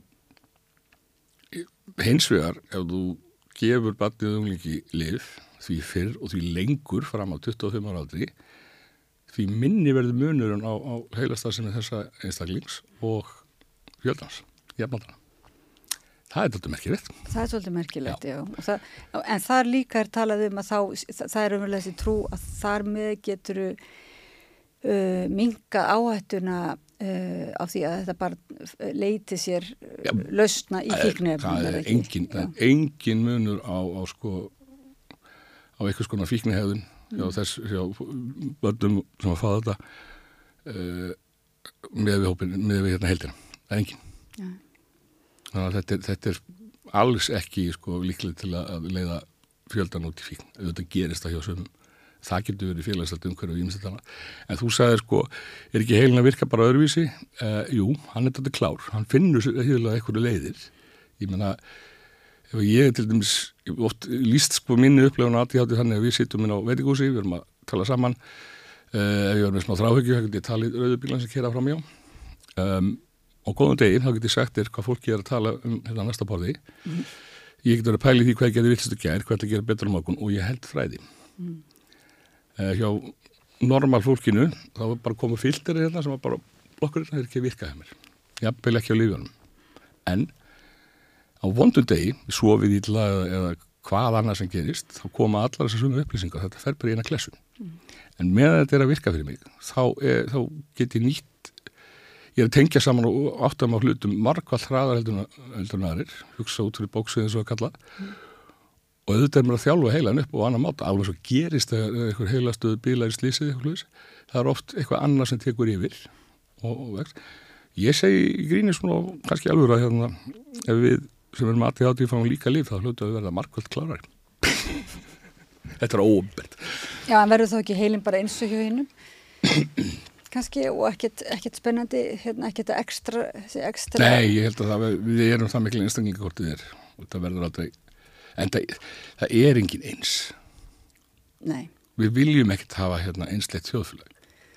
En það er nú talað um að fólk með ADHD sé oft í ákveðnum störf veljið sér eins og þú segir til þess að veljið sér skapandi störf oft, uh, veljið sér líka kannski Eða þá- eða neyð þá- eða svona sjúkra, fólk sem vinnur í sjúkrabílum Já, eða ekki. þá eru föst í, í hérna svona læri stigum eða þreipum í fyrirtækjum vegna þess að þeir sem sagt ná aldrei sko að vinna sig upp og skipt um starfin að náttúrulega mánaði eins og ég gerði aldrei 33 aldurs. Já. Af því það er oft eitthvað sem er svona það- það- fjármála ólæsi sem fylgir þráhyggja, já, skömm og það, það er alveg langur listi af Ég er einhverjum ágætt að læsa fjármálu tölur starfræði heili kannadaga en ég gleymi ofta að borga reikninga þó ég er fyrir þeim. Já. Það er eitthvað sem hægt er að laga til dæmis með sjálfveikni heimabankunum og eitthvað sluðis en hérna ég get samt glimt þessu ég meina, hvað er þetta maður bá krakki með bílskustaki okkur stökka fram af og þegar þú ert búin að stökka á hann lendir þá hugsaðum við ah, get ég lend þessi stýrifættin heilanum hún kikkaði inn aðeins og seint. Hún er þarna, þetta er alltaf staðar. Bara hvena kikkaði inn? Þetta veit maður alveg að maður átt ekki að stökka fram af þetta er alveg dæmi en ekki að mér. Já, gott, en þegar skapdegið er að Já. hellast yfir okkur og, og hérna með tilhærandi náttúrulega kvíða barna oft og fullorðina, þá er mikilvægt að, að, hérna, að við leitum okkur þekk, þekkingar er ekki oft og, byrjuðu það bara strax í skóla byrjun að það sé ekki komið ekki skamdegi þá. En þetta náttúrulega eigur bara vandan hjá þeim sem eru ekki segja veikir fyrir en, en, en næmari fyrir svona lögu heldur verið það er að því að tala um einstaklingar eru rosalega mikið að vanda sig Já. og gera allt og kannski fá mikið jafnvel, félagslegan stuðning, Já. fá, fá jafnvel góða hreyfing og allt þetta sem þar, en það er einhver, eitthvað sem samt klikkar verist vera svona, þannig að það bara að halda betur og utanum allt saman og fullorna í skólanum og annar staðar og huga að þessu allt sem er fyrirbyggjandi, allt sem er snemtækt yngripp Mm. Eða snembær íhlutunni eða hvað þetta heitir. Mm. sko, það hjálpar til þess að sé ekki verða sko búa til meiri vanda. Já, þannig að við þurfum aðeins að breyta kerfinu og auka aðgengið að, að hérna faglegri greiningu og, það og bara hjálp. svo, það líka svo langur tími í það bæði hjá bönnum en öruglíu fullorður bara að sko að vinda ofan af vittlur sem er búin að byggjast upp. Vannmættinu, vannmatinu En það þarf alltaf sálfræði aðstöð eða, eða einhverja faglega sabræðu uh, Já, með sko, li, lif, lyfjum. lifin gefa lang, lang bestan árangur. En ef þú bætir við vittasmeðferð hjá sálfræðingi og kærleikni eða bara einhverju öðru góðu, þá markvaldast góð áhrifin. Mm. Það er ekki spurningu, þetta byrja á þessum hlutum, jafnvel áður en að börn og fullunni fá endarlega greiningu. og kannski mingar þá áhættun á að þessi líf verði misnótku Já. eða sem sagt fari í vond er ekki? Jafnvel að endarinn þurfum en ekki lif. En segði mér þá núna af þessari ráðstefnu Já. ykkar sem er í lokmánaðarins, uh, þar eru bara, 27. og 7. það 15. og 1. næstu viku já, þar er að koma saman margir sérfræðingar sem er að fara að deila reynslu Já. sinni af, og, og, og þekkingu. Allt samtökin eru 35 ára í ár og við hefum gert þetta á 5 ára fresti, þetta er alltfjöluður ástafna uh, bæði innlendur og erlendur fyrirlesarar. Um, við hvað ætlum við séu margir ég man ekki allar runnum hérna sko. Uh, skránu kaffi, nei við getum sleppt því. Hérna sérst já, eitthvað svalfræðingur að tala um sagt út af þá aðdenglisbróstun eftir öll þessi ár, þá tala um fullotna Já, svo kemur mjög mikið þannig að varandi börn. Og og nýjar leiðir Já, reyndar þetta bæði, friendship in, your, in youth with ADHD, áskorunir og, og tækifæri frá, frá barna, barnasku inn, inn, inn í fullöðsár. Já, Já, hvernig þetta hefur áhrif, þetta heitir friendship in youth with ADHD, hvaða áhrif hefur þetta félagslegu samskipti? já, Þetta íta frá öðru allir vinnunum, vill ekki vera með þér eða eitthvað sluðis, mm. hvort sem að það er læti eða kvíða eða eitthvað öru. Uh, vinnusmiðja, hvernig að kenna bönnum að nota bara íms ráð. Og svo kemur heil hellingur hérna, þetta eru íslenski fyrirlesarar, uh, nýjar rannsóknir, ADHD og einhverfa, um, tilfinningavandi hjá bönnum úlingum með ADHD og eða einhverfu, félagsvætni, barna úlinga með ADHD og einhverfu, hugrann úrvinsla hjá bönnum og úlinga með ADHD eða einhverfu, skín úrvisluvandi. Mm. Ég er nú læs hjá bönnum og úlingum með ADHD einhverju, þetta er sem sagt bara ru- runa af Og þarna er verið að kynna Já. nýra íslenskra rannsókna, er ekki líka? Já. Get, þú, þú ert ekki með niðurstöðunar svona, ekki í kollinu sko hérna, við verðum að fara á Eh, til Hvað, að... ég var búin að sjá eitthvað af þessu, ekki allt eða heyra af því. En ADHD Sandra er á Kói og tala hérna um konurnar og, og, og hormonin Já, og lifið meðferð þetta, það er erðagreiningarverkefni hann er greinilega hérna lífurnáðingur að skoða eitthvað í erðamenginu hvernig þetta tengist lifjum ánað mm. uh, aðtjátt að vinna. Stigma sem er þá hérna fordómar, og úlinga með aðtjátti, algengi fylgjuvillar mindfully mapping aðtjátti, styrkleikur og stuðningstörf aðtjátti og leikskólin vinnusmiða, vinnusmiða og já, okkið undan sjálfuð mér það er nú Björn Frans Gíslason vinnum í leikari hann verður skemmtilegur, Björgvin ég veit Frans, það já. Björgvin Frans, já Já, þetta gerðinlega verið mjög skemmtileg ráðstefna. Þetta verður tveir, það. tveir mjög skemmtileg dagar. Þetta var alltaf verið áhuga að vera sérstaklega þessar erlendu, Já. eða sem sagt fjölþjóðljú. Við fáum hérna, ég held að sem að bóka allavega 200 manns Já, og ég veit ekki hvað sem margir erlendu gestur koma hingað en eitthvað er í streymi. Mm. Þannig að hérna, Þannig eins og Við erum vonandi fagfólki sem Já. að kemur líka og við kynnir erum sér. hluti af ADHD, sko, Norðurlanda, ADHD, Europa Mm. og vinnum líka þá með eins og tjatt í bandaríkjunum og hérna við erum að deila upplýsingum og benda á fólk og fá til okkar og þetta er ef þú hefur eitthvað að gera svo sem nána borð allavega sem fagaðili Mm. en líka sem einstaklingur þetta er ekki alveg gefins en hérna þá hérna ekki spurning En þeim eru vantanlega líka kannski letast við að miðla líka þessu, þessari þekkingu síðan í kjölfari, kjölfarið til því að hafa verið duglega við það og, og hérna, Já, eins og Ari Tökman sem kemur hérna enn á aftur, hann hefur allavega í tvígang held ég farið og inni á þessar getil bugl og, og fullorina allar spytalum og hann að, að bara ræða um ímislegt Mm.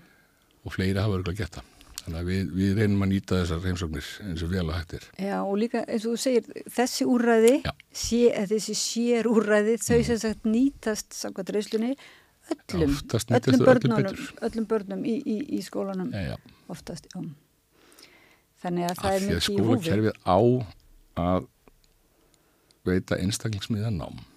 Það þýðir ekki sko eitt kennari og eitt nefnda en það þýðir að, að skólinn og kennarin og, og allt umhverfi í kringum á að sko aðlæða sig eitthvað að þörfum hvers og eins. Já. Það er bara í lögum landsins búin að vera lengi. Það hefur komið fram hérna í viðtalið mitt um Já. svona nýja frelsandi mentunar fræði sem, mm. Sem er raunverulega þetta taka sögu hvers og eins með inn í myndina en Já. ekki reyna alltaf út til okkur og, hérna, Og þar, þar þarf bara að auka þekkingu sko starfspanna inn í skólana til þess að þau átti sig nú að snemma á ekkit endalega nákvæmlega hvað þetta er það gæti verið að því hátíð einhverfa eða hvað annað eða, eða bara eins og frá bara kennar upp í, í amalíðinni stoppa mig svona gangin og sagði Vili, er eitthvað heima þér? Það sagði já ég sé bara síðasta verkefni svona. Viku setna þá gerist eitthvað. Menn, það hafi ekki verið tengt þunglindi föðu minn sem að reyndist síðan að vera með ADHD þegar það greindist 70 úr sami miskilningur hjá mér, ég ég að þunglindur í 20 ár. Og hverju er það af- náttúrulega ekki sjálfsmyndinni. algjörlega.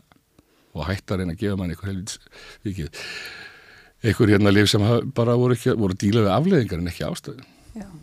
En þið tala mikið um kvíðan hann er svo skondið með, með kvíða sko, hann er náttúrulega árans ólíkinda tól sko eh, þó að kvíði sé ekki til staðar á hérna, klínisku fórsættum heldur bara aflega af ómeðhellu og etc. Svo færði líf og það virkar. Veistu hvað kvíðin á til að segja? Þetta er breytti ástand, þetta lítur ekki slemt. Þess vegna þarf að hjálpa fólki að vinna með kvíðan og, og, þunglindi, hvort sem, þú veist, hvort sem er búið að finna ástæðinu fyrir, í klínist þar sem einhverju aðrar ástæður eða þá aflega gaf einhverju ógreind, bara strax Skilja, skilja orsök, samband vinda orsakar og ofan að því. afleiðingar. Já. Ég meina, hvoru tvekja upp á ákveðinu marki, menn það er líka stundum þarflif í báðumtöflum, en á ákveðinu marki þá er þetta spurningum að leiðrétta einhverjar hérna rangumundar og ofana í, í hugsun sko sem að leiða þetta á sér. Eins og þetta hérna, hei, ég líði vel. Það hlýtur að vera eitthvað að. Við Þetta þurfum greinlega að hérna, endurhugsa okkar líðan og, og hérna, afstöðu okkar til greininga og, og, og svona svolítið sitja fordómana í, og fagna, fagna hérna fjölbreytileikanum. Já, veist, ég vil ekki hafa alla eins hvorki eins og ég eða mig eða, eða, eða eitthvað annað. Við erum ekkit eins og við höfum að sjá til þess að allir einstaklingar, hvað sem eru sko, allir hátt í einhverju telist fallaðir eða ekki eða eitthvað annað, fá að taka þátt í samfélaginu. Það er ekki bara mannréttindi, það eru samöguleg réttindi okkar allra og það er það sem býr til öflugt og skemmtilegt samfélag. Vilhelm Hjálmarsson formaður ADHD samtakana þakkaði kella fyrir komuna Mínur áræðin. og ég þakka hlustendum fyrir hlustunina áhorfið um, þættir með loki í dag við verðum hérna aftur á morgun á samstöðinni við Rauðaborðið uh, og ég vil minna á að því megið gerðnan farin á hérna, síðu samstöðverðinar ef þið hafið einhver tök á því að styrkja okkur eða hérna íta á svona lítinn hnapp sem stendur á áskrift. Við erum saman að byggja upp opinn og nöðsynlegan held ég vettfang til opinnan samræði og gaggríninar, róttakrar og bara byggða á samkend og skilningi. Takk fyrir.